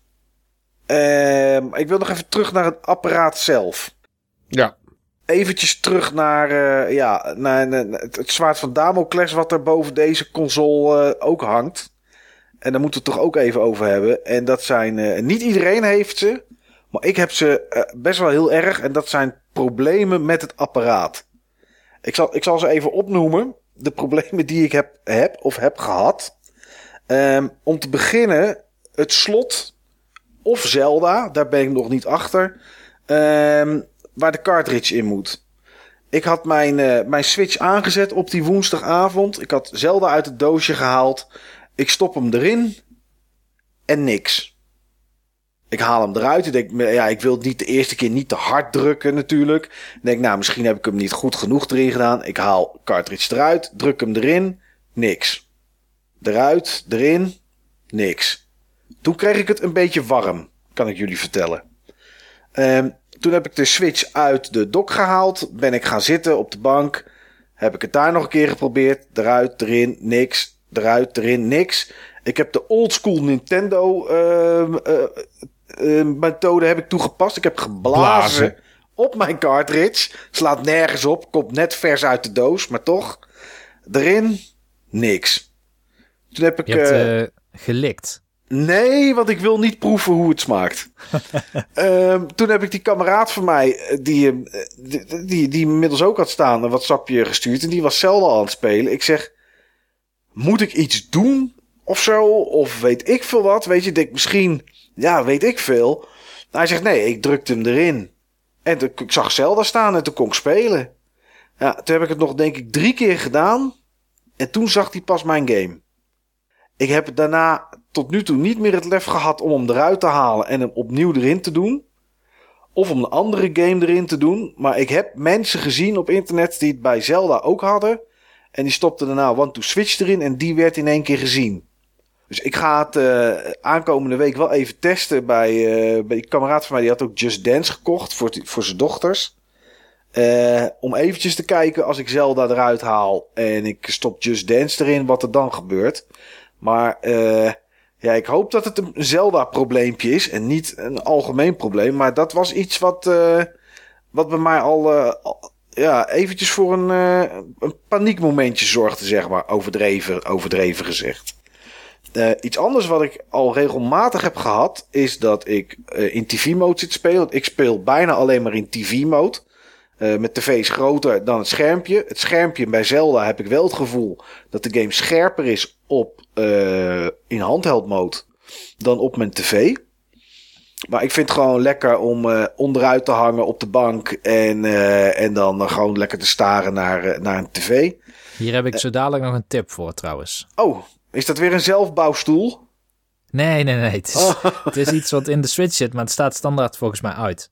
Oké. Okay. En eh, ik heb het idee dat het iets verbetert. Oké, nou, daar ben ik benieuwd. Ik ben Ehm, ik ook benieuwd. Maar goed, dus ik, ik speel bijna altijd in TV-mode. En ik heb toch al een paar keer gehad dat ik eh, zat ge- eh, te te spelen. Gaat allemaal goed. Ik zet het ding in sleep mode. Leg de grip weg met controllers erin. Eh, een paar uur later zet ik eh, de switch weer aan. Of de volgende dag. En ik krijg gewoon geen beeld. En dan moet ik dus naar mijn, eh, naar mijn switch lopen. Dan moet ik hem uit de dock halen. En opnieuw erin doen. Ik heb, de eerste keer had ik dat ik dat gewoon twee of drie keer moest doen. Totdat ik hem iets harder erin duwde, zeg maar. Dus niet erboven en dan rustig erin laten glijden, maar een beetje aanduwen. En ehm, ja, ik heb daarna nog twee of drie keer gehad dat ik hem aanzette. Geen beeld. Eh, terwijl het groene lampje brandt op de switch. En ik dan de switch eruit moet halen en opnieuw in de dock moet doen. Dit eh, klinkt wel... eh, kijk, die, die Zelda, je zei ook al dat meer mensen dat hadden meegemaakt. Ja, dat zag ik ik heb hem inderdaad, ja. één keer erin gestopt en nooit meer eruit gehaald. Dus ik kan daar niet zoveel over Ja, zeggen. ik ook. Ik, not a clue. Nee, nou ja, bij mij was de eerste keer erin gewoon niks. Dus ik... eh, Ik heb dit trouwens ook ehm, regelmatig op mijn nieuw 3DS. Oké. Ja, Dat je een game ook een aantal malen eruit en erin moet doen voordat hij Ja. pas ziet. ja. Hmm. Maar de, het tweede gedeelte, dat van die dock, Ja, dat lijkt wel een serieus mankement. Dat is wel iets om eh, misschien op zijn minst eens even van naar te bellen. ja Want dat is... bij mij is het echt... En eh, ik wil niet zeggen bij mij, eh, het is jouw probleem of zo. eh. Nee, nee, er komt maar- nog een probleem aan, wat, wat ik ook niet deel. nee. Maar ehm, eh, dat hele docking en undocking gebeuren is, is bij mij zo flawless en zo indrukwekkend... dat ik het jammer vind, zeg maar, dat het bij jou anders werkt. Ja, het is ook, het is ook ehm, ehm, vooral bij het aanzetten. Ik heb, in, goed, ik heb hem nog niet zo vaak eruit gehaald, maar toen ik het in het begin ging testen, toen hij het op een gegeven moment deed, eh, gewoon goed deed, zeg maar. Toen was ik aan het spelen, toen liep ik hem toe en dan zette ik hem erin. En dan had ik wel binnen twee, drie seconden beeld op mijn tv. Maar eh, ja, daarna zette ik hem uit en aan. En toen, toen ging die gewoon, ja, kreeg ik gewoon geen beeld meer. En eh, ik kreeg de tip van Reda van het forum. die zei van, ja, kijk even bij je HDMI. Er zit een of andere setting, iets met een C. Ik weet niet wat het precies is. CEC. Ja, hij zegt, zet die uit. Misschien dat dat werkt. Nou ja, heb ik geprobeerd, maar dat haalde voor de rest, eh, voor de rest niets uit. Ja, dan het laatste dingetje. Dat zijn eigenlijk twee problemen. Tenminste, bij mij zijn het er twee. Dat zijn de Joy-Cons. En eh, ja, ik, jij zegt al nieuws, ik deel ook dat ding niet. Maar ja, ik heb Nee, er dus het is last wel van. een eh, wijd gedeeld probleem. Ja, ja, ik heb er dus last van dat mijn linker Joy-Con af en toe niet reageert. Ehm, de Switch staat bij mij nog boven op mijn dressoir. Dan zit er gewoon helemaal niets tussen eh, wat, wat, eh, wat het signaal tegen zou kunnen houden of wat dan ook. Je hebt zeg maar geen aquariums tussen de Switch en jou staan. Nee, dat heb ik niet. Ik heb überhaupt geen aquarium. Nee, gewoon Eh, just checken. Ja, ja, snap ik. Nee, dat zou wel heel tof zijn. Midden op de salontafel gewoon een heel groot zeeaquarium. Eh, nee, dat heb ik niet. Eh, de magnetron staat er ook niet tussen. Ja, op een meter of twee daar vandaan ligt wel mijn, ehm, mijn router. Mijn router met daarin mijn, eh, mijn, mijn, mijn, mijn wifi, mijn, mijn wifi gedeelte. Dus dat, dat zit daar wel in de buurt. Maar voor, dat is ook echt het enige. Ehm, maar ik heb er dus last van dat de linker controle af en toe niet reageert. Dan, eh, ja, het bekende probleem. Maar ik heb het ook, en dat is zeldzaam, maar ik heb het meegemaakt. Jij was er bij dit weekend toevallig nieuws. Ja, Ehm, al was Nou ja. het via Skype. over afstand. ja, dat mijn rechter niet reageert. En eh, wat ik daarbij had was in Zelda dat ik sprong. Ik druk op de, op de B-knop die onderaan zit, Steve. Ja. eh, om te springen. En ik druk erop. En links springt niet. En ik tel 1, 2, plop. En daar sprong die. En ik druk nog een keer. En het duurde weer twee seconden voordat hij sprong. En ik ging vanuit mijn lui achteroverhangstand naar wat actievere houding eh, op het puntje van de bank. En dan werkte het wel. En ik ging weer terug. En ik druk op de B. En ik had hetzelfde euvel. En dat had ik ook toen ik ergens in een gevecht zat. Toen sloeg Link gewoon niet meer. En als ik iets naar voren ging zitten, deed hij het wel. Ik heb vandaag ook nog zitten spelen. eventjes. Toen heb ik er geen last van gehad. Maar ik heb er dus wel last van gehad. Dit lijkt me een gevalletje Pro-controller, eh, Mike. Ja, dag. Ze moeten gewoon zorgen dat die shit werkt. Zo, zo denk ik ook zeker. Ik, ik vind het met die linker, met die linker Joy-Con vind ik het echt schandalig. Ik weet niet of ik het heb. En Niels, jij weet ook nog niet of, of, ehm, of, eh, of jij het hebt. Je hebt het niet in, in Zelda, maar bij een ander spel waarbij je die, con- eh, controller op een andere manier vast moet houden, heb jij het misschien ook. Nou ja, ik had dus verwacht dat ik het in dat tabletop mode dan zou hebben bij eh, Snipperclips. Maar daar had ik het ook niet. Maar daar had ik het ook niet. Eh, maar tabletop motor staat het ding echt veel dichterbij, hè? De tablet, het, eh, Het het gaat is er geen primair als hij gedokt staat, zeg maar. afstand. Het is afstand. Het is En dock. afstand met daarbij eventueel iets wat tussen zit. Eh, inmiddels, ik denk dat jullie het ook gezien hebben, gaat er zo'n filmpje op het internet rond. Waarbij een kerel. eh, want het zou dus zijn dat er in de linker Joy-Con geen. Er zit geen losse antenne in. Tenminste bij deze, deze man die, die het probleem had. Eh, er zat wel een plekje, een puntje waar iets op gesoldeerd kon worden. Maar er zat niets. Dus dat is al vreemd. En hij had daar zelf een kabeltje aan gesoldeerd eh, als antenne en die naar beneden in de, in de Joy-Con gelegd. En ehm, hij kon achter zijn rug, want dat, daar schijnt mee te kunnen testen. Als je een beetje op een afstand zit van een paar meter en hem achter je rug doet.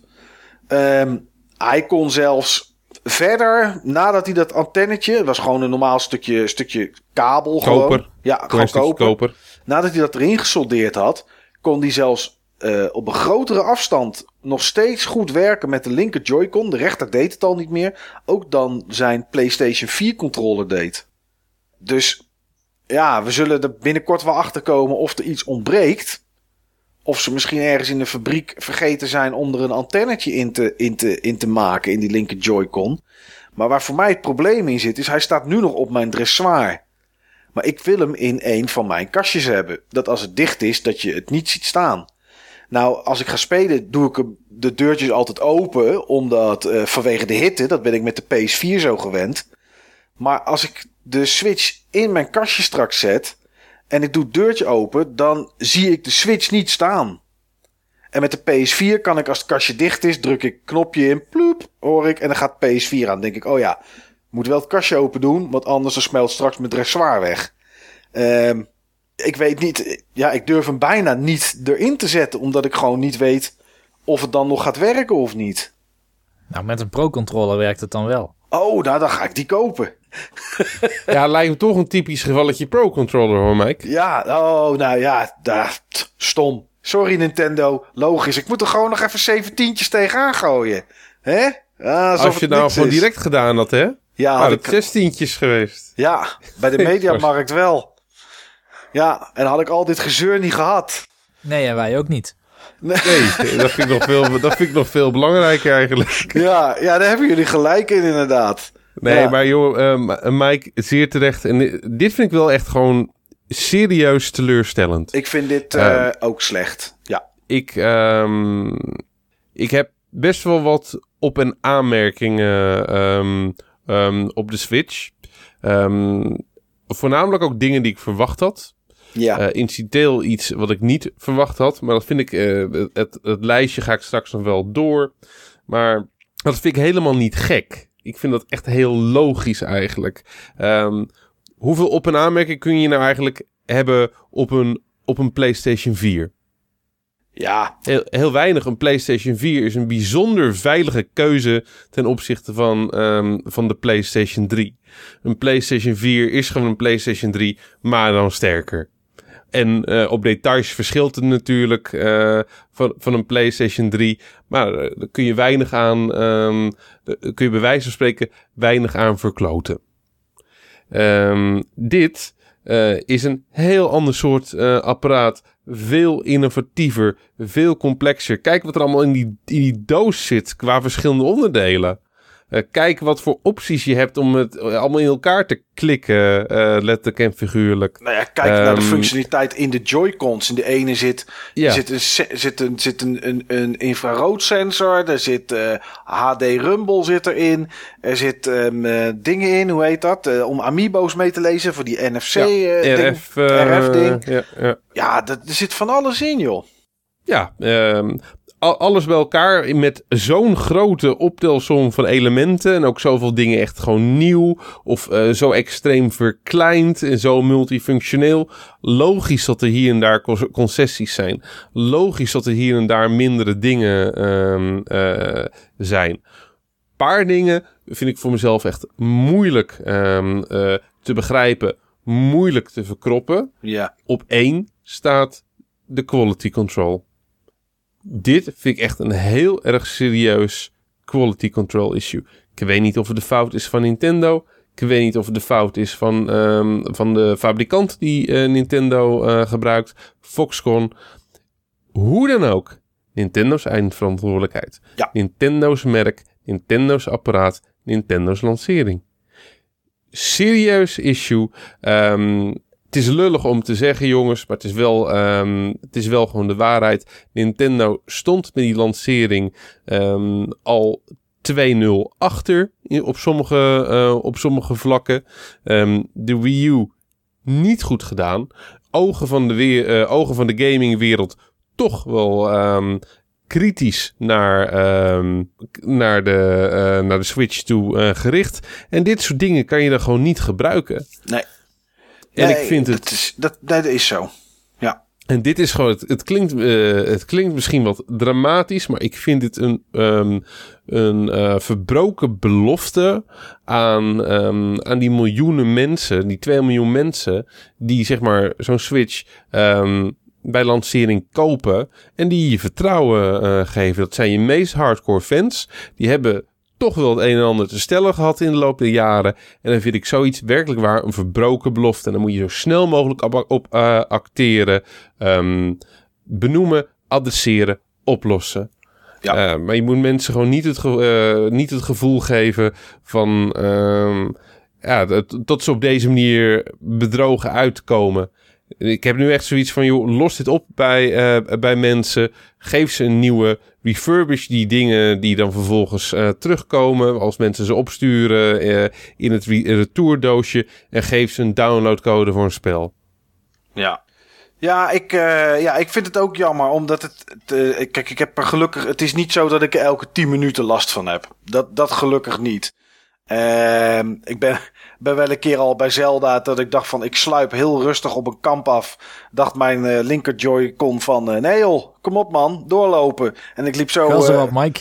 Ja, gas op die lolly. En hopla, ik liep zo dat kamp in en het was plop, plop, plop, plop en ik lag. Nou ja, goed, weet je, ik kon er ook op dat moment wel om lachen. Eh dacht ik van, ja, kneuzig gedoe dit, joh. Hij rent gewoon zo het kamp in. Maar ja, weet je, dat is één keer leuk en daarna is dat gewoon niet meer leuk. En ehm, het geluid was er natuurlijk al een week van tevoren of zo, of anderhalve week van tevoren. Ehm, Via de vroege reviews. ja, dan hoop je, dan hoop je eh, als consument zijnde van oké, misschien dat die, eh, die, eh, die day one update naar versie 2.0, dat die iets oplost. Hè? Dat die misschien. Software eh, issue, iets in de driver. Of Precies. ze zijn een beetje, Of of beetje ze- terughoudend met de hoeveelheid stroom die ze het ding geven. ja, of, of, de, of ze kunnen de, de, de, de sterkte van het signaal Ja. misschien nog wat omhoog krikken. Ja. Ja, goed, dat is het, dat is het allemaal niet in dit geval. En eh, ja. Vermoedelijk, zeer zeer vermoedelijk. Nee, ja, goed, we weten het niet niet tot, tot, totdat Nintendo zegt van het is opgelost en eh, hij moet terug. Dan weten we dat het echt iets is wat aan de hardware zelf ligt. Maar ja, goed, het, het, is, het is afwachten wat Nintendo gaat doen. Ik, ik hoop dat ze het snel doen. En, eh, of dat ze me een downloadcode geven voor een eh, Pro-controller. Dan ben, Ja, dan ben dan ik... is het ook opgelost. Ja, Ja. dan ben ik ook tevreden. Ik Ja, bedoel, dit, eh, dit soort dingen, dan moet je vandaag de dag gewoon echt extreem opzitten. Ja, het Ehm, had, weet je, ik weet niet of ze het inmiddels al erkend hebben dat het probleem er is. Ik heb het nog niet gelezen. Ehm, maar het, dat ding is eh, nu, het is nu woensdag, dus hij is nu vijf dagen uit, of zes? Vijf. Zes. Het zou netjes zijn als ze ergens deze week nog iets laten horen dat ze, dat ze het in ieder geval onderzoeken. ja. Meer hoeven ze En, niet te eh, zeggen. En zeg gewoon, als het een, eh, als het een serieus en wijdverbreid eh, probleem is, we lossen het op. Ja. En dat we, het dan we- nog... we bedanken iedereen. we willen iedereen bedanken. De boodschap is gewoon: we willen iedereen bedanken voor de 2 miljoen sales die we hebben gedaan. Switch is tot nu toe de snelst mogelijke ehm, eh, verkopende console die we hebben gelanceerd. Ja. Ehm, daar horen ook wat problemen eh, bij. We zijn het probleem aan het onderzoeken. En we zullen de problemen bij iedereen die erdoor geraakt wordt oplossen. Omdat we jullie waarderen als jullie eh, als, eh, als onze consumenten. Dat is gewoon de boodschap. ja, En dat, is dan wat je eigenlijk gewoon een generatie... Dat zullen ze gewoon een generatie lang moeten doen. Nou ja, dat is ook zo. Kijk, en, en je ziet filmpjes online met mensen die glitches hebben of schermen die stuk zijn. Ja, weet je, die filmpjes hebben we ook gezien toen de PS4 gelanceerd werd. Eh, Xbox One iets minder, maar daar werden er ook wat minder van verkocht. Ehm, weet je, elke con- volgens mij houden ze rekening met 1% of zo, of een half procent, of eh 0,03% wat kapot gaat, geloof ik. Houden ze, houden ze rekening mee. Ja, en als je dan kijkt dat er in Japan waren er geloof ik 330.000 verkocht. In Amerika eh, zeiden ze geen cijfers, maar het was wel het beste ooit. En Engeland waren er 80.000 verkocht. Ja, weet je, dan, dan gaat het echt wel hard. Dus er zitten ook kapotte exemplaren bij. Dat werkt nou helemaal zo. Alleen dit is eh, ja, net even iets, eh, iets te breed. Ja, en ook gewoon echt in een wezenlijk iets. Gewoon in, Ja, in de besturing rechtstreekse van. Ja. interactie ehm, met het spel. Ja. ja, het is niet alleen dat het alleen bij Zelda is of alleen bij snipperclips. Het is, eh, al had ik het bij slipper, snipperclips niet. Maar goed, dat heb ik, eh, ja goed wat ik zeg, weet je. Nee. Afgelopen zaterdag heb ik 11 uur Zelda gespeeld. Ja, daar heb ik het een paar keer gehad. Snipperclips heb ik drie kwartier gespeeld of zo. Nee, en Dus- het, is ook geen, het is ook geen ventilator die zeg maar net even wat luidruchtiger is bij sommige modellen. Nee. Eh, het is gewoon echt bij de kern van hoe je zo'n apparaat gebruikt. Ja. Behalve als die, als die handheld is. Als die handheld is, dan heb ik er ook geen problemen mee. Maar ja, dan zit hij zo dicht tegen het apparaat aan. Dan, eh, dan kan die... Pakt hij dan trouwens niet een, ehm, een rechtstreeks signaal op van die dingen? Ja, daar zit natuurlijk wel een klein stukje connector tussen. Omdat uh, Ja. zo laat hij natuurlijk ook op. Maar volgens mij is het puur voor opladen. Volgens mij is het puur voor opladen. Dat wou ik nog testen namelijk, want hij heeft ook zeg maar een flight mode. Ja, Volgens mij kun je zeg maar elk radiosignaal uitzetten oké. op het apparaat. Maar op het moment dat je geen connectie hebt met je, met je Joy-Cons, ehm, kun je het hele apparaat dan net zo goed uitzetten. Ja, dan wel ja. En over Ja. uitzetten gesproken, de twee dingen die je aan moet zetten, en daar verwees ik net naar, die tip, Ja, is eh, zet aan forceren op 1080p oké. en zet aan dat hij de full eh, RGB-range gebruikt. Oké. Als je, hem, als je hem dwingt op 1080p, je gaat naar handheld mode, dan blijft dat wel werken. Want dat is natuurlijk 720. Ja, dat Of- blijft gewoon werken. Dit doet hij alleen door in docked mode. Dat kun je gewoon in de settings instellen. Kijk, het kan eh, placebo zijn, maar ik had het idee dat Zelda meer ja, anti-aliased oogde. Oké. Nou, ik... eh, Dat zal placebo zijn, want hij heeft geen anti-aliasing. Maar het kan natuurlijk wel eens je, dat je scaling van je tv. Je scaling van je Ja. tv wordt anders. De scaling wordt anders inderdaad. Hij, je tv hoeft niet meer te scalen. Nou ja, ik, ik, ik ga het eens aanzetten en ik ga gewoon eens kijken dan. Ehm, voordat we doorgaan naar eh, waar het echt om draait. Steve, je zei dat je nog een lijstje had. eh. Ja, ik heb nog wat dingetjes die ik aan wil tikken. Ehm, ik heb nog niet gehad over de derde manier van spelen op tv. Ehm, heb ik vandaag gedaan. Heb ik eigenlijk speciaal gedaan voor, eh, voor deze podcast. Ehm, uurtje of twee gespeeld. Beviel me veel beter dan ik verwacht had. Oké. Gewoon op tv met de. Pro-controller. Ja. Ehm, ik vind Zelda heel goed ogen en werken op, ehm, op eh, het scherm Mhm. van de gamepad. Ja, gewoon een Ik handheld moest, wel in eerste, ik moest er wel in eerste instantie wat aan wennen. In eerste instantie was ik ook niet zo onder de indruk van het, ehm, van het scherm. De de artstyle van, eh, van Zelda is natuurlijk wat faded. Ja, En ik vond dat scherm op die manier ook wat faded. Want mijn eerste kennismaking met het scherm was, eh, was Zelda. Ik had eventjes zitten spelen met, eh, met de brightness. Kijken of ik het anders kon krijgen. Nee. Ehm, Daarna andere content gezien. Vast eh, RMX. Wat filmpjes in, ehm, in de shop. Direct een hele andere impressie van het, eh, van het scherm. Prima scherm. Eh, daarna weer Zelda gespeeld. Ja, oké, oké. Goed scherm. Maar nu ik Zelda ook gezien heb op mijn grote scherm, ik zie toch wel wat detail wat je, hoe je het went of keert, toch minder makkelijk op een klein scherm oppikt. En de kleuren staan me toch wat meer aan. Want ik heb mijn tv gewoon wat contrastrijker ingesteld. En ik heb nu veel meer uh, de look en feel die ik eigenlijk ook een beetje um, verwacht en gehoopt had. Oké, wat levendiger qua kleur. Wat levendiger inderdaad, ja. Wat meer vibrant. Ik, uh, en daarnaast, het, het speelde ook gewoon wel fijn. Ik heb, gewoon, ik heb zowel met uh, doggy-stijl zitten spelen. De, de, joy, de Joy-Cons in de grip. Oh, ja. Als, uh, ja. ik was even benieuwd waar dit naartoe ging. Ja. als, uh, als met de Pro Controller. Beide vond ik gewoon prima werken. Ik heb ook nog met losse, um, met losse controllers gespeeld. Um, was ik ook benieuwd naar. Mm ik had, uh, had ik meer van verwacht. Uh, ik, ik, het speelde op zich oké. Okay, alleen ik, ik kwam in de knoei met mijn gyros. Hmm. Ik had hetzelfde, Steve.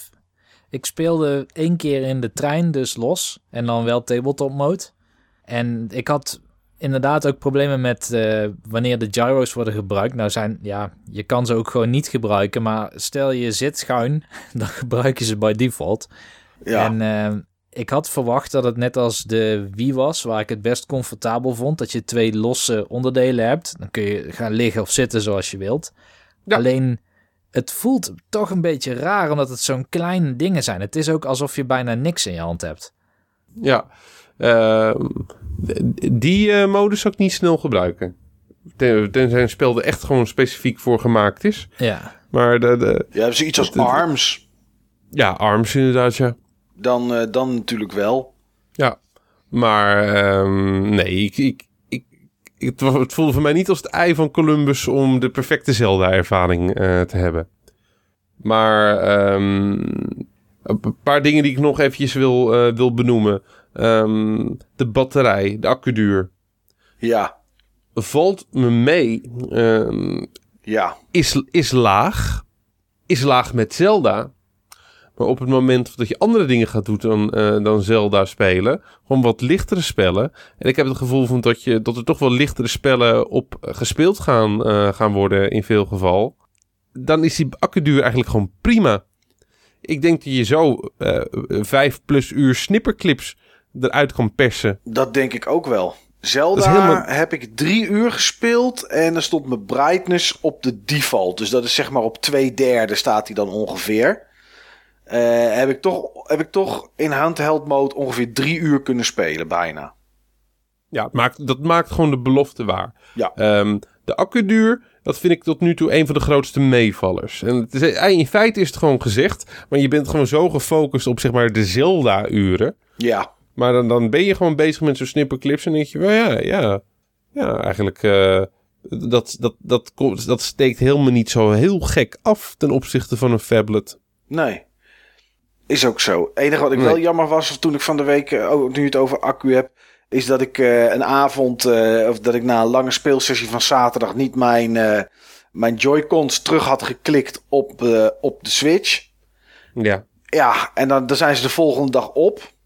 Ja, en dan heb je eigenlijk alleen nog maar natuurlijk de mogelijkheid om in handheld mode te spelen. Nee, daar zijn ze ook op natuurlijk. Ja, dan kan je eigenlijk niks. Dan moet je gewoon aan een lader zitten. Ja, dat... Of een Pro-controller. Oh, Oh, bestaan die? ik wist niet die, dat die er... Die gaan wel absurd lang mee. Die heb ik één keer opgeladen tot nu toe. Oké. Okay. En die, uh, ja, ik, die is volgens mij nog niet voor de helft leeg. Oh, wauw. Ik wist niet dat die er waren. Ja. Steve, ga je verder. Dat je ook geen, uh, geen, geen Joy-Con uitvalproblemen meer hebt. Nee, niet. Oh, dan dat is je, daar niet kun bij. je switch in een kastje zetten en een aquarium ertussen.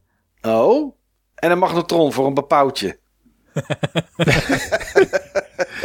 ja. Lekker. Anyway. Um, wat me eigenlijk ook wel um, meeviel... en wat ik zeg maar als uh, belangrijkste reden zag... om, om niet vroeg in te stappen met de Switch... was de totale launch line-up. Ehm, het is niet alsof die briljant is, Nee. maar eh, hoe je het wint of keert, en we gaan het zo meteen uitgebreid eh, erover hebben. Je hebt Zelda. En dat is al natuurlijk gewoon een hele goede reden om een Switch te hebben. Maar zo'n snipperclips, ja, dat, dat, dat, dat voegt wel echt gewoon toe. Ja. Eh, eh, local multiplayer, twee personen, vier personen. Je kan het overal spelen. Dat is gewoon precies gewoon zo'n zo'n Switch scenario wat je, ehm, wat je op die wat Zelda niet is of heeft en wat je op die manier invult. Ja. Ehm, Zo'n zo'n fast error mix. Ja, dat is gewoon een leuk spel.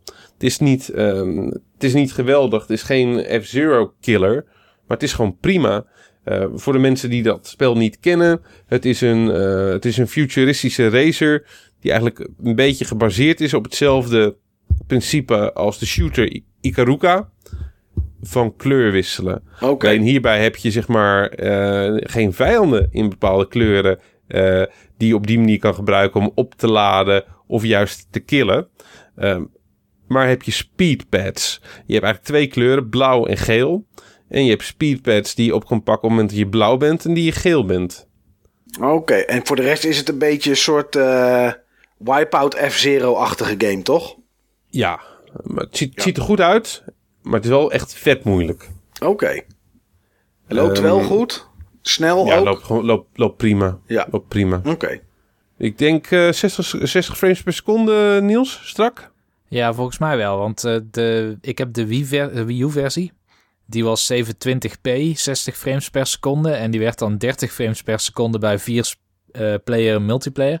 En van wat ik had gezien bij een soort vergelijkingsvideo... was dat de Switch-versie 1080p is, 60 frames per seconde. Maar dat hij dat ook nog is in de multiplayer mode. Oké, oh, dat, is wel netjes. eh, dat is een flink, dat is een flink verschil. Ik overweeg ook om hem toch ook op de Switch te kopen. Want ik heb hem weinig gespeeld op de Wii U. Om, ja, eigenlijk omdat het zo moeilijk was om mensen te vinden om dat spel mee te doen. Sommige mensen... Ik heb hem één keer gespeeld met drie spelers. En een van die mensen die wil het nooit meer spelen. Want die vond dat hem onrecht werd aangedaan of zo in het spel. Potverdorie zeg. Nee, het is, er zit heel veel content in. Hè? Er zijn 32 banen en nu die... Hij kost 20 euro, toch? Voor de Switch? ja, 20 euro. Ja, dat is echt een goede prijs voor, eh, voor hoeveel in dit spel zit. Heel feature complete. Cups, eh vier-player multiplayer, inclusief eh, CPU-racers. Time trial is nog toegevoegd, geloof ik, vorige week via een patch. Oké, Online. netjes. Ja, dat is, dat is leuk, dat is tof. Maar eh, je, hebt, eh, je, hebt, je hebt die spellen dan. Ja. Ehm, al, allemaal dingen die, die voor mij echt wel een hele mooie, complete, positieve eerste ervaring en totaalervaring eh vormen. Er zijn wel een paar dingen waar ik echt wel, wel negatiever over ben. Ehm, nou, de Joy-Cons heb ik het al uitgebreid natuurlijk met jullie over gehad. Ja. Ehm, waar ik niet positief over ben, dat is het. het, is, het is oplosbaar. Maar het zou niet oplosbaar moeten zijn. En, en dat is gewoon het, het standaard geheugen van het apparaat. Ja, 32 GB kaartje. Onaccept, het is geen 32 MB, minus, eh, minus 8. eh, nee, het kaartje is 32 GB, maar daar gaat nog 9 GB vanaf of Ja. zo. Voor Ja. de OS. Ja. En wat er dan overblijft, vind ik echt onacceptabel. En ik vind het met name onacceptabel, juist vanwege die e-shop. Waar ik echt gewoon eh, voor het eerst sinds tijden gewoon potentieel echt inzie. Ja, volgens mij is in Japan is er een Dragon Quest Collection of zo, waar eh 7, 8, 9 in zit, of weet ik veel wat. Er zitten een aantal titels in. Heroes 1 en 2 of zo, ik weet niet. Ja. Eh, maar die is gewoon 35 GB. Dus als je dan Switch koopt, moet je al gelijk, als je die game eh, digitaal eh, erbij koopt, moet je gewoon al gelijk een nieuw SD-kaartje kopen. Want dan past het gewoon al niet meer. Ja, da- weet je, Ja. ik, ik hou mijn ogen open. Ik koop een keer een 128 of een 256 GB. Eh, want ja, weet je, ik, ik denk toch dat de meeste titels bij mij wel digitaal zullen worden dat ik die koop. Ik Ja, ze en niet. ik vind dat ook gewoon het- eigenlijk het best aansluiten bij het karakter van het apparaat. Ja, meenemen, games op je kaartje, niet nog los met, met losse cartridges slepen. Ja. Ja, ja nee, eh, helemaal, helemaal eens, Steve. Absoluut. en daarom ja. vind ik dat echt gewoon niet goed. Want eh, kijk, het, het kost niet mega veel geld, een kaartje. Al, is het, al koop je een 64 gig kaartje, da- daar loop je nou niet bepaald op leeg. Nee, nee, nee, nee. Maar ehm, in het soort aantallen ehm, wat Nintendo nu eh, produceert. Plus het feit dat er gewoon. eh, het is, je praat dan zeg maar over een meerprijs van zo'n kaartje wat er nu in zit. Ten- op, eh, en het soort chip wat ze er ook in hadden kunnen stoppen. Ze hadden voor mij, naar mijn gevoel, hadden ze voor een beperkte meerprijs. hem veel functioneler kunnen maken qua opslag. Ja, wat, wat is het verschil tussen 32 GB en 64 GB in prijs? Ik geloof 2 of 3 euro. Dat stelt echt niks voor eh, qua prijs. Maar ja, goed. Er zit nog een nare consequentie, zeg maar, aan de opslag bij dit ding. Kijk, aan de ene kant hebben we nu eindelijk echte account systems. Ja. Dus als jij twee switches hebt, dan kun jij op alle tweede switches bij je complete game library. Je moet wel net als bij, bij de PS4 aangeven welke switch op dat moment je actieve switch is. Dus dan moet je in het OS aangeven. Alleen er is wel één klein irritant dingetje. En dat is dat de save games kun je niet op een SD-kaart zetten. Nee, je, kan zo, en je kan sowieso je SD-kaart niet meenemen. Hè? Als je hem, eh, je SD-kaart uit je Switch haalt en je stopt hem in een andere Switch. Dan zegt die Switch van... eh, hey, ik herken Die de. SD-kaart. Maar die is gebruikt door een andere Switch. Ik ga hem formateren. Ja, maar was dat ook als je de andere switch dan aangeeft van dit, is, Ja, dit hoort nu bij mijn account? Zo Ja. werkt de 3DS ook. Oké. ja, dan zegt hij dit komt van een ander apparaat af. Ja.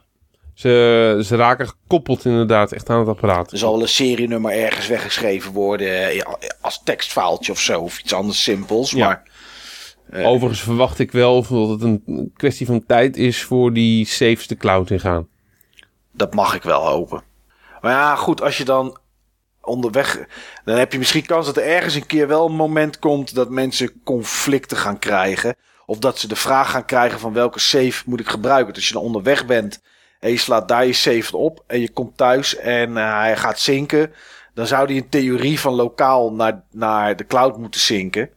Maar, eh, Ja, maar je hebt toch altijd je meest recente versie? ja, maar toch, eh, eh, ik heb het met PC wel eens gehad dat ik toch twee saves door elkaar heb gekregen. eh, ondanks dat ze in de cloud stonden. Maar goed, zie- Zie, ik- als oplosbaar Is het en ook, zeer is het ook. incidenteel. eens. En ehm laatste ding wat ik toch wel wat jammer vind is de prijs van een flink aantal dingen. Vind ik gewoon te duur. Ik vind die Pro Controller ehm, ehm, vind, ik te, vind ik te duur. Ondanks gewoon alle tech die, er, eh, die erin zit. Ehm, ik vind een aantal games vind ik echt substantieel te duur. Eh One to Switch. Ja, Ja, Ehm, voor 20, 30 euro had ik hem wel gekocht. ik, eh, ik had er 20 max aan uit willen geven. Zeker na het lezen van de reviews trouwens. Maar... Ja, 20 max. Voor 20 euro zou ik hem zo uit. En dan Dus digitaal. 20 Hoef ik hem niet in, hoef ik hem niet in Nee. een doosje. Precies, pre- exact hetzelfde. Voor 20 euro zou ik hem zo, ehm, eh, zo kopen. D- Daar haal ik er wel 20 euro aan lol uit voor mijn gevoel. Het zal niet eh, frequent gespeeld worden, maar Nou ja, het is hetzelfde als, als, als Wii Sports dan. Hè? Het is vooral om te laten zien wat het ding kan. als showcase Ja, inderdaad. ik ja. bedoel, mijn ouders die, die, die zien dat ding dan en dan zien ze Zelda, mij Zelda spelen en dan is hun interesse is weg.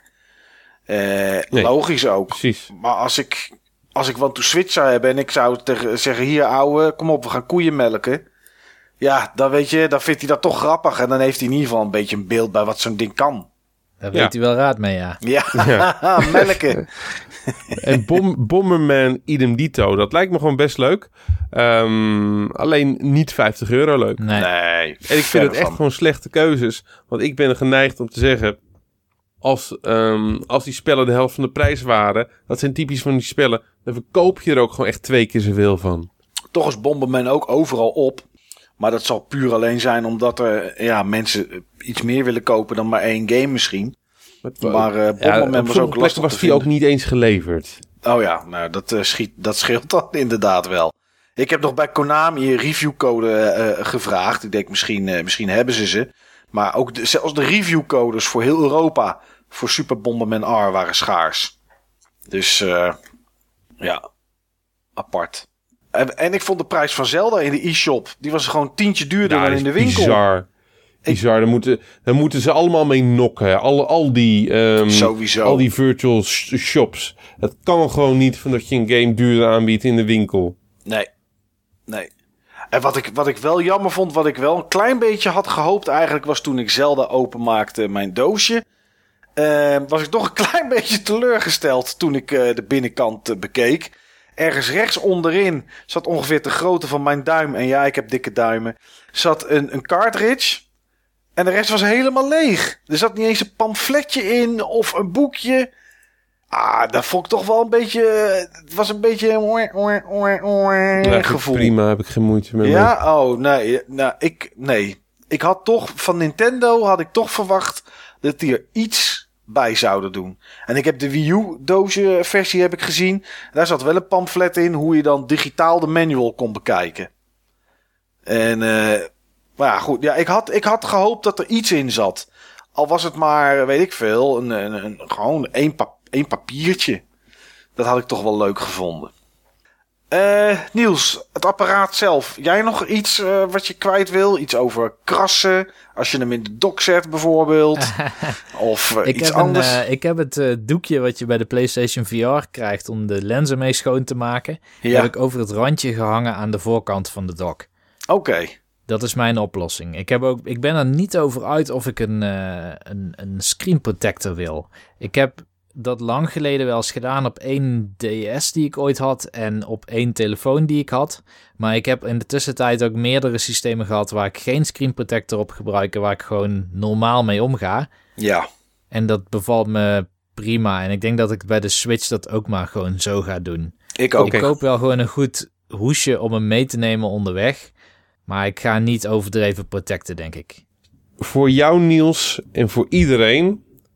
ehm, een screen protector op dat schermpje... omdat je dock krassen zou maken... Nonsens. Hmm. Nonsens. Ehm, als, je hem, als je hem in je dock steekt, je hebt plenty ruimte eh, over. Op het moment dat je er standaard voor zorgt, van dat je zeg maar de achterkant tegen je dock eh, aanschuift, zodat de voorkant gewoon geen contact maakt. Geen contact is geen krassen. Nee, dat ik, klopt. eh, er, zit, er zit zeker een centimeter tussen. ja, Ik weet niet of het een centimeter is, maar het is meer dan genoeg. Ja. 2,5 Ehm, meter bij mij zit er tussen. Ja. en ja, waarom zou je dan zeg maar voor de krassen van je dock op je scherm en aan je, en aan je bezel, Ja. waarom zou je dan zeg maar dat erop gaan plakken? Hij maakt geen contact. Nee, in principe dat, niet. Kijk, dat is Dus, ook gewoon eh, bangmakerij op internet. Oh, oh, oh, hij heeft krassen gemaakt. Ja, Ja, omdat je als er je niet hem- goed mee omgaat, Pipo. Ja, als je hem aan de voor, tegen, inderdaad, als je hem tegen de voorkant aanhoudt en je schuift hem dan erin, ja, dan, moet je- dan krijg je misschien iets. Maar ik, ja, ik ga het ook niet doen hoor. Ik hou sowieso Nee. niet van dat soort protectiedingen. Ik heb om mijn telefoon geen hoesje. Eh, stop ik gewoon zo in mijn zak. Eh, d- ik heb er geen, geen beschermingsding, niks op. Ik, eh, weet je, het zijn gebruiksvoorwerpen. En aangezien ik hem toch bijna nooit meeneem, eh, vind ik het prima zo. Vroeger ging ik ook gewoon naar bareback parties. Dus ja, echt, Tuurlijk, eh, deed je ook niks omheen. nee, precies. Nee. Nou, laat ik, laat ik eh, een, Af en toe gewoon een keer goed laten testen. over de hardware, hè. Laat ik eh, over de hardware één, één positieve samenvatting eh, maken. Nou, dat is mooi om, om, om het onderwerp Switch zelf mee af te sluiten dan. Ja, ik vind de bouwkwaliteit enorm goed.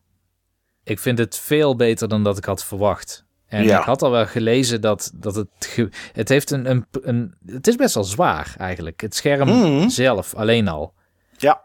Maar het is ook een metalen behuizing, het scherm. En eh, daar zit een soort rubberige textuur overheen aan de achterkant. En de joypads zelf hebben ook een rubberachtige textuur. Dus op het moment dat je dat aan elkaar klikt, dan voelt het ook als een heel comfortabel en stevig apparaat. Ja. Nee, eens. Het, is, eh, het voelt niet als goedkope rommel die je in je hand hebt. Nee. Maar- Het voelt eigenlijk als iets wat Sony gemaakt zou hebben. Zo zou ik bijna... En dan bedoel ik eh, de opvolger van de Vita of zo. Ja. Ik vind dit trouwens aanzienlijk beter dan de Vita qua engineering. Ja, Los van het OLED-scherm. Dat OLED-scherm was wel echt heel goed. Eh, los van de resolutie van het scherm, die natuurlijk een stuk hoger is. Mhm. Maar dit is echt. eh, Nee, ik vind echt qua engineering vind ik echt helemaal top. En daarom vind ik gewoon die Joy-Con situatie zo jammer. Want het is gewoon echt een flinke smet op het blazoen van het apparaat. Ja. Terwijl engineering, eh, ja, vind ik het juist echt een van de, van de, de coolere dingen die ik recent in huis heb gehad. Ehm, over coolere dingen in huis halen. Zelda. Dat is toch iets waar we niet onderuit komen, wat we alle drie gespeeld hebben. Ja, ik. eh, wie wil er als eerst? Steve, wil jij als eerst? We hebben Steve nog niet gehoord over Zelda trouwens. Nee, wij zelf niet. Maar de luisteraars hebben ons ook nog niet over Zelda gehoord, Niels. Nee, dat is waar. Maar wij weten van elkaar, weten we wel een, een, een heleboel wat betreft Zelda. Ja. Maar goed, ja, ik ben ook wel nieuwsgierig in waar Steve zeg maar staat in de game. Oké. Ik wist niet 100% zeker wat ik van Zelda zou gaan vinden. Ehm, toen ik de eerste paar filmpjes zag op internet, was ik er enorm van onder de indruk. Ehm, was, het een, eh, had ik, was het een game die ik echt hoog op mijn lijstje had staan als must play, must have, best of E3. Eh, we hebben het er vaak over gehad. Ja. En op een gegeven moment is hij daar een beetje van afgevallen. Ja, twee jaar Eh, lang had je hem in je lijstje staan van, eh, eh, Ja. van games waar je naar uitkeek. En precies in het jaar dat hij uitkwam, dit jaar, zat hij er niet meer tussen. eh, laatste Ja, jaaroverzicht. Klopt. Voor een deel heeft dat ook gewoon met al dat uitstel eh, te, maken. ja, En voor een deel had het ook echt met de eerste gameplaybeelden eh te maken. Ehm, ik- ben niet zo van de twijgjes en takjes eh, spellen. nee, ik snap wat je bedoelt. Ja, waarbij je zeg maar, elk twijgje en takje op moet rapen, verzamelen. eh, om het vervolgens in een potje te gooien, zodat je net eh 5% sterker bent om dat ene monster te kunnen verslaan. Ik hoor best wel vaak, waarschijnlijk bij jouw microfoon, eh, Steve, dit. Tik je misschien met je voet ergens tegenaan? Of wat denk je dat dat geluid Dat zou ik. kunnen maken? En daar gaat mijn briefopener. Oké, Brief Sorry. openen. sorry. ik dat, heb ik een goede microfoon? Ja, Ehm, ja, ik ben gewoon niet zo van, eh, van, van spellen waarbij je zeg maar echt heel veel voorbereiding moet doen voor elke scheet die je laat. Ja. En het, het, het leek me allemaal iets, ehm, iets te open, iets te vrij, iets te leeg. Ik had wel twijfel. En ehm, in de tussentijd had ik ook Twilight Princess eh, weer gespeeld. Of eh, weer opnieuw kennis mee gemaakt. Ik heb, ik heb het nauwelijks gespeeld. En daar was ik nou niet bepaald door gegrepen. En de optelsom van alles, daar, die maakt hem gewoon een stuk minder happig erop om, om dit spel in te duiken. Ja. Maar op basis van de laatste lading trailers, die een stuk meer episch eh, was, een stuk meer verhalend, eh, key moments. Ja, da- daarbij had ik juist weer dat, dat het gevoel weer op begon te borrelen. En dan had ik zoiets van, ja, dit is een gaaf spel.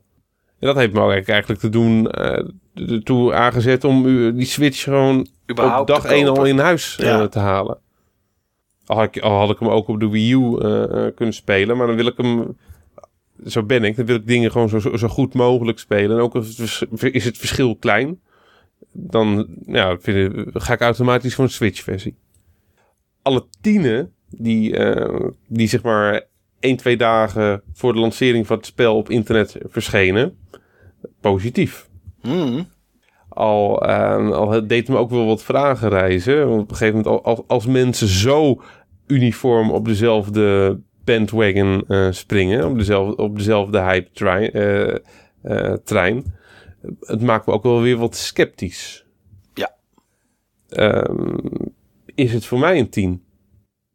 Ik heb toch wel wat dingen ervaren, waardoor ik het spel niet zo snel een 10 zou geven. Ik ook. Maar het zit er wel heel dicht tegenaan. eerste wat ik zeg maar. Mijn, mijn eerste kennismaking met het spel was een game-breaking bug. Oh ja, daar had je last van, ja. Ja. De marker werd niet eh, gezet aan het begin van het spel.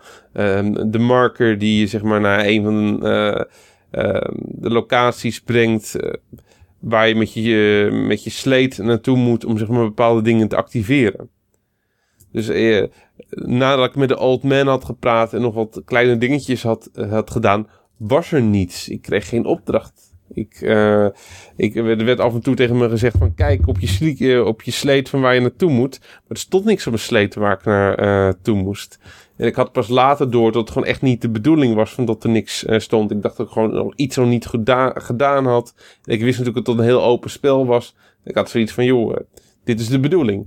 Nou, het was niet de bedoeling. Dus op het moment van dat je zeg maar binnen... Um, binnen 10 minuten gameplay tegen een game-breaking bug uh, aanloopt, en, aanloopt. Ik kwam er pas na twee uur spelen achter dat het echt niet goed was. Dat, um, dat, dat vind ik iets wat niet hoort bij een 10. als het eenmalig zou gebeuren, zou ik het hem kunnen vergeven. Ja, maar het is geen goede indruk. Het, het, is, het is vervelend dat dat in het begin gebeurt gelijk.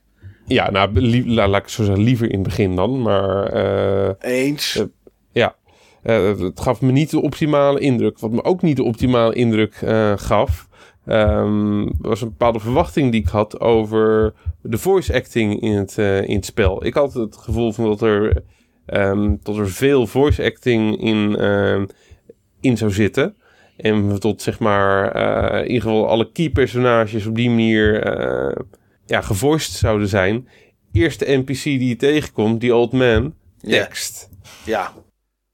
Ja, bijna alles, ja. bijna alles is tekst, behalve in de kleine cutscenes. Ja, cutscenes wist ik niet. en memories. Ja, wist ik niet, maar uh, ja, teleurstellend. Vond ik, vond ik jammer. Nou, qua, qua graphics had ik er dus ook net iets anders voorgesteld. Ik vond het wat contrastloos. Mm -hmm. En um, de menus. De menus vind ik afschuwelijk. De menus vind ik werkelijk waar afschuwelijk. Ik vind, uh, ik vind het gewoon niet intuïtief werken. Hoe je van items um, uh, switcht, hoe je je menus uh, ingaat. Ik druk altijd op de verkeerde knop.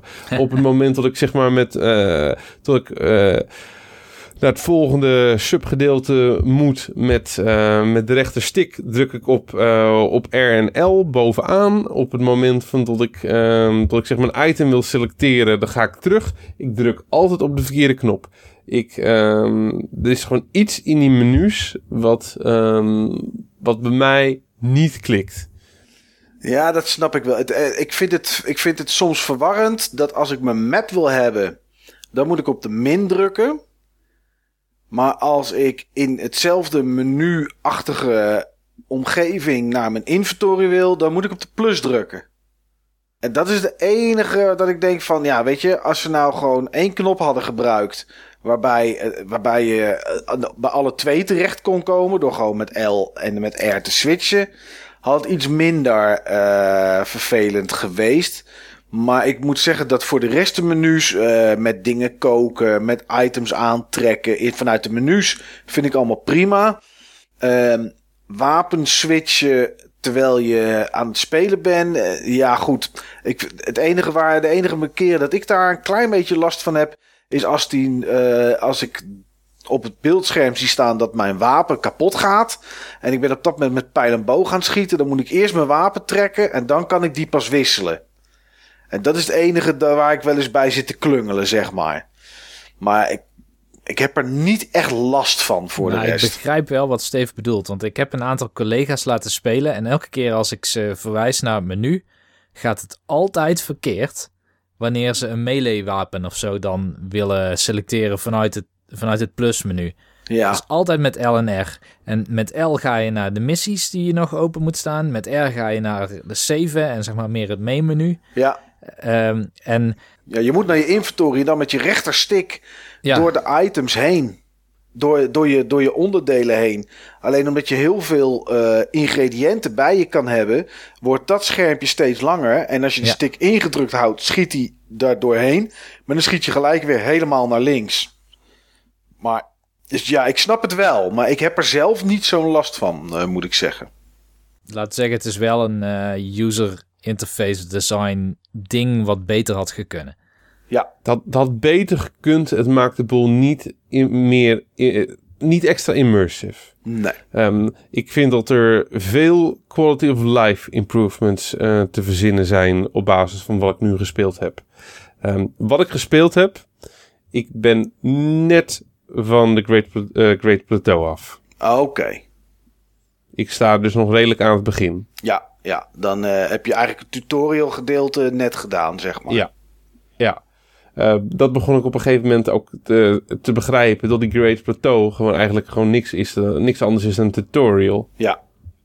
En wat een geweldige tutorial. Ja, dat is goed, hè? Dat is geweldig. Ja. Het is echt geweldig. Ik vind überhaupt die hele wereld vind ik geweldig. De sfeer vind ik geweldig. Ehm, het gevoel van vrijheid wat je, wat je hebt. Het gevoel van schaal. Eh, de muziek, eh, of beter gezegd, eh, de ambient sounds. En de momenten waarop er dan toch opeens gewoon muziek doorbreekt in de ambient sounds. Ehm, het gevoel van eenzaamheid en melancholie wat er in die wereld eh, zit. Er zit echt een gevoel van melancholie in die wereld. Ja. Alsof het iets, alsof het iets vreselijks gebeurd is. Wat ook gewoon zo, het Dat geval is ook, hè? Ja, Ja. het is terreur, hoor. Ja, Calamity Ganon. ja. Dan ben ik even, Ehm. even benieuwd, Steve. Eh, want dit was... Dit was ehm, ja, het heeft te maken met hoe open de wereld is... of hoe je dingen aan kan pakken. Maar daar kom ik straks nog wel op terug. Ik, wil, ik, ben- ik ben benieuwd naar iets. Ehm, we, we kunnen niet, voor de luisteraars... we kunnen niet door Zelda heen... zonder misschien iets te vertellen... wat je niet zou willen weten. Dat, gaat, dat is onmogelijk. Eh, ik vind... Ik, ik, ik zou het zelf, als het eventjes kan, graag beperkt willen houden tot de Great Plateau. Want ik wil, het, ik wil echt geen spoilers zelf ook. ja, dat gaat niet, Steve. Dan, ga ik zo meteen, dan haak ik zo meteen af, jongens. Dat wil ik niet. Ja. Mag jullie zo meteen verder praten, maar ik wil zo meteen... Ik wil echt geen spoilers. Ik ontwijk ze ook echt bewust. Ik, eh, ik kijk ook geen Snap zelden ik. dingen. Snap ik. Maar er is, er is, er is, er is wel. Dit, dit, dit is geen spoiler, want je bent er al doorheen. Maar ik ben even benieuwd naar ehm, hoe iets gebeurd is. In, in, op die Great Plateau, daar moet je Ja. vier shrines in. Daar moet je Ja. doorheen en ehm, dat Ja. moet je behalen vanwege iets. Ja, Nou is er één van die shrines, die is boven op een berg. ja oké, hou maar op. Want dit is precies het verhaal wat ik wil vertellen. Oké, En eh, dit is zeg maar. ehm, dit is het moment. Het is een van de momenten waarop die game gewoon het meest bij mij klikte. Ehm, vier shrines. Na één shrine word je toegeleid, dus die heb je automatisch te pakken. Drie shrines die je dan nog moet doen. Ehm, twee, eh, twee shrines kun je vrij eenvoudig spotten, vrij eenvoudig komen, heb je zo te pakken. Ehm, maar ik kwam nog een shrine tekort. En ehm, mijn conclusie was van dat die shrine eh, op een berg was. Maar ik twijfelde eraan of dat zeg maar nou wel ehm, eh, onderdeel was van de Great Plateau of niet een van de volgende shrines. Want ik heb ook al wat markers staan op shrines die ik kan zien vanaf de Great Plateau. Maar, ehm, eh, maar die daar toch echt niet zijn. Ik, ik, ik twijfelde gewoon of dat zeg maar waar ik, was waar ik moest zijn. Nou, uiteindelijk toch dan in de buurt gekomen. Dood. Koud. Brr. Helft eh, snel weg. Dood. Dus ik, eh, mijn conclusie was, daar moet ik niet zijn. Dat kan niet, want het is niet uitgelegd. nee. En ehm, ja, eh, dit, dit type spel, eh, je, krijgt een, eh, je krijgt ergens een item, je krijgt vervolgens dan een uitleg, je krijgt wel eventjes wat voorbeeldjes om zeg maar te kijken hoe iets werkt. En vervolgens ga je, ga je goddelijke gang op basis van hetgeen wat je uitgelegd is. En dit was niet uitgelegd, dus dit kon het niet zijn. Was mijn conclusie. Ja. Maar eh, ik zat nog eens te denken en ik denk van... eh, er was heel veel tijd overheen gegaan hoor. Heel veel zoeken naar die vierde shrine. Ik zat te denken van ja, ja maar ehm, is dat niet de oude wereld? Dat is de oude wereld. Wij hebben het nu continu over eh, de oude en de nieuwe wereld. Ik ben bezig met allemaal eh, vernieuwende dingen op mijn werk. Althans, voor ons is het vernieuwend. We zijn nu zeg maar bezig om over te schakelen naar agile werken, Scrum. Ehm, andere organisatievoorwerpen uh, ja, vormen. En we hebben het continu over de oude wereld. Maar dat is, oud, dat is oud gedrag. Dat is de oude wereld. Dat moeten we niet meer willen. Dat is de oude wereld. Dat is niet meer hoe de wereld werkt. Dat is de oude wereld. En ik zat zo te denken. En ja, uh, ja, tot je zeg maar daar gewoon niet kan komen. Volgens mij is dat gewoon echt helemaal niet de bedoeling van het spel. En volgens mij is dat de oude wereld. Je kan er wel komen. Tuurlijk. Je kan er wel komen. En, uh, ik zat nog eens te kijken gewoon in mijn, uh, in mijn inventory. En ik zag dat ik wat, uh, wat dingen had, zeg maar, waarmee je uh, jezelf kon wapenen tegen kou. Qua, qua ingrediënten om te koken. Dus ik was op zoek naar de mogelijkheid om te koken. En uiteindelijk had ik zeg maar ergens een vuur gevonden.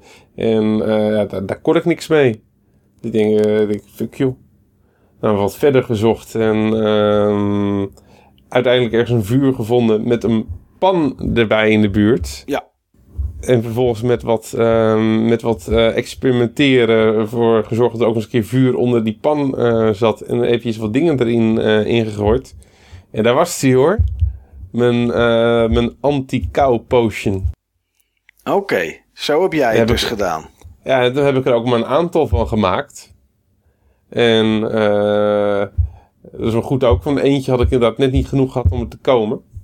En uh, ja, uiteindelijk zeg maar met die, uh, met uh, heel wat geklauter. Want ik was ook net niet goed. Uh, ik, ik, kwam net niet lekker uit met mijn stemmen uh, steeds om, om, om zeg maar die wand op, op te komen. Uiteindelijk dan zeg maar een andere wand gevonden waar ik er wel mee, mee kon komen. Ja. En uh, uiteindelijk gewoon die vierde zwijn uh, te pakken. En toen kon het, uh, toen kon het feest eindelijk weer verder. Oké. Okay. Dan Niels, jij hebt het ongeveer hetzelfde gedaan hè, als Steve. Ja, ik kan me herinneren dat ik papers had gevonden. En bij een, een, een, groep moblins, die hadden een soort kamp. En die hadden daar al een, uh, een pot met vuur staan. En dat, die heb ik toen gebruikt, geloof ik, om... Volgens mij heb ik paddenstoelen met pepers of zo gebakken. Ik weet niet meer precies wat ik allemaal bij elkaar heb gedaan. Maar uiteindelijk heb ik het wel op die manier gedaan ook, inderdaad. Ja. Nou, ik heb het anders gedaan. Ik ben gewoon gaan klimmen. En uh, op het moment dat ik bijna geen leven meer had, ging ik snel appels eten. En dan ging ik weer doorklimmen en snel appels eten. En ik ben er gewoon op die manier doorheen geworsteld om dat te doen. Maar er is nog een manier, Steve. Er is namelijk uh, die oude man, die jij inmiddels kent, die heeft een lievelingsgerecht.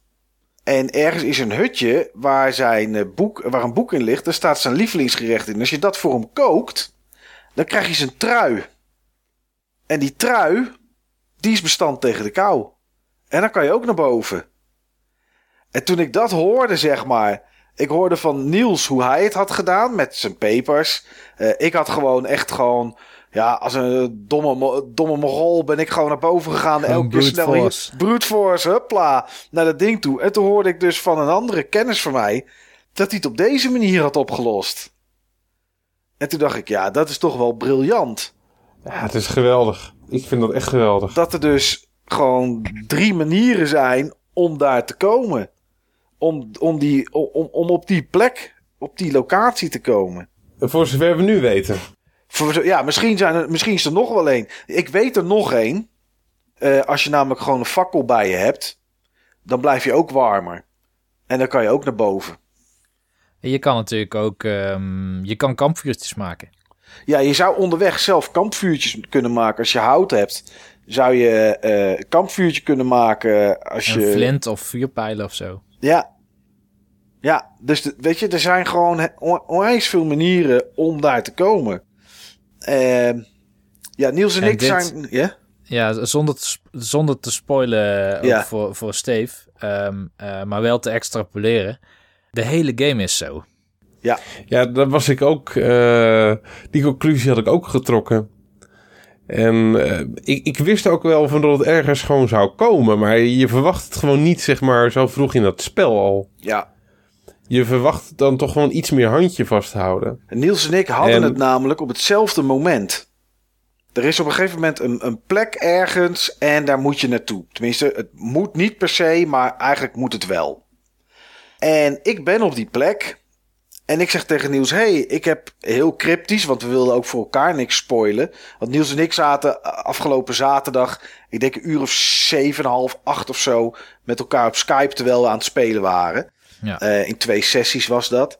En uh, ik zeg, joh, ik ben op plek A nu. En uh, ja, zegt Niels, daar, daar ben ik ook. Ik zeg, hoe ben jij daar gekomen? Hij zegt, ja, ik heb met uh, die en die gepraat. En uh, nou ja, toen kwam uh, marker op de map en dan moest er naartoe. Ik zeg, oké. Ik zeg, maar ik heb nog niet met die en die gepraat. Ik had namelijk met iemand anders gepraat. En die gaf mij een sidequest. En die bracht me ook naar datzelfde stuk. En toen hadden we alle twee zoiets van, dat is toch wel bizar. Dat er dus een plek is die van belang is. je zou zonder kunnen, maar hij is redelijk van belang. En er zijn gewoon op dat moment al zijn er twee mensen die toevallig alle twee daarnaar op zoek zijn. En die hebben alle twee een andere manier om er te komen. Nou, dat is toch, je zou er zelfs ook kunnen komen zonder een aanwijzing. Je zou er Ja. gewoon naartoe kunnen lopen, want het is allemaal open. Ehm, ja, dat is, wel, dat is wel apart. Maar bij mij was het ook nog eens zo. Ik heb ook meegekregen dat dat een goede eerste plek zou zijn om naartoe te gaan. Maar ik kon het gewoon niet vinden. Die wereld is absurd groot. Die is absurd groot. Ja. Ja, inderdaad. Dat is ook nog eens zo, Niels. Want je, je- ik- op een gegeven moment moet je naar een plek toe. eh, en daar in de buurt is nog een andere belangrijke plek. En Niels, die was op die tweede belangrijke plek terechtgekomen. Terwijl je eigenlijk eerst voor de main story naar die eerste moet. Ja. En toen zei ik van, ben je dan niet op die eerste plek geweest? Nee, zegt hij. En ik denk, hoe kan je dat nou missen? Ja, goed, weet je, je hoeft maar één keer naar links te gaan in plaats van naar rechts. En eh, ja, je loopt een hele andere kant op. Weet je wat het is met, eh, met deze game? Eh, ik heb nou best wel vaak ook met mensen op mijn werk erover gesproken. En Sommigen die het wel hebben gespeeld, sommigen die het niet hebben gespeeld.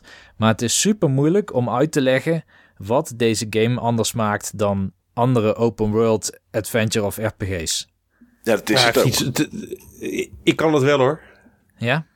Ja hoor, Doe een poging. magie. Nintendo Magic. Ik weet niet of het Nintendo Magic is, want eh, ze hebben het ook niet altijd. Maar het, het hele spel, het heeft een blijvend gevoel van verwondering. Ehm, er zit een bepaalde magie in het spel. Hmm, weet ik niet. Weet je wat ik in het begin had? Hè? In het begin eh, vond ik het helemaal niet zo geweldig namelijk. En dan was ik al verder dan waar jij nu was, Steve. Eh, was ik denk ik nog wel een uur of eh, zes, zeven verder. Vond ik het wel aardig. Maar meer dan dat vond ik het niet. En ehm, Dat moet wel veranderd zijn, want dat, is, Ik heb, dat, is, dat ik, is ook veranderd, zeker weten. sinds Bloodborne nooit jou zo enthousiast horen schreeuwen over Skype. zo vaak. Nee, ja, dat, dat, dat is ook zo. Dat, dat, dat, dat, dat, dat, dat is ook zo. Ehm, het, het is nu pas, zeg maar, dat ik. Dat het na. Wat is het? 20, 25 uur, zoiets, denk ik nu. Dat Ja. het een beetje begint te groeien, zeg maar. Maar dat, is- dat is ook het moment dat ik eerste, eh, eerste minpunten heb. En eh, dat sprak ik toevallig met jou vanmiddag heel even over, Niels. Ehm, ja, er is er toch wel één, zeg maar, die ik, wat ik echt een, echt een, een, redelijk minpunt vind.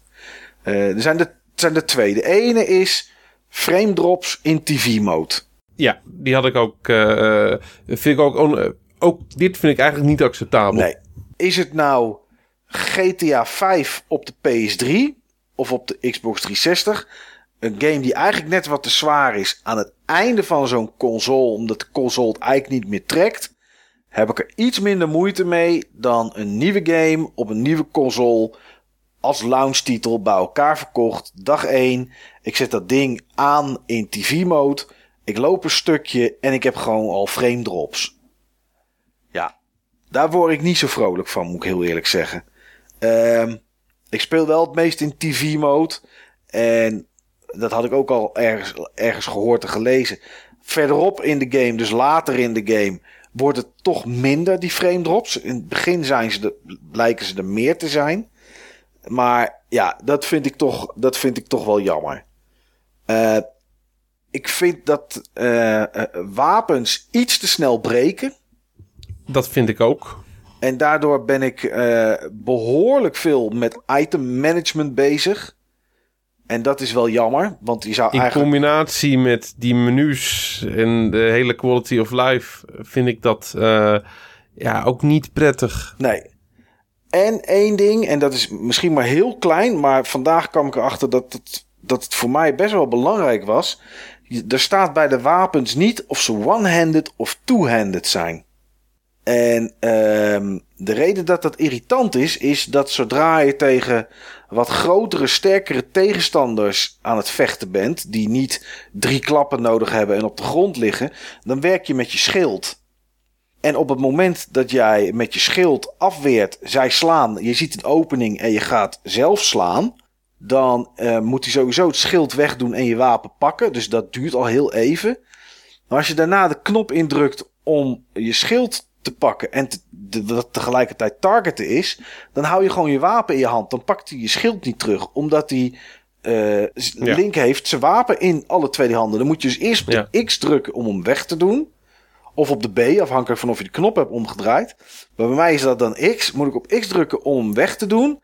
Daar zit, dat duurt heel even. En dan ben ik wide open, zeg maar, voor tegenstanders om mij te slaan. En dan kan je je schild weer pakken. En heb je een one-handed weapon, dan heb je dat niet. Dan kan je gewoon rammen, rammen, rammen. Kloenk, schild omhoog. Word je geraakt of word je uh, dat je op de grond ligt, dat je echt zeg maar omgeduwd bent. Dan moet hij even opstaan. Dat kost tijd. Ben je kwetsbaar. Vind ik, dat vind ik allemaal prima. Weet je, dat hoort er gewoon bij. Maar ik vind het heel irritant dat als ik in de heat of the moment van wapen switch. En ik had een redelijk heat of the moment vandaag. Dan switch ik van wapen. Dat kost even tijd. Dan kijk ik eigenlijk alleen naar de nummertjes van dit is het sterkste die ik heb. Maar dan blijkt het in één keer een two-handed weapon te zijn, terwijl een zwaard ook best in één hand kan. Um, en dan ben ik dus in één keer heb ik geen protection meer. En dat vond ik wel, uh, en dat vond ik wel jammer dat ik dat niet ja, kon was zien. Toch niet, jij was toch niet voor de protection? Nee, bij uh, Bareback niet en in Dark Souls niet. Maar dat zijn net even andere games. Hier, hier moet ik wel met de schild. Daar is het gewoon voor gedesigned. Dat kan, dat kan, mm. kan bijna niet anders. Denk ik hoor, bij de tegenstander waar ik vandaag tegenaan liep, zeg maar. Oké. Okay. En dat was niet een random, kom je op meer plekken tegenstander. Nee, oké. Okay. Ik ken zo'n tegenstander ook wel. Misschien is het wel dezelfde. Ja. Maar uh, toen werd het uh, spel best wel Bloodborne voor mij. Uh, nou, dat was het hier ook. Ik moest uh, ontwijken, springen, al dat soort dingen moest ik doen. En dat is wel, ja, wel, wel heftig. En ik vind het wel cool. Want ik, ik was er echt op gebrand gewoon om het gevecht te redden. Ik kan je vertellen dat dat nog steeds niet gelukt is. Na een keer of tien. ik wel in de buurt was. En ik ook weet wat ik eraan moet doen om het wel te redden. Maar ja, ja dat is... Ja, dat is uh, heftig, zeg maar. Ja, we, we zullen inderdaad deze aflevering gebruiken om vooral generieke dingen over Zelda Breath of the Wild te vertellen. ik denk dat we in de toekomst wel wat meer ervaringen kunnen delen. Ja. ik denk user stories zou ik het bijna willen noemen. Er zijn bepaalde dingen, en dat is het mooie aan, aan Breath of the Wild... Um, en dan probeer ik meteen een van de vooroordelen te adresseren die mensen hebben richting de game. Een van de vooroordelen die echt niet klopt, is dat de wereld gewoon leeg is en dat er weinig te doen is. Het is was bijna er tegenovergestelde. Dat was de een waar ik mee kwam hè, in het begin. Zo voelde het voor mij echt aan. Ja. In het begin, dat zei ik ook tegen jou. Ik zeg, ik vind het te leeg. Maar eh, damn, wat zit er veel in. Het is bizar. En, en levend en dynamisch. Het is... Uh, uh, het is moeilijk misschien uit te leggen, maar je, je maakt dingen mee waarvan je weet, ik ben misschien wel de enige speler die dit ooit speelt, die dit, nu, die dit ooit mee zal maken. Door de toevallige samenkomst van weeromstandigheid plus NPC's die ergens liepen of zo. Op een plek waar je was, waar wel of niet uh, een beest in de buurt was. Het kan van alles zijn wat samenkomt en wat dynamisch iets voor elkaar brengt. En dat maakt er ook voor dat uh, ja, je loopt misschien soms een minuut of twee door een vlakte zonder dat er iets per se is wat je aandacht, aandacht nodig heeft. Maar de, om je heen zijn er zoveel afleidingen. Ik kom gewoon vaak niet toe aan mijn main quests. Ik bedoel, ik heb, ik heb zat quests lo- nog lopen. Side quests, main quests, van alles. Ik heb, ehm, ik denk, tussen de 30 en de 35 uur gespeeld nu. En vandaag de eerste dungeon pas gehaald. En de eerste, er is geen volgorde, hè? De eerste tempel. Ja, precies. Ja. Dus niet, niet shrines. Nee. Shrines die zijn er eh, meer dan 100 volgens mij. Ja. Plenty. En die zijn ook in verschillende groottes. Maar echt een, echt een dungeon zoals we gewend zijn van Zelda games. Ja. En dan op een moment, Mike, dat je denkt van... Oh ja, ik denk dat dit inderdaad wel Zelda is. En je hebt dan die dungeon gehaald. Heb je hem gehaald, ja? Ik heb hem gehaald, ja. Oké. Dan, eh, eh, dan weet je dat je nog, nog lang niet alles kent. En Link nog lang niet alles kan. Oké. Ja. ja, wij hebben inmiddels meer kennis zeg maar, dan jij, zeg maar, Steve, qua wat, wat hij kan. Ja, een stu- stuk meer ook. En, ehm, maar je moet het ook allemaal gebruiken. Wat ik mooi vind ook hier. ehm, en Steve gaf daar net dus een, eh, een mooi voorbeeld van. Eigenlijk wij samen als het ging over die tocht naar die ene shrine. Ja, Ehm, en het, soms nog, als, al heb ik het spel al zo'n 30 uur gespeeld, soms moet ik nog wennen aan het idee dat het spel niet altijd een concrete actie van mij verlangt, maar dat ik met creativiteit iets kan doen of kan overwinnen. Soms dan ben je gewend om, om terug te kijken, zeg achterstevoren de toekomst in te lopen en te denken, oh ja, wacht, ik heb ooit het spel gespeeld en dit meer is zo breed, ik kan hier niet overheen zwemmen want ik heb niet genoeg stamina. Denk na. Wees Ja. creatief. Hoe kan je naar de overkant? Er zijn zat manieren om naar de overkant te komen. Het hoeft niet zwemmen te zijn. nee, is ook zo. Is ook zo. En, het hele spel zit zo in elkaar. Ja, En dat, dat is best wel een andere manier van spelen dan we gewend zijn. En, en vooral, het is een adventure. Een adventure, first and foremost. Ehm, je kan het niet goed vergelijken met iets als The Witcher of Horizon. nee. Ze hebben wel allemaal grote werelden. Maar in Zelda ben jij degene die eh, het avontuur maakt. Je hebt geen markers om je heen die je vertellen waar je naartoe moet. Jij zet de markers. Jij zet de markers. Zo is het. Voor je, ma- voor, Geweldig. voor je main Geweldig. quest, voor je main quest zijn ze er. Ja. Dat wel. Maar die zijn soms zo generiek of zo, zo niet concreet. Nee. Nee, is, is ook zo. Hè. Ze geven ergens een plek aan. Ehm, maar dat wil niet zeggen dat je naar die plek toe kan lopen en dat ding daar kan doen. Nee. En ehm, wat, wat, jij, wat jij net zei, Niels, over van hè, het, is, het is avontuur. Ehm, afgelopen zaterdag was ik ergens op een plek in de wereld. En ik zag in de verte zag ik een shrine. En daar wilde ik naartoe. Waarom, weet ik niet, maar ik wilde er gewoon naartoe. Omdat het kan. Maar het kon niet. Ik kon daar niet rechtstreeks naartoe. Ik ben eh, iets meer dan een uur bezig geweest om helemaal om te lopen om bergen te beklimmen, om tegenstanders te ontwijken, om tegenstanders neer te halen, van alles. Uiteindelijk kom ik bij die shrine, ik loop naar binnen.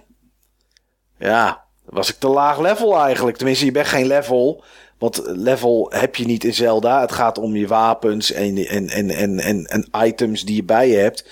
Maar daar, die waren gewoon niet bestand tegen wat daar binnen aan de hand was. En toen kon ik weer weg. En toen was ik een uur bezig.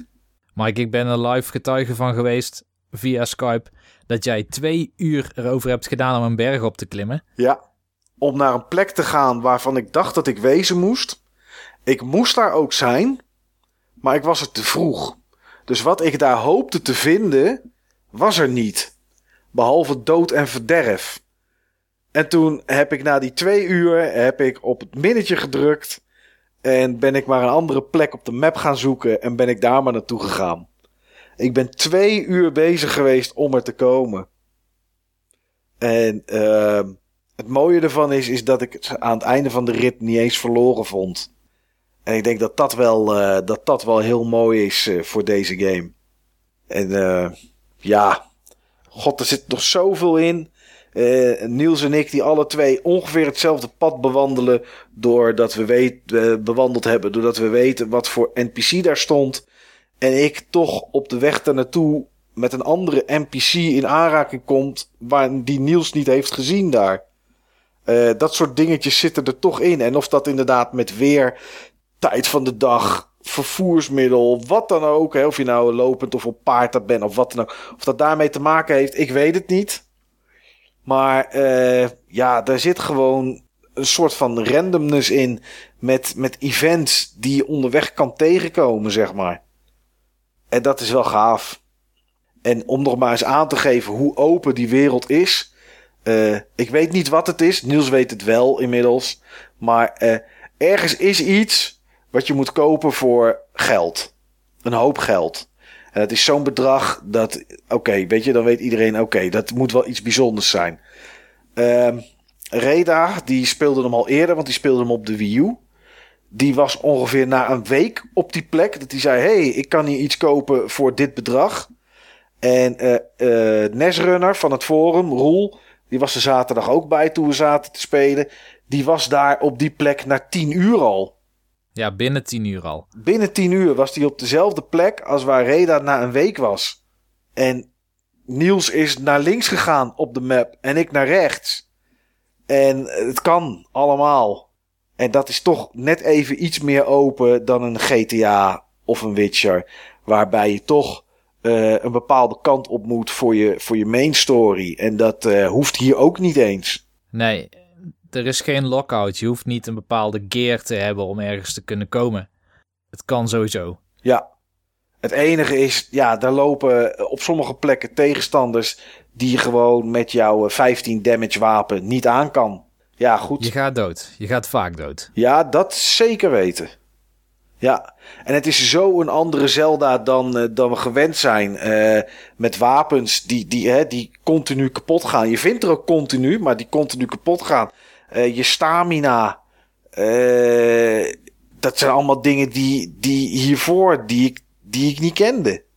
Ja, Skyward Sword had ook stamina. Had hij ook stamina? Op een hele andere, okay. op een hele andere manier geïmplementeerd. Oké. Okay, niet zoals dit. Die heb ik natuurlijk niet gespeeld, inderdaad. Uh, en zo, zo open. Alles wat je ziet, echt alles wat je ziet, daar kan je naartoe. En je kan erop klimmen en, uh, en, en, en dan is en er... is waarschijnlijk iets om te halen of, of een, een kamp om binnen te vallen, te overvallen. Ja. Al, de schatkist. Al, al is het maar dat er dieren lopen of dat je vanaf die plek weer kan springen en naar beneden kan glijden. Naar een andere plek waar je anders misschien niet bij komt.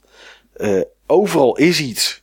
Ja, ik um, heb het samengevat bij iemand die, het, uh, die ik het liet spelen. We hebben zo'n lectoraat, Interactive Narrative Design. En een van de mensen die daarvoor werkte, die, uh, die, die speelt eigenlijk geen console games meer. Maar die heeft vroeger wel een SNES gehad.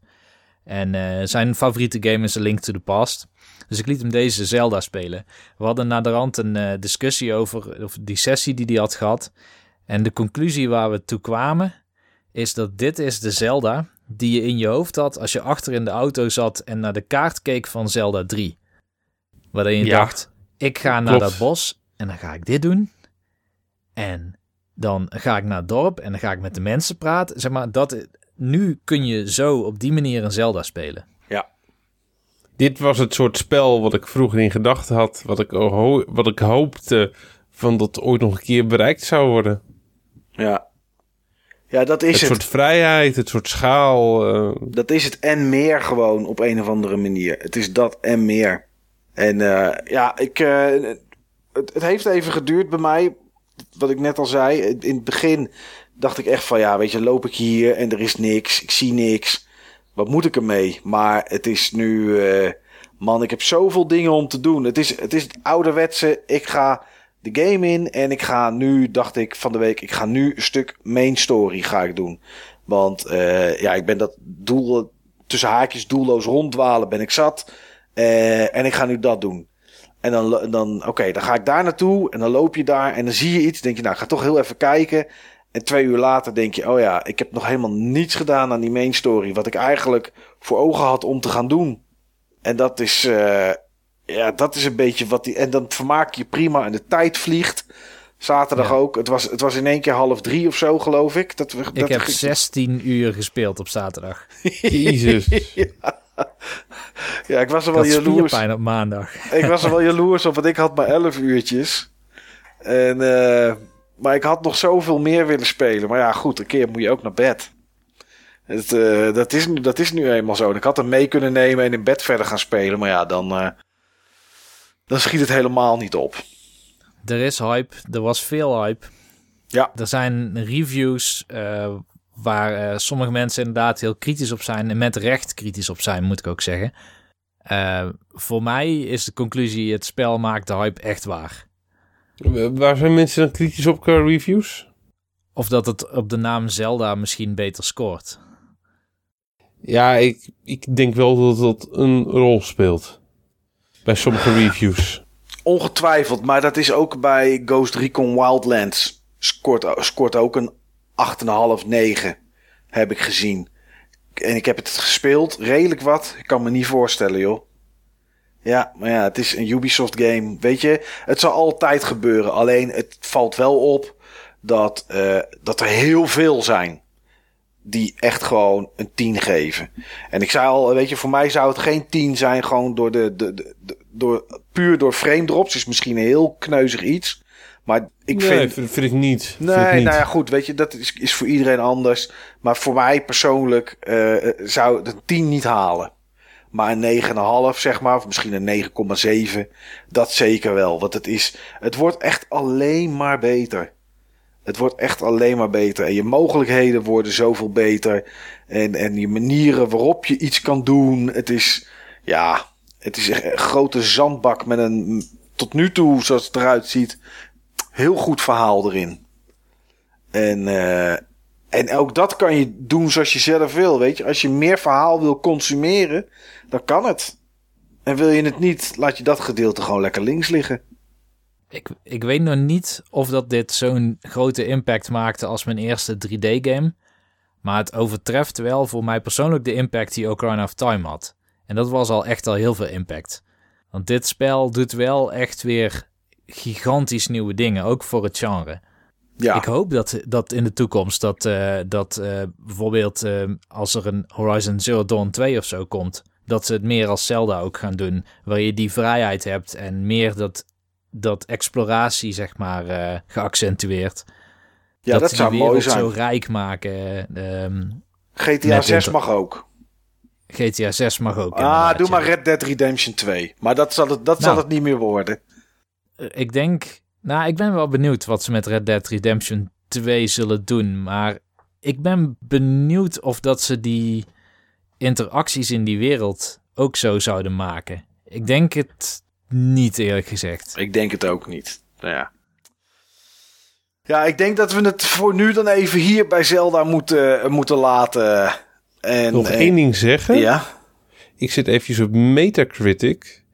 En ik zie dat de user score van Legend of Zelda Breath of the Wild 7.6 is. Ja, daar, uh, weet je, daar neem ik de kennisgeving altijd aan. Maar ik vind het, de, ik weet zeker dat er namelijk ook iemand is die een 1 heeft gegeven. Of die een 5 heeft gegeven. En dat kan echt niet. De enige reden waarom dat wordt gedaan is hetzelfde als op IMDb. Of uh, straks met de, met, met de stemming hier in Nederland met de politiek omdat ze het met het ene niet eens zijn, gaan ze extreem de andere kant op stemmen. Ja, ja is ook zo. Een, een 7 is, kan, je, kan je echt niet geven aan deze Zelda. Er zijn 224 nullen gegeven in de user reviews Jezus. Jezus. Ja. Terwijl en, als je naar de critical reviews kijkt, is het laagste cijfer een 9. Ja. ja. En, dat, en, dat, en dat vind ik nog steeds een terecht cijfer. En daarom is recenseren een vak. Nou ja, uh, ja, misschien, weet ik niet. Maar uh, je ziet gewoon inderdaad, als er 200 nog wat nullen worden gegeven, is onmogelijk. Ja, een, een vak, een skill. Ja, ik weet, nou ja. We gaan het, we, ja, weet je, dit is, dit kan, die user score kan gewoon niet. Dat is, heel, nee, dat is echt heel ik, simpel. Snap ik.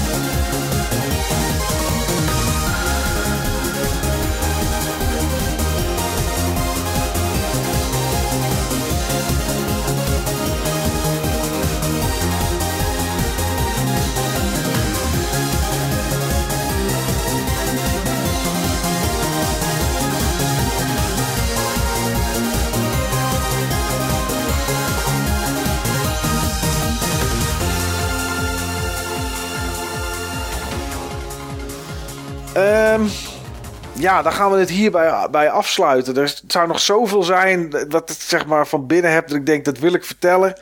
Maar Ja. laten, we het, laten we het niet doen. Laten we het bewaren voor een volgende keer. Want ik denk dat we deze game eh, nog wel regelmatig tegen gaan komen in, eh, in de Game Talk. Eh, ik gok zomaar in de Game Talk van aflevering 73. Eh, dat is de volgende uitzending. Misschien gaat hij over muziek in games. Ik, eh, ik weet het niet, maar we, dat eh, komen we vanzelf, eh, vanzelf tegen.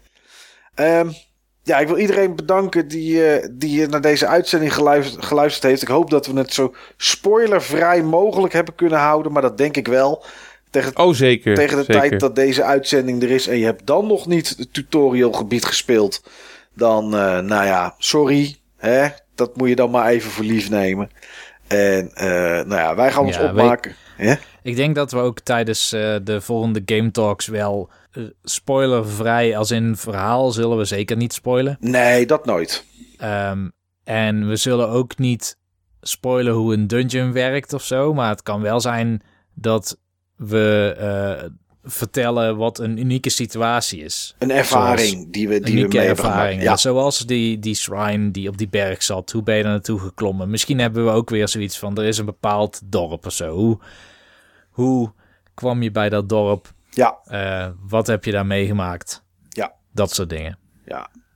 Nou, wij gaan ons in ieder geval opmaken voor die volgende uitzending door nog even net iets meer Zelda te spelen. En eh, nou ja, nogmaals, iedereen bedankt voor het luisteren en tot de volgende keer. Ik stop hem erin. Ik haal hem eruit. Ik denk, ja, ik wil het niet de eerste keer niet te hard drukken natuurlijk. Ik denk, nou, misschien heb ik hem niet goed genoeg erin gedaan. Ik druk hem erin. Niks.